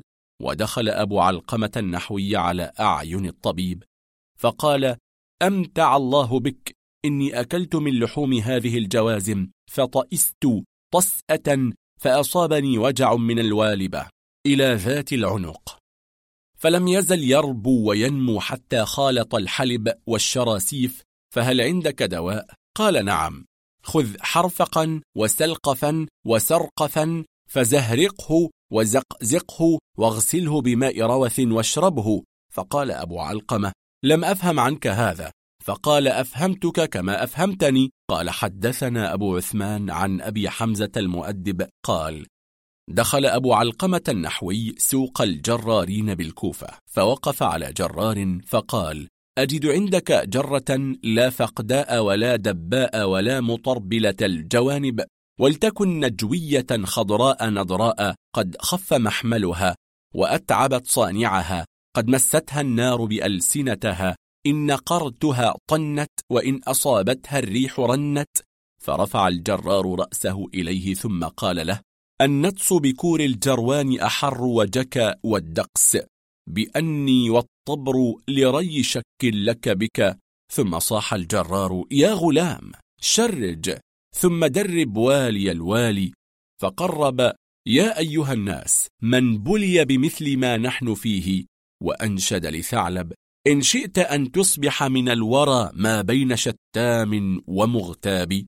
فكن عبوسا حين تلقاهم وكلم الناس بإعراب الباب التاسع عشر في ذكر من قال شعرا من المغفلين. عن المبرد قال قال الجاحظ أنشدني بعض الحمقى إن داء الحب سقم ليس يهنيه القرار. ونجا من كان لا يعشق من تلك المخازي فقلت إن القافية الأولى راء والثانية زاي. فقال لا تنقط شيئا. فقلت إن الأولى مرفوعة والثانية مكسورة. فقال أنا أقول تنقط وهو يشكل. وحكى بعضهم قال اجتمعنا ثلاثة نفر من الشعراء. في قرية تسمى طيهاثا. فشربنا يوما ثم قلنا ليقل كل واحد بيت شعر في وصف يومنا. فقلت نلنا لذيذ العيش في طيهاثا فقال الثاني لما احتثثنا القدح احتثاثا فارتج على الثالث فقال امرأته طالق ثلاثة ثم قعد يبكي على امرأته ونحن نضحك عليه. وعن أبي الحسن علي بن منصور الحلبي قال كنت أحضر مجلس سيف الدولة فحضرته وقد انصرف من غزو عدو له ظفر به. فدخل الشعراء ليهنئوه. فدخل رجل وأنشده وكانوا كفأر وسوء سوى خلف حائط وكنت كسور عليهم تسلقا. فأمر سيف الدولة بإخراجه فقام على الباب يبكي فأخبر سيف الدولة ببكائه فأمر برده فقال ما لك تبكي؟ فقال قصدت مولانا بكل ما أقدر عليه. فلما خاب أملي وقابلني بالهوان ذلت نفسي فبكيت. فقال له سيف الدولة ويلك من يكون له مثل هذا النثر يكون له ذلك النظم. فكم أملت؟ قال خمسمائة درهم. فأمر له بألف درهم. عن الصولي قال كان لمحمد بن الحسن ابن. فقال له إني قد قلت شعرا. قال أنشدنيه. قال فإن أجدت تهب لي جارية أو غلاما؟ قال أجمعهما لك. فأنشده. إن الديار طيفا هيجن حزنا قد عفا. أبكينني لشقاوتي. وجعلن رأسي كالقفا. فقال يا بني والله ما تستاهل جارية ولا غلاما ولكن أمك مني طالق ثلاثا. إذا ولدت مثلك قال أبو سجادة الفقيه في شعر له. ومنا الوزير ومنا الأمير ومنا المشير. ومنا أنا وقد وقع شيء يشبه التغفيل من فطناء الشعراء قال فإن البحتري دخل على بعض من يمدحه فأنشده لك الويل من ليل تطاول آخره. فقال الممدوح لك الويل والحرب. ومدح رجل معن بن زائدة فقال أتيتك إذ لم يبق غيرك جابر؟ ولا واهب يعطي الله والرغائب. فقال معن ليس هذا مدحا وهلا قلت كما قال أخو بني تيم لمالك بن مسمع قلدته عرى الأمور نزار قبل أن تملك السرات النحورا الباب العشرون في ذكر المغفلين من القصاص فمنهم سيفاويه القاص. كان يضرب به المثل في التغفيل. عن محمد بن العباس بن حيويه قال قيل لسيفاويه قد أدركت الناس فلم لم تحدث؟ قال اكتبوا حدثنا شريك عن مغيرة عن إبراهيم ابن عبد الله مثله سواء. قالوا له مثل إيش؟ قال كذا سمعنا وكذا نحدث. عن ابن خلف قال جاء يوما رجل من عرس فسأله سيفويه ما أكل؟ فأقبل يصف له فقال ليت ما في بطنك في حلقي. فقال ابن خلف قال عبد العزيز القاص ليت إن الله لم يكن خلقني وإني الساعة أعور. فحكيت ذلك لابن غياث فقال بئس ما قال. ووددت والله الذي لا إله إلا هو أن الله لم يكن خلقني وأني الساعة أعمى مقطوع اليدين والرجلين. وروى أبو العباس بن مشروح قال كان سيفاويه اشترى لمنزله دقيقا بالغداء وراح عشاء يطلب الطعام فقالوا لم نخبز لم يكن عندنا حطبا قال كنتم تخبزونه فطيرة؟ وحكى أبو منصور الثعالبي أن رجلا سأل سيفاويه عن الغسلين في كتاب الله تعالى فقال على الخبير سقط سألت عنه شيخا فقيها من أهل الحجاز فما كان عنده قليل ولا كثير. وقف سيفاويه راكبا على حمار في المقابر فنفر حماره عند قبر منها فقال ينبغي أن يكون صاحب هذا القبر بيطارا. وقرأ سيفاويه ثم في سلسلة ذرعها تسعون ذراعا. فقيل له قد زدت عشرين. فقال هذه خلقت لبغاء ووصيف. فأما أنتم فيكفيكم شريط بدانق ونصف. وقرأ قارئ بين يديه كأنما أغشيت وجوههم قطعا من الليل مظلمة. فقال ماذا لقي القوم؟ والله من أجل صلاتهم بالليل. وقرأ القارئ كأنهن الياقوت والمرجان. فقال هؤلاء خلاف نسائكم الفجار. قيل لسيفويه إن اشتهى أهل الجنة عصيدة كيف يعملون؟ قال يبعث الله لهم أنهار دبس ودقيق وأرز ويقال اعملوا وكلوا وعذرونا. وعن محمد بن خلف قال أبو أحمد التمار في قصصه لقد عظم رسول الله صلى الله عليه وسلم حق الجار حتى قال فيه قولا أستحي والله أن أذكره. قال ابن خلف قص قاص بالمدينة فقال رأى أبو هريرة على ابنته خاتم ذهب فقال يا بني لا تتخمي بالذهب فإنه لهب فبين هو يحدثهم إذ بدت كفه فإذا فيها خاتم ذهب. فقالوا له تنهانا عن لبس الذهب وتلبسه. فقال لم أكن ابنة أبي هريرة. عن محمد بن الجهم أنه قال سمعت الفراء يقول كان عندنا رجل يفسر القرآن برأيه فقيل له أرأيت الذي يكذب بالدين؟ فقال رجل سوء والله. فقيل فذلك الذي يدع اليتيم؟ فسكت طويلا ثم قال من هذا عجب؟ وعن عبد الرحمن بن محمد الحنفي قال قال أبو كعب القاص في قصصه كان اسم الذئب الذي أكل يوسف كذا وكذا. فقالوا له فإن يوسف لم يأكله الذئب. قال فهو اسم الذئب الذي لم يأكل يوسف. قال حكاها الجاحظ.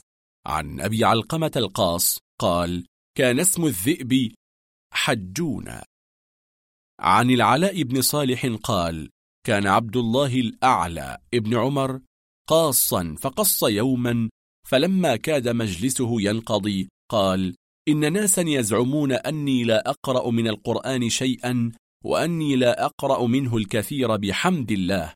ثم قال بسم الله الرحمن الرحيم. قل هو الله أحد. فارتج عليه فقال من أحب أن يشهد خاتمة السورة فليحضرنا إلى مجلس فلان. حكى أبو محمد التميمي أن أبا الحسن السماك الواعظ دخل عليهم يوما وهم يتكلمون في أبابيل فقال في أي شيء أنتم؟ فقالوا نحن في ألف أبابيل هل هو ألف وصل أو ألف قطع؟ قال لا ألف وصل ولا ألف قضع وإنما هو ألف سخط ألا ترون أنه بلبل عليهم عيشهم؟ فضحك القوم من ذلك جاء رجل إلى قاص وهو يقرأ يتجرعه ولا يكاد يسيغه فقال اللهم اجعلنا ممن يتجرعه ويسيغه.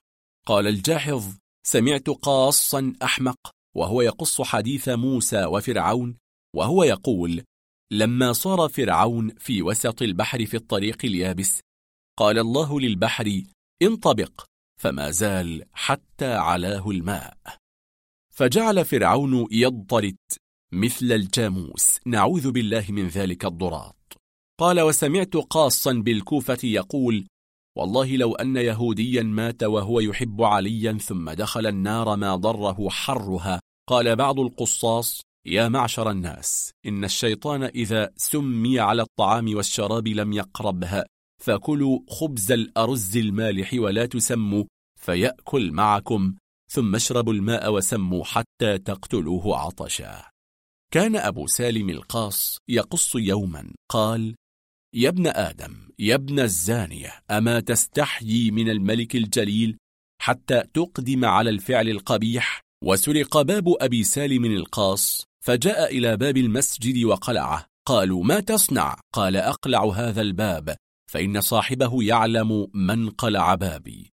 سئل بعض الوعاظ لم لم تنصرف أشياء؟ فلم يفهم ما قيل له ثم سكت ساعة فقال تسأل سؤال الملحدين لأن الله يقول لا تسألوا عن أشياء. قال بعض الأشياخ إنه كتب في رقعة إلى بعض القصاص يسأله الدعاء لامرأة حامل فقرأ الرقعة ثم قلبها وفي ظهرها صفة دواء قد كتبه طبيب وفيه قنبيل وخشيرك وفاتيمون ونحو هذا. فظنها كلمات يسأل بها فدعا وجعل يقول يا رب قنبيل يا رب خشيرك ويا رب أفتيمون.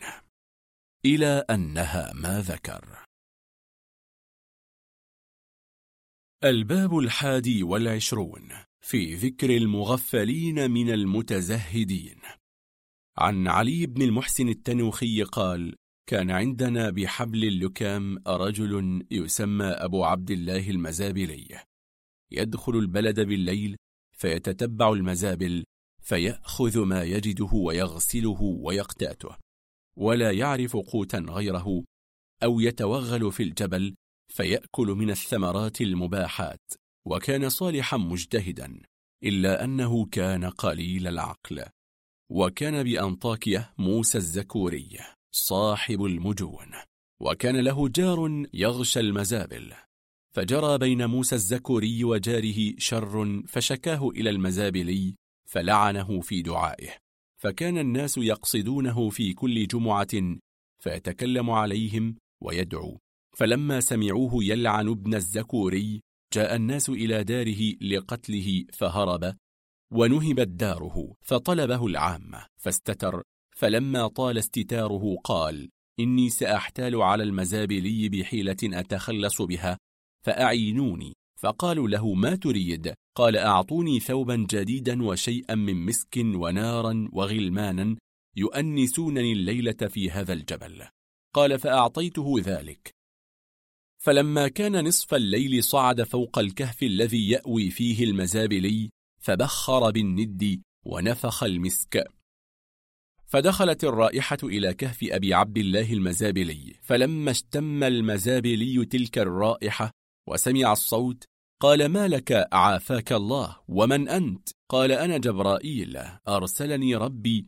فلم يشك المزابلي في صدق القول وأجهش في البكاء والدعاء فقال يا جبرائيل ومن أنا حتى يرسلك الله إلي فقال الرحمن يقرئك السلام ويقول لك موسى الزكري غدا رفيقك في الجنة. فصعق أبو عبد الله فتركه موسى فرجع. فلما كان من الغد كان يوم الجمعة أقبل المزابلي يخبر الناس برسالة جبرائيل ويقول تمسحوا بابن الزكوري واسألوه أن يجعلني في حل واطلبوه لي. فأقبل العامة إلى دار ابن الزكوري يطلبونه ويستحلونه. عن أبي النقاش عن شيخ له قال كنت في جامع واسط ورجلان يحدثان في حديث جهنم فقال أحدهما بلغني أن الله عز وجل يعظم خلق الكافر حتى يكون ضرسه مثل أحد فقال له الآخر ليس هذا أمره وإلى جانبهما شيخ متأله كثير الصلاة فالتفت إليهما فقال لا تنكر هذا. إن الله على كل شيء قدير. وتصديق ما كنتما فيه. كتاب الله. قال وما ذاك يا عم؟ قال قوله تعالى فأولئك يبدل الله سنانهم خشبات. فهو ما يبدل السن خشبة إلا وهو قادر على أن يجعله مثل أحد. عن الزهري قال بلغني عن حجاج الشاعر أنه مر يوما في درب وفي آخره ميزاب. قال أصابني لم يصبني أصابني. فلما طال عليه ذلك جاء وجلس تحته وقال استرحت من الشك وعن أبي علي الطائي قال قرأ رجل عند بعض المتزهدين وكان مغفلا وقال نسوة في المدينة امرأة العزيز تراود فتاها عن نفسه فقال دعنا من آيات الفجار. عن محمد المخرمي قال كنا في مجلس فشممت رائحة أنكرتها فنظرت فإذا رجل قد وضع في شاربه عذرة فقلت له ما هذا؟ قال تواضعا لربي عز وجل. قال طاهر بن الحسين المروزي منذ كم دخلت العراق؟ قال منذ عشرين سنة وإني أصوم الدهر منذ ثلاثين سنة. قال طاهر سألتك عن مسألة فأجبتني عن مسألتين. عن أبي عثمان الجاحظ قال أخبرني يحيى بن جعفر قال كان لي جار من أهل فارس وكان بلحية. ما رأيت أطول منها قط وكان طول الليل يبكي فأنبهني ذات ليلة بكاؤه ونحيبه وهو يشهق ويضرب على رأسه وصدره ويردد آية من كتاب الله تعالى. فلما رأيت ما نزل به قلت لأسمعن هذه الآية التي قتلت هذا وأذهب نومي. فتسمعت عليه. فإذا الآية يسألونك عن المحيض قل هو أذى. فعلمت أن طول اللحية لا يخلف. وعنه قال أخبرني النظام. قال مررت بناحية باب الشام فرأيت شيخا قاعدا على باب داره وبين يديه حصى ونوى وهو يسبح ويعد بهما. ويقول حسبي الله حسبي الله. فقلت يا عم ليس هذا هو التسبيح. قال كيف هو التسبيح عندك؟ قلت سبحان الله. قال يا أحمق هذا تسبيح تعلمته بعبادان منذ ستين سنة أسبح به فاتركه لقولك يا جاهل. وقال رأيت أبا محمد السيرافي وكان طويل اللحية يدعو ربه وقد رفع يديه إلى السماء وهو يقول يا منقذ الموت ومنجي الغرق وقابل التوبات وراحم العثرات أنت تجد من ترحمه غيري وأنا لا أجد من يعذبني سواك. قال رأيت أبا سعيد البصري يدعو ربه وكان طويل اللحية أحمق وهو يقول يا رباه يا سيداه يا مولاه يا جبرائيل يا إسرافيل يا ميكائيل يا كعب الأحبار يا أويس القرني بحق محمد وجرجيس عليك أرخص أمتك على الدقيق. عن بشر بن عبد الوهاب قال كان يجلس إلى عمود في دمشق رجل جميل الهيئة فرأيته يوما وقد سجد ويقول في سجوده سجد لك خضرتي وحمرتي وصفرتي وبياضي وسوادي خاشعا ضارعا خاضعا ماصا لبظر أمه ومن أنا عندك الزان ابن الزانية. حتى لا تغفر له. كان لأبي العتاهية تلميذ تصوف وتزهد وقير إحدى عينيها وقال النظر إلى الدنيا بعينين إسراف. قال بعضهم كان لي عم له سبعون سنة. فسمعته يقول في دعائه بمن كان بين محمد وآله من النبيين والمرسلين فقلت له يا عم أسمعك تدعو بهذا الدعاء. فمن كان بين محمد وآله من النبيين والمرسلين فقال العشرة الذين بايعوه تحت الشجرة. قال بعض معارفنا إنه حضر في بعض البلاد عند متزهد وحضر جماعة يتبركون به منهم قاضي البلد. فجرى ذكر لوط عليه السلام فقال المتزهد عليه لعنة الله فقيل ويحك هذا نبي؟ فقال ما علمت ثم التفت إلى القاضي فقال خذ علي التوبة مما قلت فتاب. ثم أفاضوا في الحديث فجرى ذكر فرعون فقالوا له ما تقول فيه؟ فقال أنا الآن تبت فلا أدخل بين الأنبياء. الباب الثاني والعشرون في ذكر المغفلين من المعلمين. وهذا شيء قل أن يخطئ ونراه مطردا ولا نظن السبب في ذلك إلا معاشرة الصبيان. وقد بلغني أن بعض المؤدبين للمأمون أساء أدبه على المأمون وكان صغيرا فقال المأمون ما ظنك بمن يجلو عقولنا بأدبه ويصدأ عقله بجهلنا؟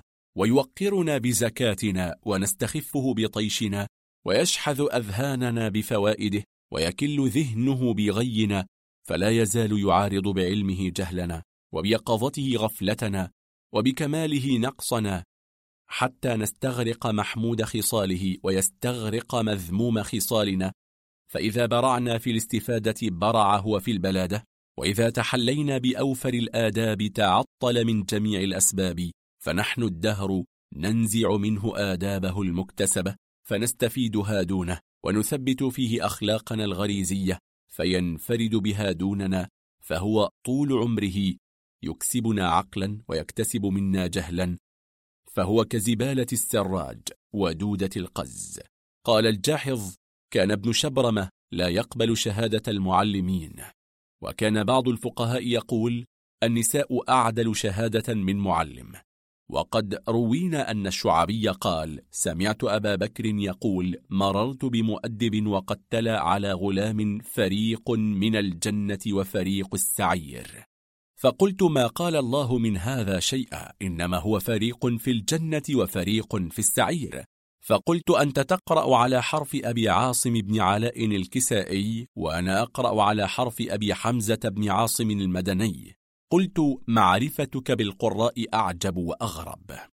حدثنا محمد بن خلف قال قال بعض المجان مررت ببعض دور الملوك فإذا أنا بمعلم خلف ستر قائم على أربعة ينبح نبح الكلاب فنظرت إليها فإذا صبي خرج من خلف الستر فقبض عليه المعلم فقلت للمعلم عرفني خبرك. قال نعم هذا صبي يبغض التأديب ويفر ويدخل إلى الداخل ولا يخرج. وإذا طلبته بكى وله كلب يلعب به فأنبح له فيظن أني كلبه ويخرج إلي. فآخذه.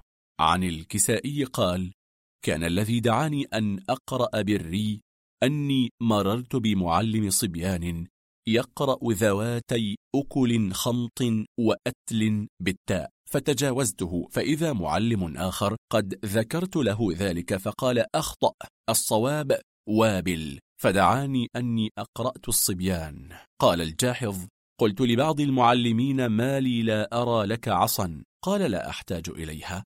إنما أقول لمن يرفع صوته أمه زانية فيرفعون أصواتهم.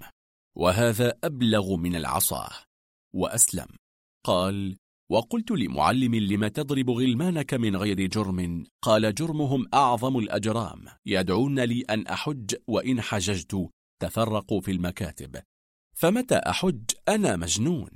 قال غلام للصبيان هل لكم أن يفلتنا الشيخ اليوم؟ قالوا نعم. قال تعالوا لنشهد عليه أنه مريض. فجاء واحد منهم فقال أراك ضعيفا جدا وأظنك ستحم. فلو مضيت إلى منزلك واسترحت فقال لأحدهم يا فلان يزعم فلان أني عليل. فقال صدق الله وهل يخفى هذا على جميع الغلمان؟ إن سألتهم أخبروك. فسألهم فشهدوا. فقال لهم انصرفوا اليوم وتعالوا غدا. ضرب معلم غلاما فقيل لم تضربها؟ فقال إنما أضربه قبل أن يذنب لئلا يذنب. قيل إن معلما جاء إلى الجاحظ فقال أنت الذي صنعت كتاب المعلمين تعيبهم قال نعم. قال وذكرت فيه بعض المعلمين جاء إلى الصياد وقال إيش تصطاد طريا أم مالحا؟ قال نعم. قال ذلك أبله ولو كان فيه ذكاء. كان يقف فينظر إن خرج طري علم أو خرج مالح علم قال الجاحظ مررت بمعلم وصبيانه يتصافعون وبعضهم يصفع المعلم فقلت لهم ما هذا؟ قال يكون لي عليهم دين فقلت له ينسى ويقضى لا أراه يحصل شيئا قال مررت بمعلم وقد كتب لغلام وإذا قال لقمان لابنه وهو يعظه يا بني لا تقصص رؤياك على إخوتك فيكيدوا لك كيدا وأكيد كيدا فمهل الكافرين أمهلهم رويدا. فقلت له ويحك. فقد أدخلت سورة في سورة. قال نعم. إذا كان أبوه يدخل شهرا في شهر فأنا أيضا أدخل سورة في سورة فلا آخذ شيئا ولا ابنه يتعلم شيئا. قال الجاحظ ومررت بمعلم صبيان وهو جالس وحده وليس عنده صبيانه فقلت له ما فعل صبيانك؟ قال ذهبوا يتصافعون. فقلت اذهب وانظر إليهم. فقال إن كان ولا بد فغط رأسك لئلا يحسبوك أنا فيصفعوك حتى تعمى. ورأيت معلما قد جاءه غلامان قد تعلق كل منهما بالآخر. فقال يا معلم هذا عض أذني. فقال ما عضدتها وإنما عض أذن نفسه؟ فقال يا ابن الخبيثة جمل. حتى يعض أذن نفسه. قال الجاحظ من أعجب ما رأيت معلما بالكوفة وهو شيخ جالس ناحية من الصبيان يبكي. فقلت له يا عم مما تبكي قال سرق الصبيان خبزي. قال أبو العنبس كان ببغداد معلم يشتم الصبيان فدخلت عليه وشيخ معي. فقلنا لا يحل لك. فقال ما أشتم إلا من يستحق الشتم فاحضروا لي حتى تسمعوا ما أنا فيه. فحضرنا يوما فقرأ صبي عليها ملائكة غلاظ شداد يعصون الله ما أمرهم ولا يفعلون ما يؤمرون. فقال ليس هؤلاء ملائكة ولا أعراب ولا أكراد. فضحكنا حتى بال أحدنا في سراويله. وقرأ آخر وهم الذين يقولون لا تنفقوا إلا من عند رسول الله. فقال يا ابن الفاعل أتلزم النبي بنفقة مال لا تجب عليه؟ قال بعضهم مررت بمعلم الصبيان يضربونه وينتفون لحيته فتقدمت لأخلصه فمنعني وقال دعهم بيني وبينهم شرط إن سبقتهم إلى الكتاب ضربتهم وإن سبقوني ضربوني واليوم غلبني النوم فتأخرت ولكن وحياتك إلا بكرت غدا من نصف الليل. وتنظر فعلي بهم. فالتفت إليه صبي وقال أنا أبات الليلة هاهنا حتى تجيء وأصفعك. عن أبي الفتح محمد بن أحمد الحريمي قال كان عندنا بخراسان إنسان قروي فكان له عجل فدخل داره وأدخل رأسه في جب الماء ليشرب فبقي رأسه في الجب فجعل يعالج رأسه ليخرج من الجب فلم يقدر. فاستحضر معلم القرية فقال قد وقعت واقعة. قال فما هي؟ فأحضره وأراه العجل فقال أنا أخلصك أعطني سكينا. فذبح العجل فوق رأسه في الجب وأخذ حجرا وكسر الجب فقال القروي بارك الله فيك قتلت العجل وكسرت الجب. الباب الثالث والعشرون في ذكر المغفلين من الحاكة. عن أبي عبد الله يعني أحمد بن حنبل رضي الله عنه قال حدثنا سفيان عن أبي هارون يعني موسى بن أبي عيسى أن مريم ذهبت تطلبه يعني عيسى فلقيت حائكا فقال ذهب هكذا قال سفيان كذها فقالت اللهم توهه فلا تجده إلا تائها وسألت رجلا خياطا فأرشدها فدعت له فهو يجلس إليهم. وعن موسى بن أبي عيسى أن مريم فقدت عيسى فدارت تطلبه فرأت حائكا فلم يرشدها فدعت عليه فلا تزال تراه تائها. ورأت خياطا فأرشدها فدعت له فهو يأنس إليهم ويجلس معهم. الباب الرابع والعشرون في ذكر المغفلين على الإطلاق. عن أبي العيناء قال قال لي الجاحظ كان لي جار مغفل جدا وكان طويل اللحية فقالت له امرأته من حمقك طالت لحيتك فقال من عير عير قال وقد رأى على بابه قذرا فقال هذا الذي قذر خلفنا إن كان صادقا فليقتذر في وجوهنا حتى نعلم. وولد له ولد فقيل له ما تسميه؟ فقال عمر بن عبد العزيز وهنأوه به فقال إنما هو من عند الله ومنكم.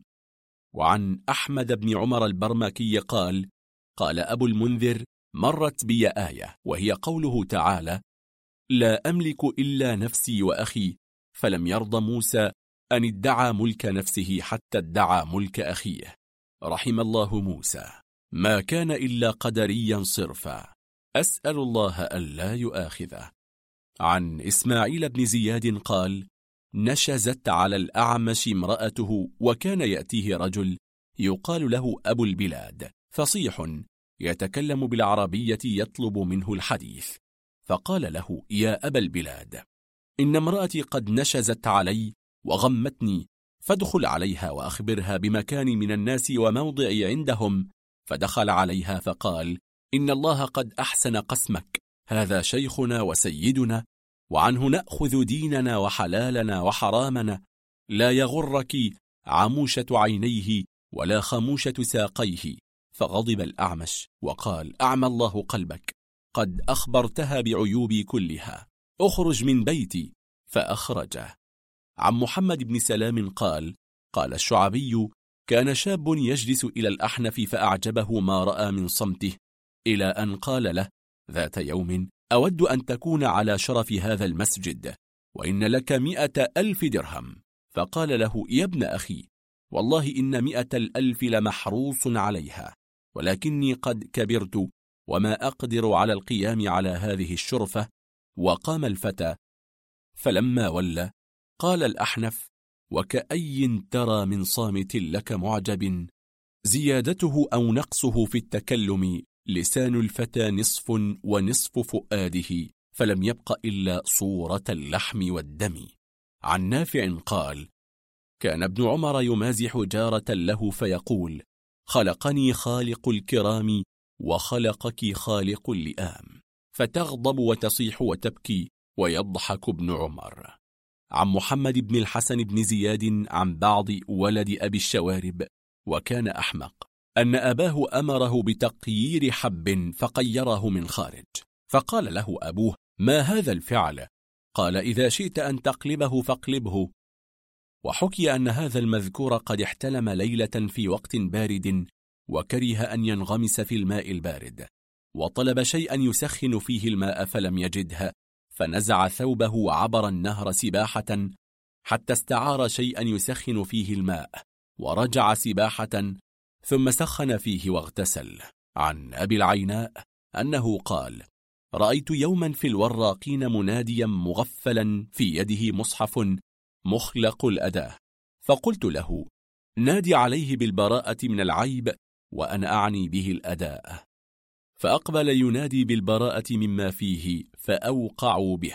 عن البحتري قال قال لي السراج منذ أربعين سنة لم أوتر خلافا لمن يوجبها. قلت انظر إلى تغفيل هذا الرجل كيف ترك واجبا عند قوم وسنه عنه الأكثرين؟ وما يضر من أوجبها؟ من تركه إياها.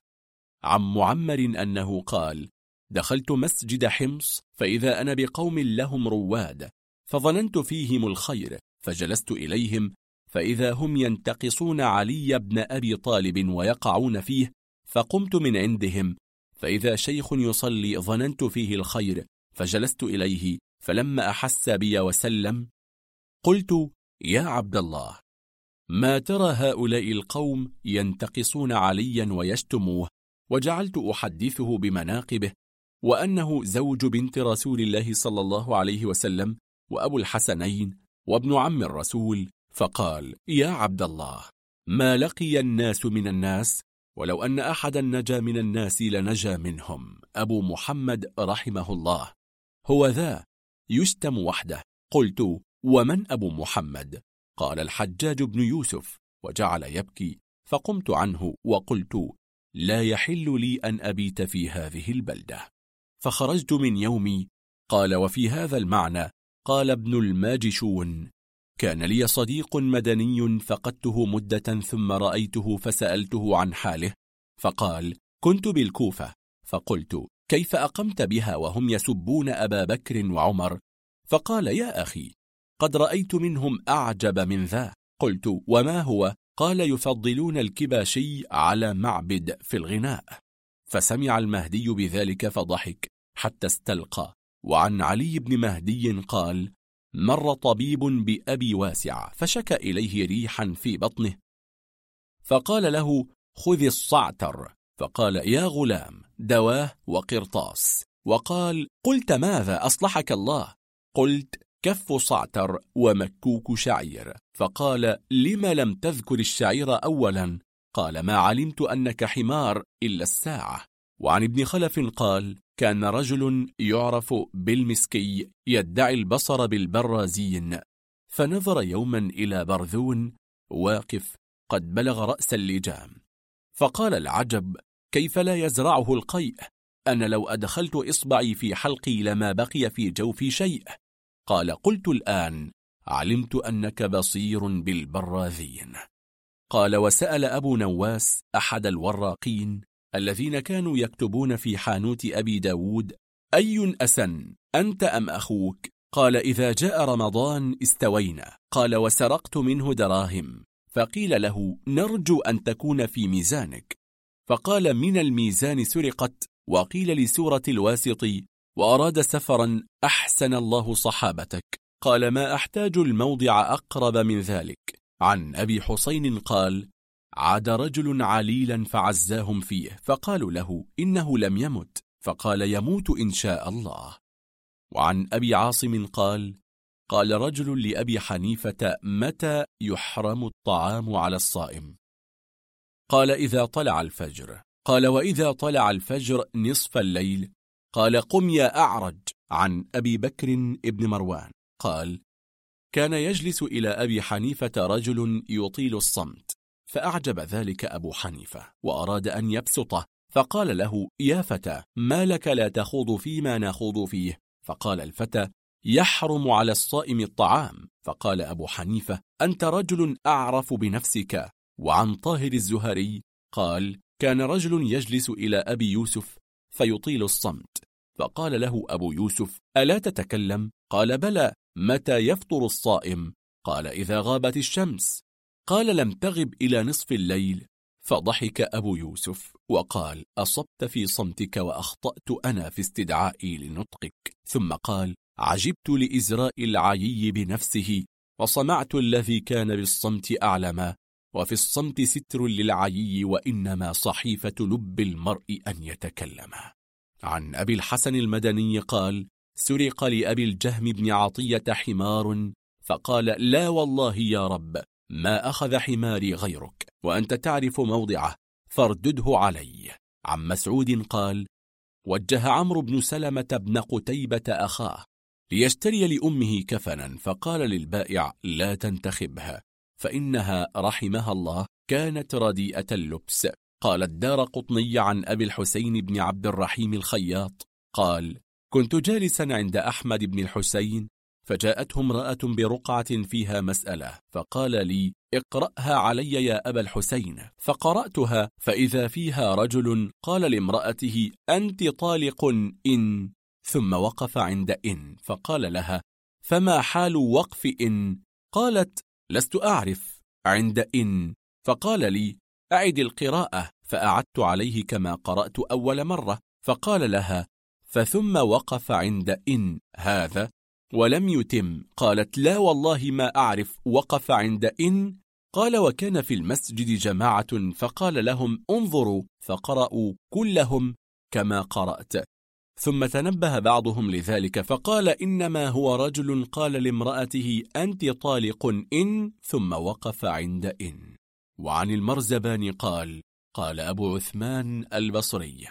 كان إخوة ثلاثة. أبو قطيفة والطبلي وأبو كلير وهم ولد غيات بن أسيد فأما أحدهم فكان يحج عن حمزة بن عبد المطلب ويقول استشهد قبل أن يحج والآخر يضحي عن أبي بكر وعمر يقول غلط في ترك الأضحية والآخر يفطر عن عائشة أيام التشريق ويقول غلطت في صوم أيام العيد فمن صام عن أبيه فأنا أفطر عن أم عائشة. قال أبو عثمان وذكر لأبي شعيب البلال عبد الله بن حازم وحميد الطوسي ويحيى الحرمي وما كانوا فيه من كثرة القتل والضرب والعذاب. فقال ويحهم كيف يجسرون على ذاك الأسد؟ يعني الله تعالى. عما قال قال أبو عثمان وسمع بعض الحمقى مؤذنا يؤذن يقول أشهد أن لا إله إلا الله. فقال الأحمق أشهدها مع كل شاهد وأجحدها مع كل جاحد.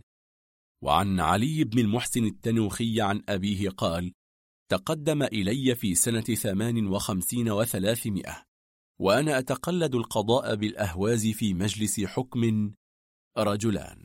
ادعى أحدهما على الآخر دعوة فسألته عنها فأنكرها فطالبت المدعي ببينة فعدمها وطلب استحلاف الخصم فقلت له أتحلف؟ فقال ليس له علي شيء كيف حلف؟ ولو كان له علي شيء لحلفت له وأكرمته. وعن ثمامة بن أشرس قال شهدت رجلا وقد خصم له إلى بعض الولاة. فقال أصلحك الله أنا رافضي ناصبي وخصمي جهمي مشبه مجسم قدري يشتم الحجاج بن الزبير الذي هدم الكعبة على علي بن أبي سفيان ويلعن معاوية بن أبي طالب. فقال له الوالي ما أدري مما أتعجب من علمك بالأنساب أم من معرفتك الألقاب؟ قال أصلحك الله ما خرجت من الكتاب حتى تعلمت هذا كله. وعن محمد بن المبرد عن الحسن بن رجاء أن الرشيد لما غضب على ثمامة دفعه إلى سلام الأبرش وأمره أن يضيق عليه وأن يدخله بيتا ويطين عليه ويترك فيه ثقبا ففعل دون ذلك وكان يدس إليه الطعام فجلس سلام عشية وهو يقرأ في المصحف فقرأ ويل يومئذ للمكذبون فقال ثمامة إنما هو المكذبين وجعل يشرح ويقول المكذبون هم الرسل والمكذبين هم الكفار. فقال قد قيل لي إنك زنديق ولم أقبل. ثم ضيق عليه أشد الضيق. قال ثم رضي الرشيد عن ثمامة فجالسه. فقال أخبروني عن أسوأ الناس حالا. فقال كل واحد شيئا. قال ثمامة وبلغ القول إلي. فقلت يا أمير المؤمنين عاقل يجري عليه حكم جاهل فتبينت الغضب في وجهه. فقلت يا أمير المؤمنين ما أحسبني وقعت بحيث أردت. قال لا والله. فانشرح فحدثته بحديث سلام فضحك حتى استلقى. وقال صدقت والله لقد كنت أسوأ الناس حالا. عن المرزبان قال أخبرني بعض أصحابنا قال قال رجل لرجل في يوم بارد أصب عليك جرة ماء وأعطيك درهما فتلكأ. فقال آخر افعل ذلك علي والدرهم بيني وبينه. وعن ابن المرزبان قال أخبرني بعض الأدباء قال قال رجل من العراق لرجل من الشام في كلام جرى بينهما حلق الله لحيتك. قال بمكة إن شاء الله كذلك. قال بعض الأدباء قال سئل خطيب أي أفضل معاوية أم عيسى بن مريم؟ فقال لا إله إلا الله أتقيس كاتب الوحي؟ بنبي النصارى قال تقدم رجل إلى بعض الفقهاء فقال له الرجل إذا خرجت منه الريح تجوز صلاته. قال لا قال قد فعلت أنا وجاز. وعن ابن المرزبان قال دعا رجل من الأشراف بمكة فقال اللهم إن كنت ما تعرفني فأنا فلان ابن فلان وأني مررت بعبدك فلان وهو يقول شيئا فيه فحش فرفسته فانبطح يفحص برجليه ميتا. اللهم قد أقررت لك الآن فاغفر لي كما تريد. وخرج رجل إلى السوق يشتري حمارا فلقيه صديق له فسأله فقال إلى السوق لأشتري حمارا فقال قل إن شاء الله. فقال ليس ها هنا موضع إن شاء الله الدراهم في كمي والحمار في السوق. فبينما هو يطلب الحمار سرقت منه الدراهم فرجع خائبا فلقيه صديقه فقال له ما صنعت؟ فقال سرقت الدراهم إن شاء الله. فقال له صديقه ليس ها هنا موضع إن شاء الله. قال وركب أحمقان في قارب فتحركت الريح. فقال أحدهما غرقنا والله. وقال الآخر لا إن شاء الله. قال لا تستثني حتى تسلم. قال وأخبروني بعض أصحابنا. قال تزوج رجل امرأة صغيرة فقيل له في ذلك فقال إن المرأة شر وكلما أقللت من الشر كان خيرا. عن أبي علي البصري قال أخبرت أن رجلا ورث مالا جزيلا فعمل فيه ما اشتهى فقال أريد أن تفتحوا علي صناعة لا يعد علي منها شيء فأتلف بها هذا المال. فقال له أحد جلسائه اشتري التمر من الموصل واحمله إلى البصرة. وقال آخر له اشتري من أبر الخياطة التي ثلاثة بدرهم فإذا جمعت عشرة أرطال اسكبها نقدا تبيعها بدرهمين. وقال آخر اشتري ما شئت واخرج إلى الأعراب فبعه منهم وخذ سفاتجهم إلى الأكراد. وبع من الأكراد وخذ سفاتجهم إلى الأعراب فكان يفعل ذلك حتى فني ماله. عن الحارثي قال قال رجل لامرأته وقد غضب عليها يا هذه أنا الذي إذا رأيت المرأة تأتي بقبيح أهينها وأهين من يهينها. قال الحارئي وكان يلزم القاضي أبا الحسن الهاشمي رجل بالبصرة من أهلها يقال له أبو فضالة. وكان ربما سأل القاضي عن مولده فيقول ولدت في سنة خمس وسبعين ومئتين فلما أراه يكثر في طول هذه المدة فإذا الكبر يكون عنده بقدم المولد إلى فوق. قال كنا نتماشى في ليلة مقمرة فرأى سنورا أبيض أسود الذنب فقال لي يا أحمد ما ترى هذه السبيكة التي في طرفها المصباح؟ ترى ممن سقطت وجاء ليأخذها فوثبت عليه ونهشت يده. فأفلتها عن الهذيل أنه قال كان عندنا بالمدينة لحام فجاءته عجوز فقالت أعطيني بدرهم لحما وطيبه لي وأخبرني باسمك حتى أدعو لك فأعطاها شر لحم وقال اسمي من تمد فلما أفطرت العجوز جعلت تمد اللحم فلا تقدر عليه فجعلت تقول لعن الله من تمد فتلعن نفسها وحكي أن قصابا كان ينادي على اللحم سري تعالوا على أربعة. عن محمد الداري قال كان عندنا رجل بدار وكان فيه غفلة فخرج من دار ومعه عشرة أحمر فركب واحدا وعدها فإذا هي تسعة فنزل وعدها فإذا هي عشرة فلا زال كذلك مرارا فقال أنا أمشي وأربح حمارا خير من أن أركب ويذهب مني حمار. فرأيته يمشي حتى كاد يتلف إلى أن بلغ قريته. قال وطلقت امرأة أبي الهذيل. فقالوا له امضي خلف القابلة. فجاءها فقال امضي إلى بيتنا حتى تقبل امرأتي واحرصي أن يكون غلاما ولك علي دينار. عن أبي العيناء قال كان عندنا بالصبرة رجل يكنى أبا حفص ويلقب ببلاغة.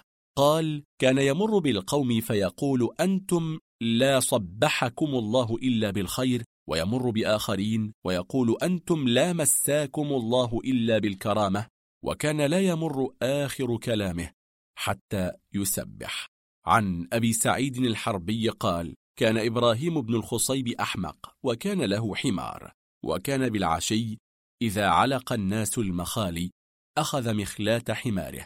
فقرأ عليها قل هو الله أحد وعلقها عليه فارغة. وقال لعن الله من يرى أن مكوك شعير خير من قل هو الله أحد. فما زال حتى نفق الحمار. فقال والله ما ظننت أن قل هو الله أحد. تقتل الحمير. هو والله للناس أقتل. لا قرأتها ما عشت.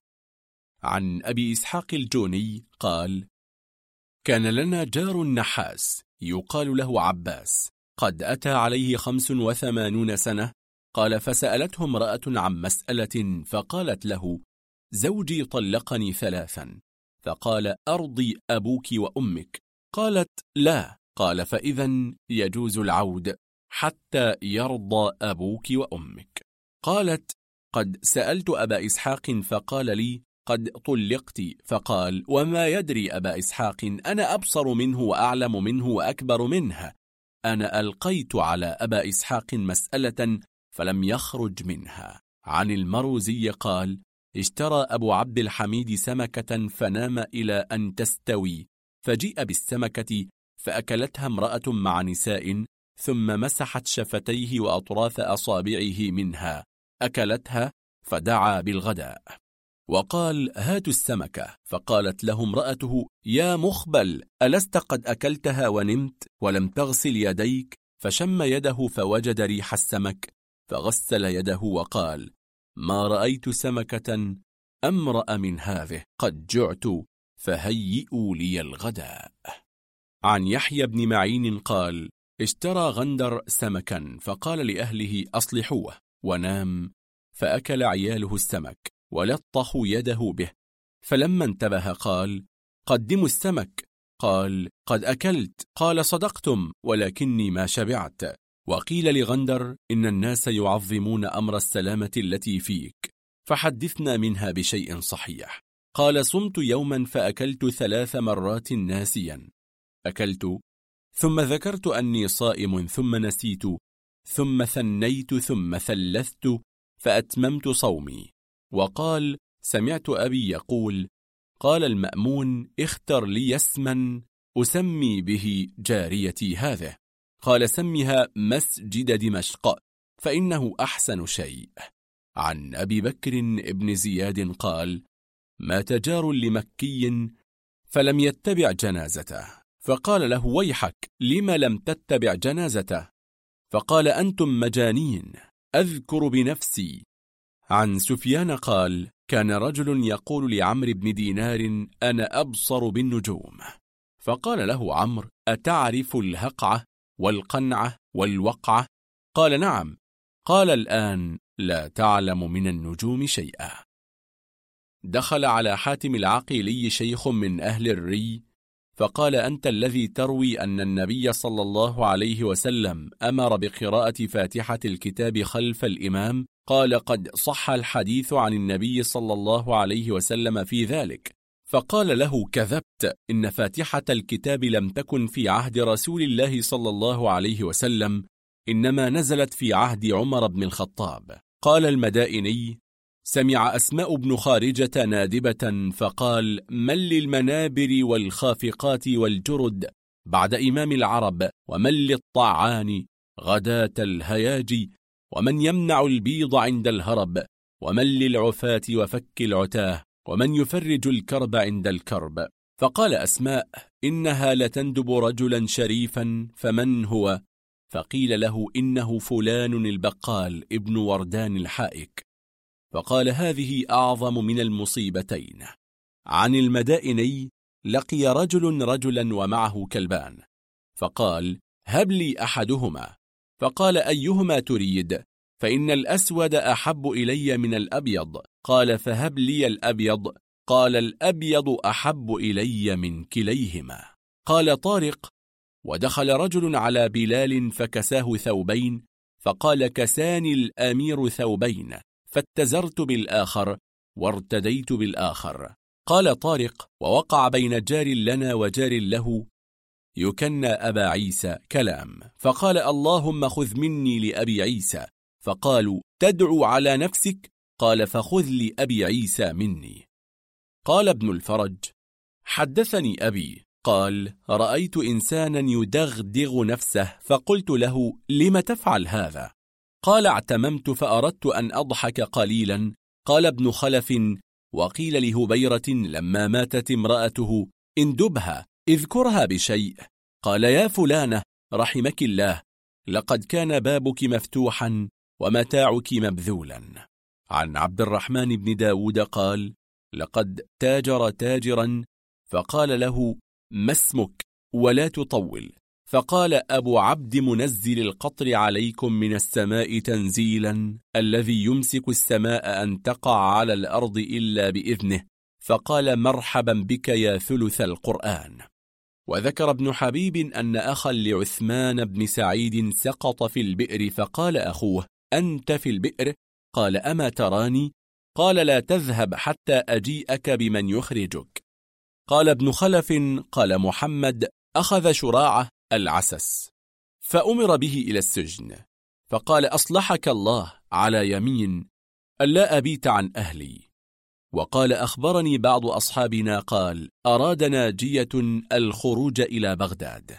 فوضع سلما وجعل يصعد وينزل فقيل له ما تصنع؟ قال أتعلم السفر قال ودخل الماء إلى كعبه. فصاح الغرق فقيل له في ذلك فقال أردت أن آخذ بالوثيقة. وعنه دخل على أبي يعقوب وهو يجود بنفسه فقيل له قل لا إله إلا الله. فقال أمثلي يروع بالنائبات ويخشى حوادث صرف الزمن. أذلني الله ذل الحمار وأدخلني حر أمي إذا وعنه حدثني عبد الرحمن بن محمد قال اشترى رجل جوزا وجعل يقلبه فأخذ جوزة في يده. فقال ما أرى في جوفها شيئا؟ ثم قال أستغفر الله لا أكون اغتبتها. وعنه ذكر عن حباب ابن العلاء قال كنت بالمدينة فحضرت قاضيا بها فإذا رجل قد أقبل يقود حمارا ومعه رجل آخر فأخبر أن حماره سرق وأنه وجده مع هذا فسأله القاضي فقال الحمار لي وهو في يدي. فقال للمدعي ألك بينة؟ قال نعم. فقال أحضرهم. فقال وركب الحمار ومضى عليه. فأقبلت على الذي كان الحمار في يده. فقلت له كيف أعطيته الحمار بعدما رأيت من دعواه؟ فقال استعاره مني. قال ابن خلف وأخبرني أبو صالح البصري قال ولد لرجل ابن في غيبته. فكتبت إليه امرأته تبشره بالمولود فكتب إليها بلغني أنك ولدت ابنا فأحسن الله جزاءك وأعان على مكافأتك. وقد سميته محمد بن عبد الله صلى الله عليه وسلم. قال وأخبرني بعض أهل الأدب قال أراد رجل أن يختن ابنه. فقال للحجام أرفق به فإنه ما اختتن قط. قال عثمان بن عمر نزل الموت بزوج امرأة فقيل لها لو دخلت على زوجك ودعتيه قالت أخاف أن يعرفني ملك الموت. كان لإبراهيم وكيل يقال له خليل. فقدم من ضيعته. فقال له متى قدمت؟ قال غدا يا سيدي. قال فأنت إذن في الطريق؟ قال سمعت أبا بكر ابن محمد يقول قلت لأبي العبر لقد أسرع إليك الشيب. قال وكيف لا يسرع إلي الشيب؟ وأنا أبكر كل يوم إلى من لو كان أمره إلي أن يسرح مع النعاج ويلقط مع الدجاج. هذا ابن حمدان يملك ألف ألف درهم قصدته يوما فبين أنا عنده أعطس فقلت له يرحمك الله فقال لي يعرفك الله. قال الحاكم سمعت أبا الحسن ابن عمر يقول بعت دارا لي فكنت كلما أذنت بباب المسجد. أنسى أنني بعتها فأصلي وأرجع إليها وأفتح الباب وأدخل. فيصحن بي النساء يا رجل اتق الله فينا. فأقول أعذرني فإنني ولدت في هذه الدار وأنسى كل يوم إلى أن أتى على ذلك مدة. قال كان عبدان الأسدي الشاعر أحمق. فيقال إنه كان يأتي ابن بشر فيقول له أخمسمائة اليوم أحب إليك أم ألف في القابل؟ فيقول ألف في قابل.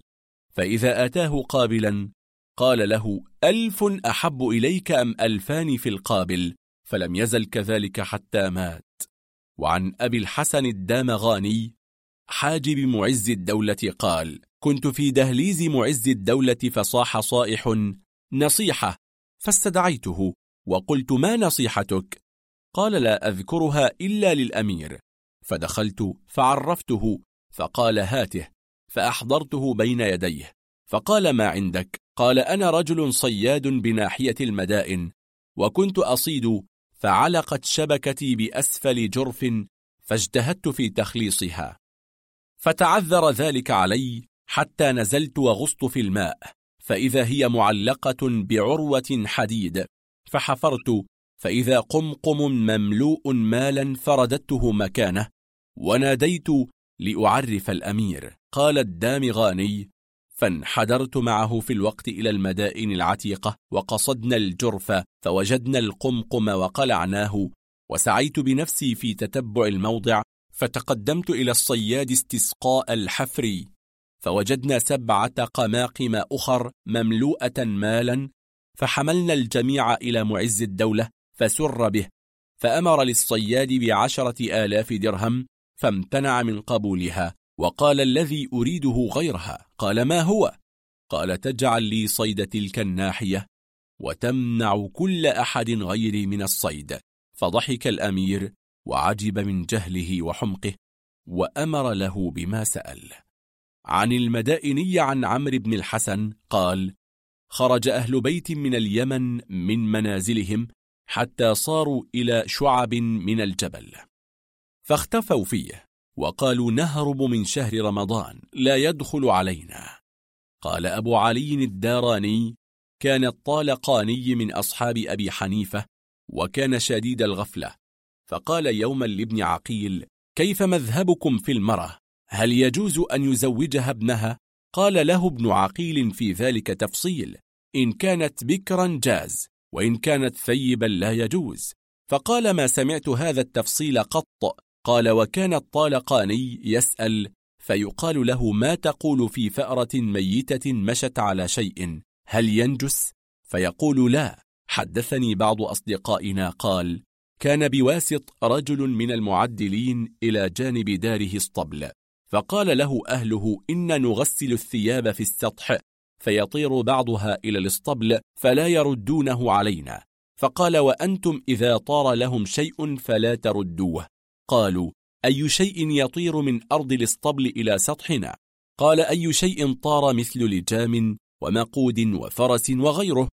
قيل إن رجلا من السندية وهي على ستة فراسخ من بغداد جاز بدجاج ليبيعه قريبا من دجلة ببغداد فأفلتت دجاجة فطلبها فلم تقع بيده فقال لها اذهبي إلى القرية حتى أبيع الباقي ثم جاء وباع البواقي ورجع إلى القرية وجعل يتفقد الدجاجة فلم يرها. فقال لزوجته أين الدجاجة الرقطاء؟ فقالت لا أدري. فقال تركتها من بغداد لترجع إليكم فما جاءت؟ قال ابن ناصر كتب بعض الأدباء الحمام التي فقيل له إن الحمام مذكر. قال هو حمام النساء. قال دعي بعض المغفلين إلى دعوة فاشتغل الناس بالأكل وجعل هو ينظر إلى الستور المعلقة. وكانت الحيطان كلها قد سترت فقيل له ما لك لا تأكل؟ فقال والله لقد طال تعجبي من هذه الستور الطوال. كيف دخلت من هذا الباب القصير؟ عن إبراهيم بن دينار قال كان رجل يقول إنه فقيه يكنى أبا الغوث وفيه تغفيل. فقلت له ما تقول في من نذر صوم عاشوراء؟ فاتفق عاشوراء في رمضان. هل يجزئه عنها؟ قال الخرقي فقد نص على أنه يجزئه. فقلت ما تقول في من طلق امرأته؟ ثم وقفها. هل يفتقر في هذا الوقف إلى حكم حاكم؟ قال أما مذهب أبي حنيفة فيفتقر إلى حكم حاكم. وأما مذهبنا مذهب الشافعي فيصح الوقف. دخل بعض المغفلين على مريض يعوده فلما خرج التفت إلى أهله وقال لا تفعلوا بنا كما فعلتم في فلان. مات وما أعلمتمونا إذا مات هذا فأعلمونا حتى نصلي عليها. عن الصقلاطي أن رجلا كان عندهم بالجانب الغربي له غلام فبعثه إلى قرية ليأتيه منها بغنم فبعثوا معه من الحملان عشرة. وكتبوا معه بعددها رقعة فجاء الغلام بتسعة فقال له سيده كم سلموا إليك؟ قال عشرة. قال هذه تسعة. قال عدها. فجعل يعدها يقول واحد اثنين ثلاثة. إلى أن قال تسعة فقال الغلام والله ما أدري ما تقول وما هي إلا عشرة. فقال ويحك إني أعدها. قال ما هي إلا عشرة وإلا فتدخل إلى الدار عشرة من الرجال وتمسك كل واحد حملا. قال افعل. فأدخلوا عشرة ومسك كل رجل حملا وبقي واحد. فقال له السيد هذا ما معه شيء. فقال هذا مدير كان يدخل ويأخذ في الأول. حكي أن رجلا أراد السفر إلى عكبر فصادف زورقا مصعدا فاكترى فيه بدرهم فلما ساروا قليلا قالوا ليت لنا مدادا نكتريه. فقال أنا. فأعطوه الدرهم. وقام بمدهم. قال دخلت عجوز على قوم تعزيهم بميت فرأت في الدار عليلا فرجعت. وقالت أنا والله يشق علي المشي. وأحسن الله عزاءكم في هذا العليل أيضا. قال البزاز. دخلنا إلى أبي حامد وهو عليل. فقلنا كيف تجدك؟ فقال أنا بخير لولا هذا الجار. دخل علي أمس وقد اشتدت بي العلة فقال يا أبا حامد علمت أن ذبجويه مات فقلت رحمه الله. قال دخلت على المؤمل بن الحسن اليوم وهو في النزع فقال يا أبا حامد ابن كم أنت؟ قلت في السادسة والثمانين. قال أنت إذا أكبر من أبيك يوم مات؟ عن أبي الفضل أحمد الهمذاني قال جاءت امرأة إلى القاضي وذكرت أن زوجها طلقها فقال القاضي لك بينة؟ فقالت نعم جار لنا. قال فأحضرته. فقال القاضي أسمعت طلاق هذه المرأة؟ فقال يا سيدي خرجت إلى السوق فاشترينا لحما وخبزا ودبسا وزعفرانا. فقال له القاضي ما سألتك عن هذا؟ هل سمعت طلاق هذه المرأة؟ قال ثم تركته في البيت. وعدت فاشتريت حطبا وخلا فقال دع هذا عنك. فقال ما أحسن الحديث من أوله؟ ثم قال جلت في الدار جولة فسمعت زعقاتهم وسمعت الطلاق الثلاث. فما أدري أهي طلقته أم هو طلقها. قال حدثني جماعة من أهل سابور فيهم كتاب وتجار وغير ذلك. إنه كان عندهم في سنة نيف وأربعين وثلاثمائة شاب من كتاب البلد وهو ابن أبي الطيب القلانسي الكاتب. فخرج إلى بعض شأنه في الرستاق فأخذه الأكراد وعذبوه فطلبوا منه أن يشتري نفسه منهم فلم يفعل. فكتب إلى أهله أهدوا لي أربعة دراهم أفيون واعلموا أنه هو دواء أشربه فيلحقني سكتة فلا يشك الأكراد. أني ميت فيحملوني إليكم. فإذا جعلت عندكم فأدخلوني الحمام واضربوني ليحمي بدني وشكوني بالأبار فإني أفيق. وكان الفتى متخلفا وقد سمع أنه من شرب الأفيون أسكت. فإذا دخل الحمام وضرب كما ذكر برئ ولم يدر مقدار شربه من ذلك. فشرب أربعة دراهم فلم يشك الأكراد في موته فلفوه وأنفذوه إلى أهله فلما حصل عندهم أدخلوه الحمام وضربوه وشكوه فما تحرك وأقام في الحمام أياما فرآه الأطباء فقالوا هذا قد تلف كم شرب من الأفيون؟ قالوا أربعة دراهم. فقالوا هذا لو شوي في جهنم ما عاش. إنما يجوز أن يفعل هذا بمن شرب أربعة دوانيق أو وزن درهم فأما هذا فقد مات فلم يقبل أهلوه وتركوه في الحمام حتى تغير فدفنوه وانعكست حيلته على نفسه. ذكر أبو الحسين بن برهان عاد رجلا مريضا فقال له ما علتك؟ قال وجع الركبتين. فقال والله لقد قال جرير بيتا ذهب مني صدره وبقي عجزه وهو قوله وليس لداء الركبتين طبيب. فقال المريض لا بشرك الله بالخير ليتك ذكرت صدره ونسيت عجزه. دخلت مرة على بعض أصدقائي وفيهم مريض العين ومعي بعض المغفلين. فقال له المغفل كيف عينك؟ قال تؤلمني. فقال والله إن فلانا آلمته عينه أياما ثم ذهبت فاستحييت واستعجلت الخروج. عن علي بن المحسن عن أبيه قال بلغنا أن رجلا أسرع في ماله فبقي منه خمسة آلاف دينار. فقال أشتهي أن يفنى بسرعة حتى أنظر إيش أعمل بعده. فقال له بعض أصحابه تبتاع زجاجا بمئة دينار وتبقيه وتنفق خمسمائة دينار في أجور المغنيات في يوم واحد مع الفاكهة والطعام.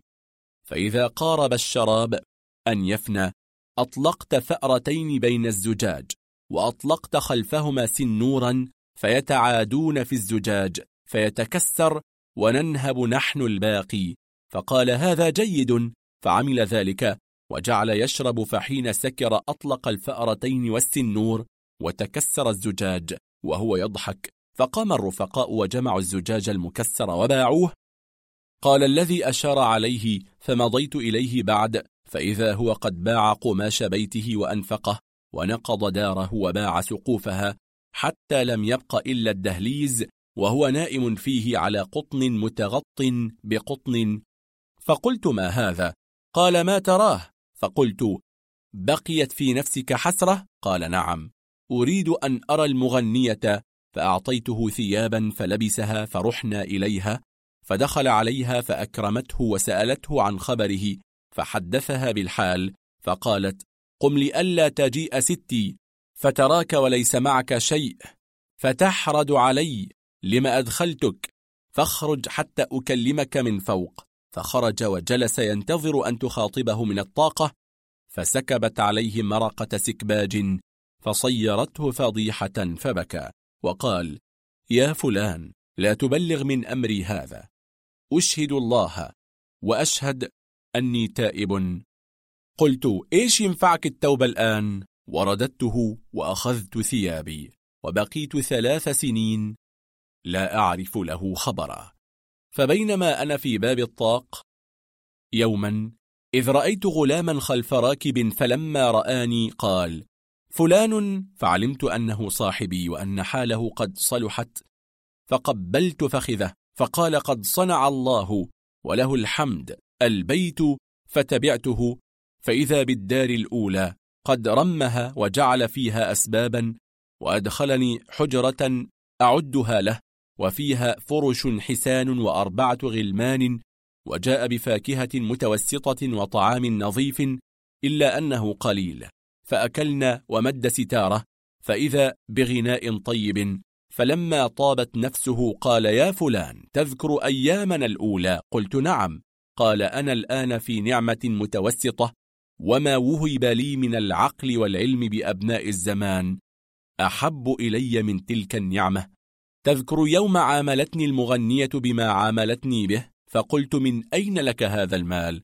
قال مات خادم لأبي وابن عم لي بمصر في يوم واحد فخلف لي ثلاثين ألف دينار فحملت ووصلت إلي وأنا بين القطن كما رأيت فعمرت الدار واشتريت ما فيها بخمسة آلاف دينار وجعلت خمسة آلاف تحت الأرض للحوادث واشتريت عقارا بعشرة آلاف وأمري يمشي وأنا في طلبك منذ سنة لترى رجوع حالي ومن دوام صلاح حالي أخرجوه يا غلمان. قال فجروا برجلي وأخرجوني وكنت ألقاه بعد في الطريق فإذا رآني ضحك. دخل ربيعة بن عقيل اليربوعي على معاوية فقال يا أمير المؤمنين أعني على بناء داري. فقال أين دارك؟ قال بالبصرة وهي أكثر من فرسخين في فرسخين. فقال له فدارك في البصرة أم البصرة في دارك؟ قال ابن سلام وهب المهدي لبعض ولد يعقوب ابن داود وزيره جارية. فلما كان بعد أيام سأله فقال يا أمير المؤمنين ما وضعت بيني وبين الأرض مطية أوطأ منها حاش السامع. فالتفت المهدي إلى يعقوب فقال له من ترى يعني أنا أو أنت؟ فقال يعقوب من كل شيء يتحفظ الأحمق إلا من نفسه. دخل رجل على المهدي فأنشده شعرا فقال فيه وجوار زفرات. فقال المهدي أي شيء زفرات؟ قال وما تعرفها يا أمير المؤمنين؟ قال لا والله. قال فأنت أمير المؤمنين وسيد المرسلين ما تعرفها؟ أعرفها أنا؟ كلا والله. ذكر عن عبد الله بن ظبيان أنه خطب فقال الناس أكثر الله فينا مثلك. قال لقد كلفتم ربكم شططا. حكى إسحاق بن إبراهيم قال حضرت جنازة لبعض القبط. فقال رجل منهم من المتوفي؟ فقلت الله. فضربت حتى كدت أموت. دخل أبو تمام على أبي طالب في صبيحة ليلة باردة فقال له البارحة نالني البرد. وكان عندي لحاف فيه أربعة أمنان قطن فطويته طاقين فصار ثمانية أمنان قطن وتغطيت به. قال أبو سيار كان بيني وبين جار لي بئر فوقعت فيه فأرة فبقيت متحيرا لأجل الوضوء. فقال لي جاري لا تضيق صدرك تعال استق من عندنا وتوضأ.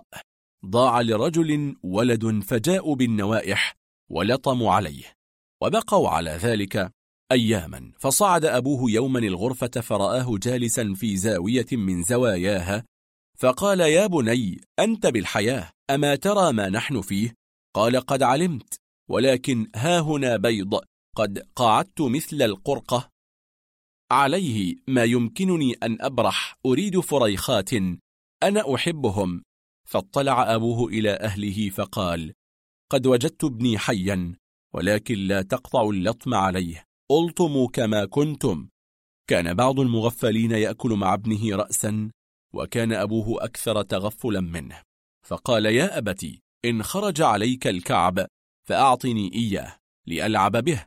فقال أبوه سخن بعينك هو سمك مشوي حتى يكون فيه كعب. قال بعضهم دخلت الكوفة فرأيت صبيا قائما عند شق حائط ومعه خبز وهو يكسر اللقمة ويتركها في شق الحائط ويأكلها فبينما أنا أنظر إليه إذ أقبل أبوه فرأى ما يفعل. فقال إيش تصنع؟ قال يا أبتي هؤلاء قد طبخوا سكباجة ويأتي النسيم بريحها فآكل خبزي. فلطمه أبوه وقال تتعود من صغرك ألا تأكل خبزا إلا بإدام. رأى بعض المغفلين صديقا له فقال طلبتك اليوم عشرين مرة. وهذه الثالثة. ورأى صديقا له فقال له أطلبك؟ فإذا وجدتك تنسل مني كأنك دبق. مرض بعض المغفلين فدخل عليه طبيب فسأله عن حاله. فقال قد اشتهيت الثلج. فقال الثلج يزيد في رطوبتك فينقص من قوتك. فقال أنا أمصه وأرمي تفله وقف شيخ بباب مسجد والمؤذن يقيم الصلاة. فدخل فرأى المؤذن هيبته وشيبته فسأله أن يصلي بهم فامتنع. فتقدم المؤذن وصلى بهم. فلما فرغ أقبل على الشيخ فقال له ما منعك أن تصلي بنا؟ فتكسب أجرا. فقال أنا وحقك إذا كنت على غير طهارة لم أصل إماما. حكى عبد الله النوفلي قال قال مدني إني أحب رسول الله صلى الله عليه وسلم حبا لم يحبه أحد قط. فقيل وما بلغ من حبك له؟ قال وددت أن عمه أبا طالب أسلم ويسر النبي بذلك وأموت كافرا بدله.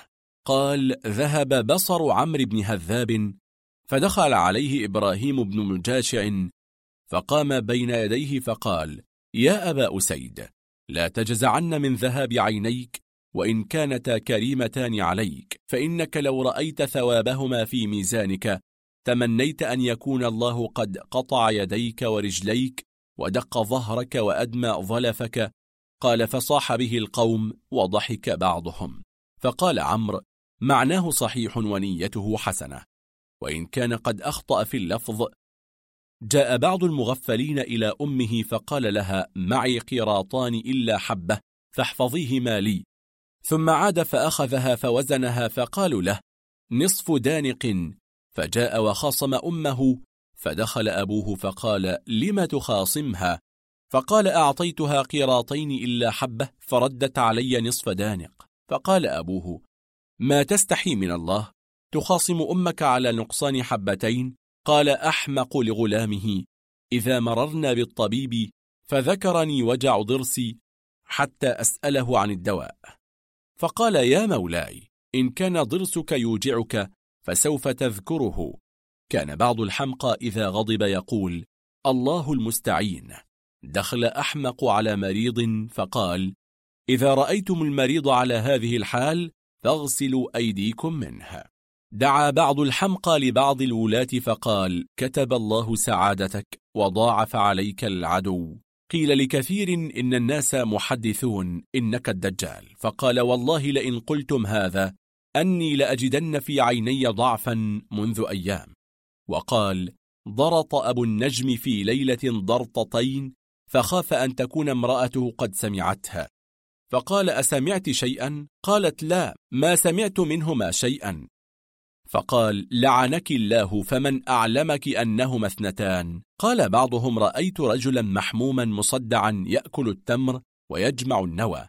فقلت ويحك أنت بهذه الحال وتأكل التمر؟ فقال يا مولاي عندي شاة ترضع وما لها نوى فأنا آكل هذا التمر مع كراهيته له لأطعمها النوى. فقلت أطعمها التمر والنوى؟ قال أو يجوز ذلك؟ قلت نعم. قال والله لقد فرجت عني. لا إله إلا الله. ما أحسن العلم. أجريت خيل. فطلع منها فرس سابق. فجعل رجل يثب من الفرح.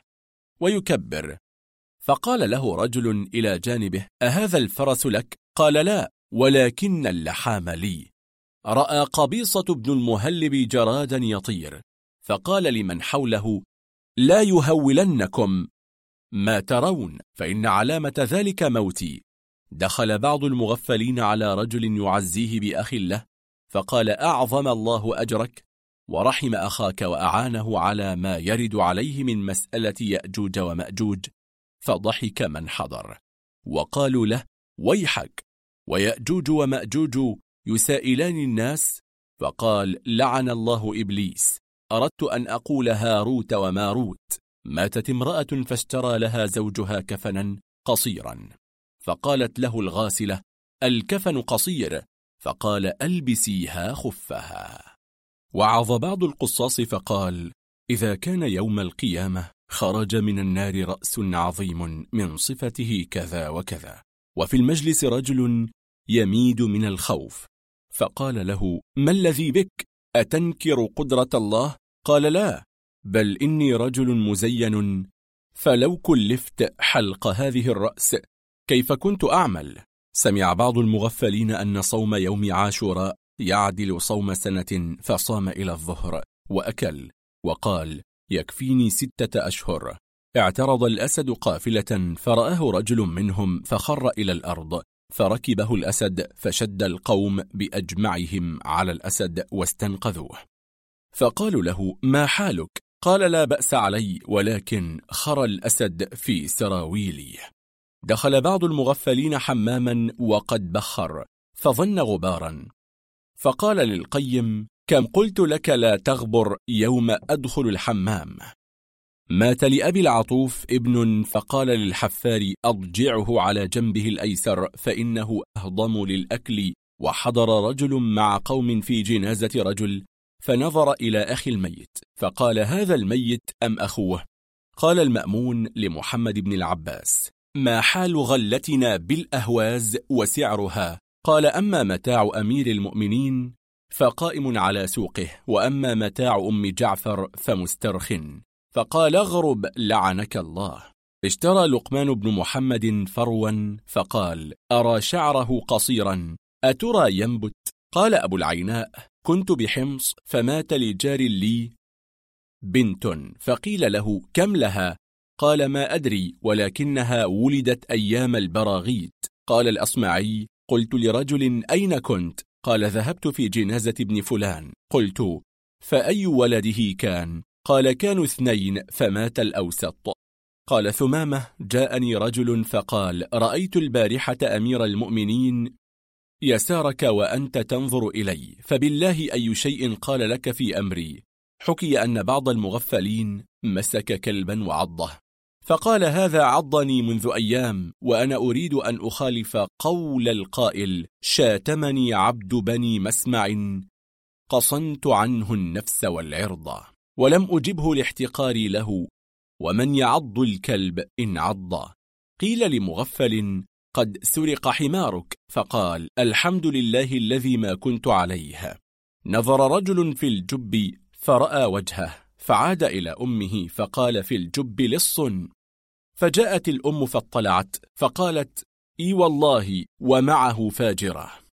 ذكر رجل بين يدي رجل فقال إنه رجل سوء. قيل له من أين علمت؟ قال أفسد بعض أهلي. قيل ومن أفسد؟ قال أمي صانها الله. سئل بعضهم عن مولده فقال ولدت رأس الهلال للنصف من رمضان بعد العيد بثلاثة أيام. احسبوا الآن كيف شئتم. كتب بعضهم إلى أبيه كتابي إليك يوم الجمعة عشية الأربعاء لأربعين ليلة خلت من جماد الأوسط وأعلمك أني مرضت مرضة لو كان غيري كان قد مات. فقال أبوه أمك طالق ثلاث لو مت لما كلمتك أبدا. دعا بعض المغفلين فقال اللهم ارزقني خمسة آلاف درهم حتى أتصدق منها بألفي درهم وإن لم تصدقني فادفع إلي ثلاثة آلاف درهم واحبس الباقي فإن تصدقت وإلا فتصدق بها على من شئت. خرج بعض المغفلين من منزله ومعه صبي عليه قميص أحمر فحمله على عاتقه ثم نسيه. فجعل يقول لكل من رآه رأيت صبيا عليه قميص أحمر؟ فقال له إنسان لعله الذي على عاتقك فرفع رأسه ولطم الصبي وقال يا خبيث ألم أقل لك إذا كنت معي؟ لا تفارقني. نظر بعض المغفلين إلى منارة الجامع فقال ما كان أطول هؤلاء الذين عمروا هذه؟ فقال آخر أسكت ما أجهلك؟ ترى أنه في الدنيا أحد طول هذه وإنما بنوها على الأرض ثم رفعوها. قال ورأيت رجلا طويل اللحية على حمار يضربه. فقلت أرفق به. فقال إذا لم يقدر يمشي فلما صار حمارا؟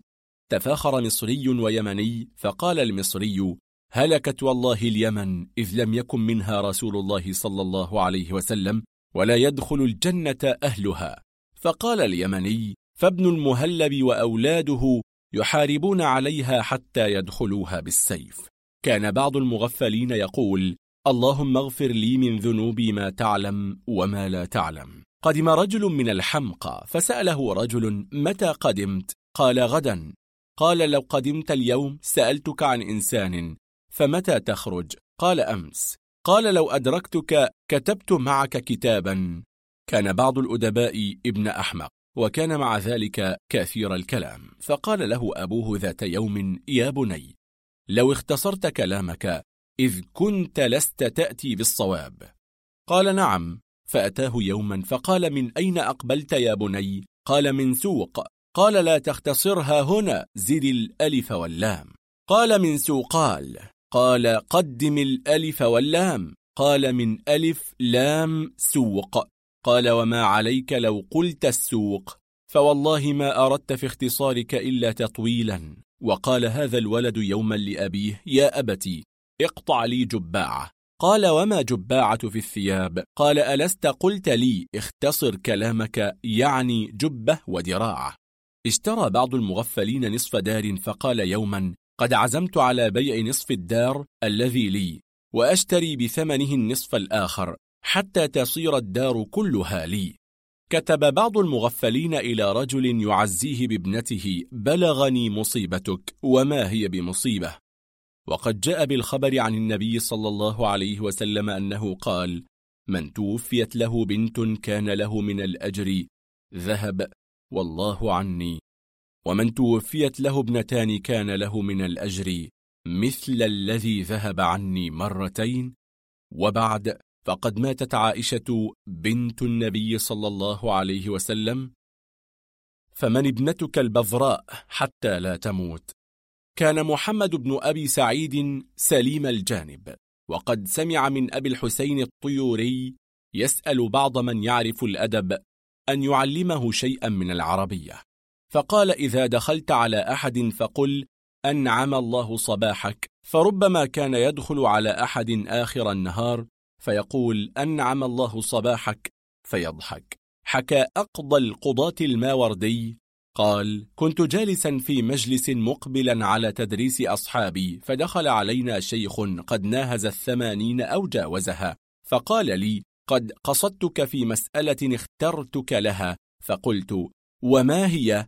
وظننته يسأل عن حادثة حدثت له فقال أيها الشيخ أخبرني عن نجم إبليس ونجم آدم ما هما؟ فإن هذين لا يسأل عنهما لعظم شأنهما إلا علماء الدين. قال فعجبت منه وعجب من في المجلس من سؤاله وبدر جماعة بالإنكار عليه والاستخفاف به فكففتهم عنه وقلت هذا لا يقنع مما ظهر من حاله إلا بجواب مثله. فأقبلت عليه وقلت يا هذا. إن نجوم الناس لا تعرف إلا بمعرفة موالدهم فإن ظفرت بمن يعرف ذلك فاسأله فقال جزاك الله خيرا. وانصرف مسرورا. فلما كان بعد أيام عاد وقال ما وجدت إلى وقت هذا من يعرف مولد هذين. قيل للفضل بن عبد الله ما لك لا تتزوج؟ قال إني دفع لي أبي جارية ولي أخي فقيل ويحك. دفع إليك وإلى أخيك جارية واحدة؟ قال وإيش تتعجب من هذا؟ هو ذا جارنا فلان له جاريتان. قال أبو العنبس اجتزت في بعض الطريق لحاجة فإذا امرأة عرضت لي فقالت هل لك أن أزوجك جارية فيجيئك منها ابن؟ قلت نعم. قالت وتدخله الكتاب فينصرف فيلعب فيصعد إلى السطح فيقع فيموت وصرخت ويلاه. ولطمت ففزعت وقلت هذه مجنونة وهربت من بين يديها. فرأيت سيخا على باب فقال ما لك يا حبيبي؟ فقصصت عليه القصة. فلما انتهيت إلى موضع لطمها استعظم ذلك وقال لا بد للنساء من البكاء إذا مات لهن ميت فإذا هو أحمق منها وأجهل.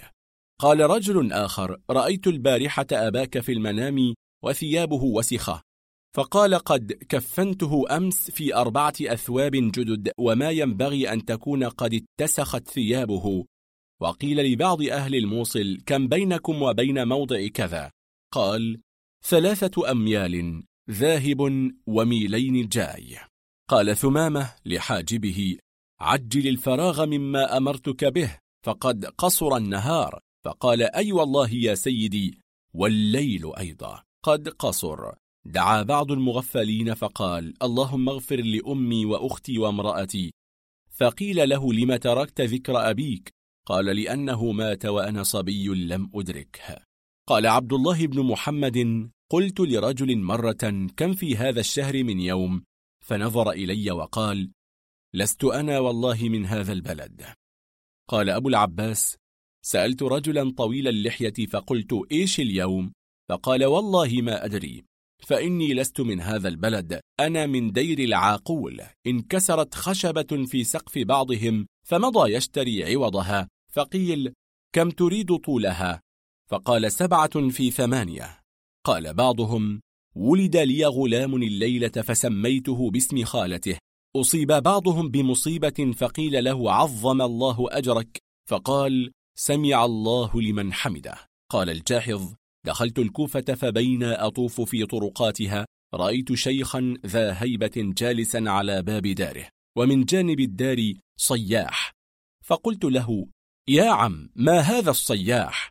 فقال هذا رجل افتصد فبلغ موضع شاذروانة فمات يريد شريانه. قال الحجاج بن هارون لصديق يحبه أنا والله لك مائق يريد وامق. شهد رجل عند وال فقال سمعت بأذني وأشار إلى عينيه ورأيت بعيني وأشار إلى أذنيه بأنه جاء إلى رجل فتلبب بعنقه وأشار إلى صدره وما زال يضرب خاصرته وأشار إلى فكه فقال له الوالي أحسبك قد قرأت كتاب خلق الإنسان؟ قال نعم قرأته على الأصمعي. قيل لبعض المغفلين سأل عنك فلان. فقال يسأل الله عني وملائكته. دخل بعض المغفلين إلى بعض القضاة فجلس بين يديه فقال أعدمني الله القاضي مات فلان والذي ما خلفوا بعدي سواهم وهو ذا يظلموني إخوتي نسيباتي تسعة وهم واحد وكل يوم يجعلون عمامتي في عنق القاضي يجرونه إلي؟ فقال القاضي ليس الممتحن غيري. وقال أبو العنبس صحبني رجل في سفينة فقلت له ممن الرجل؟ فقال من أولاد الشام. ممن كان جدي.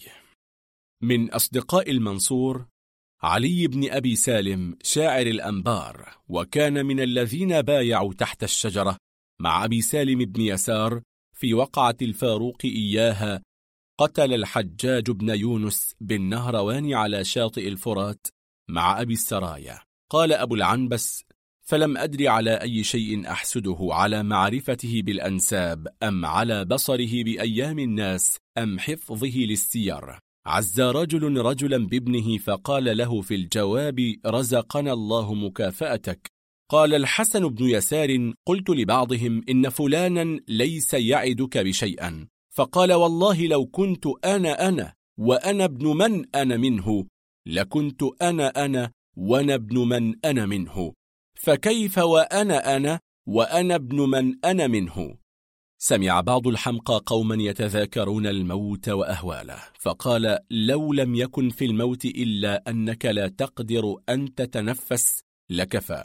قال ثمامة لخادمه اذهب إلى السوق واحمل كذا وكذا. فقال يا سيدي أنا ناقة وليس في ركبتي دماغ. فقال ثمامة ولا في رأسك. ورؤي أعمى يمشي في الطريق ويقول يا منشئ السحاب بلا مثال. دخل رجل على المعتضد فقال يا أمير المؤمنين إن فلانا العامل ظلمني. قال ومن فلان؟ قال والله لا أدري اسمه. ولكن في خده الأيمن خال أو ثؤلول أو أثر لطمة أو أثر حرق نار أو أثر مسمار أو في خده الأيسر وكان له مرة غلام يقال له جرير أو نجم إلا أن في اسمه طاء أو لام. فضحك المعتضد وقال كأنه موسوس. قال سلني عما شئت حتى أجيبك. قال كم إصبع لك؟ قال ثلاثة أرجل. فأمر بإخراجه. فقال ما أقول لبنتي إذا دخلت؟ وقد فتحت حجرها لأطرح فيه الجوز يوم العيد. فأمر المعتضد أن يحمل معه إلى منزله طعام وجائزة.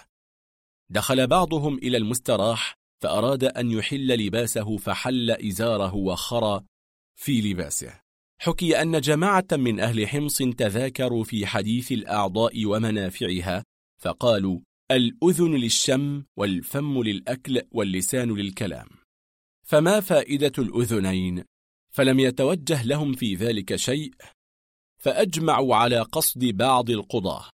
ليسألوه فمضوا فوجدوه في شغل فجلسوا على باب داره. وإذا هناك خياط فتل خيوطا ووضعها على أذنه فقالوا قد أتانا الله بما جئنا نسأل القاضي عنه. وإنما خلقت للخيوط وانصرفوا مسرورين مما استفادوه. قال الجاحظ مررت بحمص فمر عنز يتبعه جمل. فقال رجل لرجل معه هذا الجمل من هذا العنز. فقال له لا ولكنه يتيم في جحرها. عرض هشام بن عبد الملك الجند فأتاها رجل حمصي بفرس كلما قدمه نفر. فقال هشام ما هذا؟ قال الحمصي يا سيدي هو جيد لكنه شبهك ببيطار كان يعالجه. فنفر. اجتاز أهل حمص بشيخ لهم لم يكن فيهم أعقل منه ولا أكمل. مع ابنين له معروفين عندهم بالعقل والكمال فأوفدهم إلى الرشيد لمظلمة كانت بهم. فلما وردوا الباب وأذن لهم دخل الشيخ فقال السلام عليك يا أبا موسى. فعلم أنه أحمق وأمره بالجلوس ثم قال أحسبك قد طلبت العلم وجالست العلماء. قال نعم يا أبا موسى. قال من جالست من العلماء؟ قال أبي. قال وما كان يقول في عذاب القبر؟ قال كان يكرهه. فضحك الرشيد. ومن حضر؟ ثم قال يا شيخ من حفر البحار؟ فيما سمعت؟ فسكت الشيخ. فقال أحد ولديه قد حفرها موسى حين طرق له قال فأين طينها؟ فقال الولد الثاني الجبال. ففرح الشيخ بحسن جواب ولديه وقال والله ما علمتهما ما هو إلا إلهام من الله تعالى وله الحمد. وفد على الرشيد ثلاثة من حمص فدخل أحدهم فرأى غلاما على رأسه فظنه جارية. فقال السلام عليك يا أبا الجارية. فصفع وأخرج. فدخل الثاني فقال السلام عليك يا أبا الغلام. فصفع وأخرج. فدخل الثالث فقال السلام عليك يا أمير المؤمنين.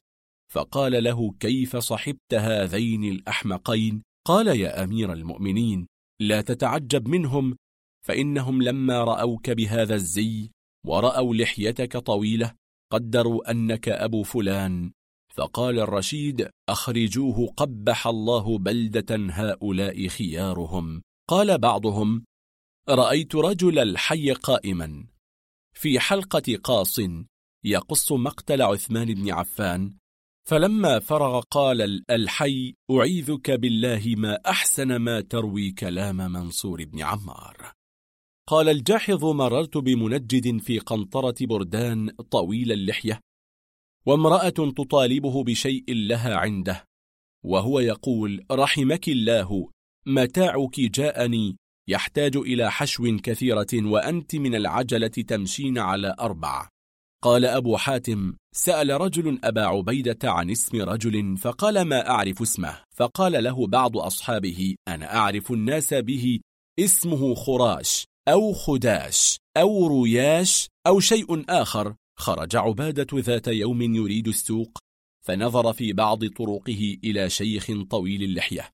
كلما أراد أن يتكلم بادرته لحيته فمرة يدسها في جيبه ومرة يجعلها تحت ركبته. فقال له عبادة يا شيخ لما تترك لحيتك هكذا؟ قال فتريد أن أنتفها حتى تكون مثل لحيتك؟ قال عبادة فإن الله يقول قد أفلح من زكاها وقد خاب من دساها. وقال صلى الله عليه وسلم أحف الشارب وأعف اللحى ومعنى عفو اللحى أن يزال أثرها.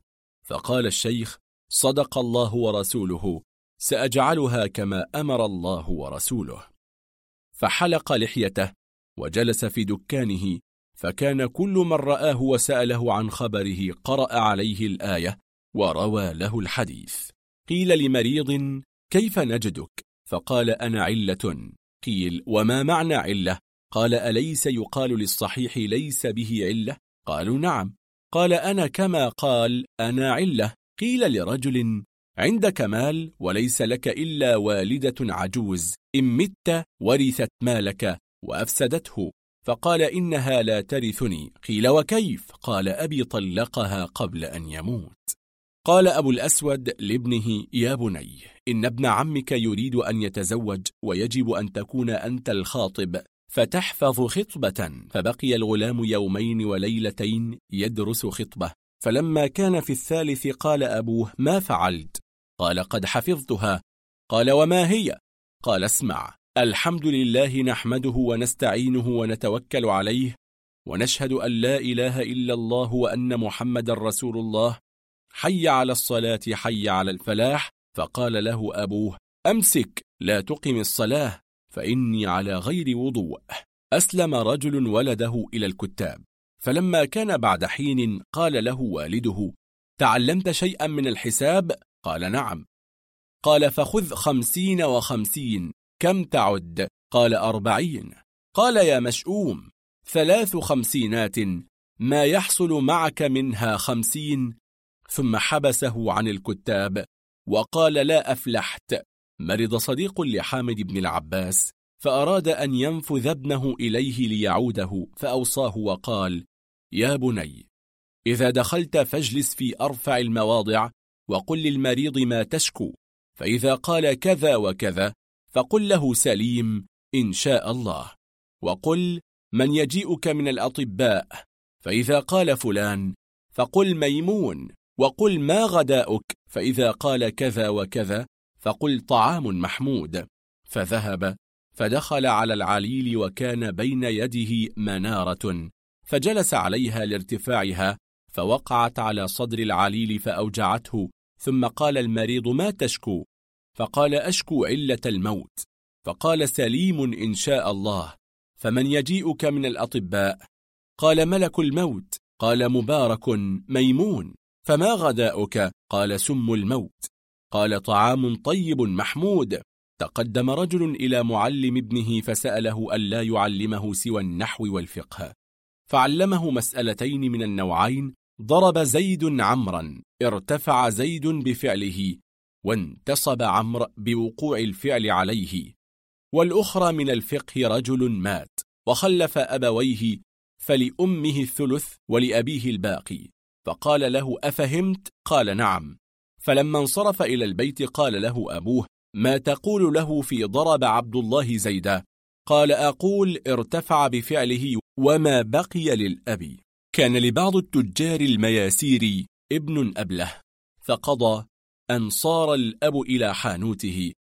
يوما فوجد اللصوص قد أخذوا صندوقا كان فيه صامت كثير وأسباب جميلة. فجلس الرجل والناس يعزونه ويدعون له بالخلف فبينما هم كذلك إذ أقبل ابنه فلما قرب من حانوت أبيه ورأى الناس سأل عن الخبر. فقالوا دخل اللصوص حانوت أبيك وأخذ الصندوق الذي كان فيه ما كان. فضحك وقهقه وقال لا بأس ما فاتنا شيء. فظن الناس أنه خباه أو يعرف خبره فأسرعوا إلى أبيه فبشروه بأن ابنه قال كذا. فقال له أبوه ما الخبر؟ وأي شيء عندك في هذا الأمر؟ قال مفتاح الصندوق عندي فلا يقدرون أن يفتحوه. فقال أبوه عجبت والله أن يكون عندك فرح. قال بعضهم دخلت على نصر الرصيفي. في منزله. فإذا ابنه يصايحه في شيء وقد ارتفعت أصواتهما فقلت ما هذا؟ فقال هذا يزعم أن علي بن أبي طالب هاشمي فقلت أنا بل علوي فاحكم بيننا. فقلت أنا هو علوي ألا ترى إلى اسمه علي؟ فقال لي أبصق في وجهه. فقلت كلا كما يستحق ذلك كان بسجستان شيخ يتعاطى النحو. وكان له ابن فقال لابنه إذا أردت أن تتكلم بشيء فعرضه على عقلك وفكر فيه بجهدك حتى تقومه ثم أخرج الكلمة مقومة. فبينما هما جالسان في بعض الأيام في الشتاء والنار تتقد وقعت شرارة في جبة خز كانت على الأب وهو غافل والابن يراه فسكت ساعة يفكر ثم قال يا أبتي أريد أن أقول شيئا فتأذن لي فيه. قال أبوه إن حقا فتكلم. قال أراه حقا. فقال قل. قال إني أرى شيئا أحمر. قال وما هو؟ قال شرارة وقعت في جبتك. فنظر الأب إلى جبته وقد احترق منها قطعة. فقال للابن لم لم تعلمني سريعا؟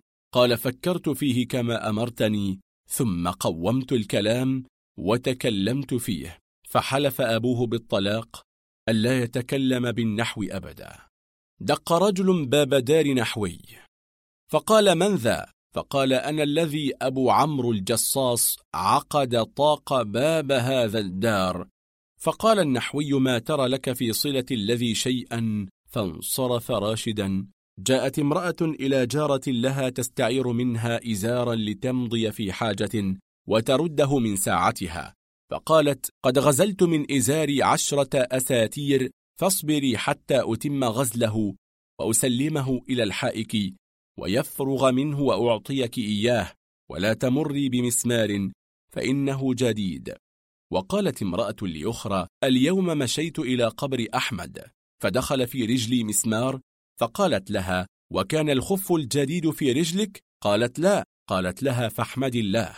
قال بعضهم مررت بسوق وقد اجتمع فيه قوم على رجل يضربونه. فقلت ما ذنب هذا؟ قالوا شتم معاوية بن أبي سفيان صديق النبي صلى الله عليه وسلم ومن صلى معه أربعين سنة على طهر واحد وكان من المهاجرين والأنصار الذين اتبعوهم بإحسان وسمى خال المؤمنين لأنه كان أخا حواء من أمها وأبيها. قال بعضهم مررت على قوم قد اجتمعوا على رجل يضربونه فتقدمت إلى شيخ كان يجيد قتله. فقلت يا شيخ ما قصة هذا؟ قال لا تكونن منهم هذا رافضي يقول نصف القرآن مخلوق ونصفه لا. وليس في القوم خير من النبي صلى الله عليه وسلم وبعده الخضر فبادرني الضحك فرددته مخافة الضرب وقلت يا شيخ زده فإنك مأجور. قال ومررت بقوم قد اجتمعوا على رجل يضربونه فقلت لرجل يجيد ضربه ما حال هذا؟ قال والله ما أدري ما حاله.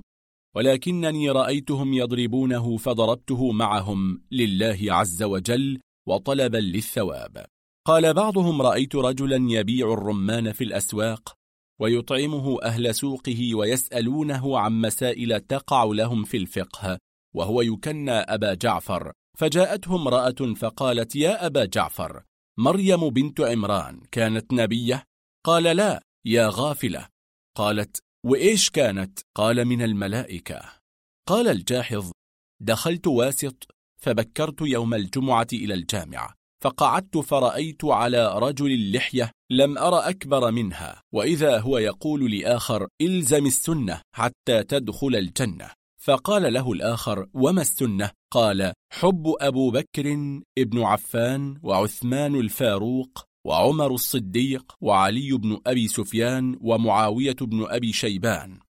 قال ومن معاوية بن أبي شيبان؟ قال رجل صالح من حملة العرش وكاتب النبي صلى الله عليه وسلم وختنه على ابنته عائشة.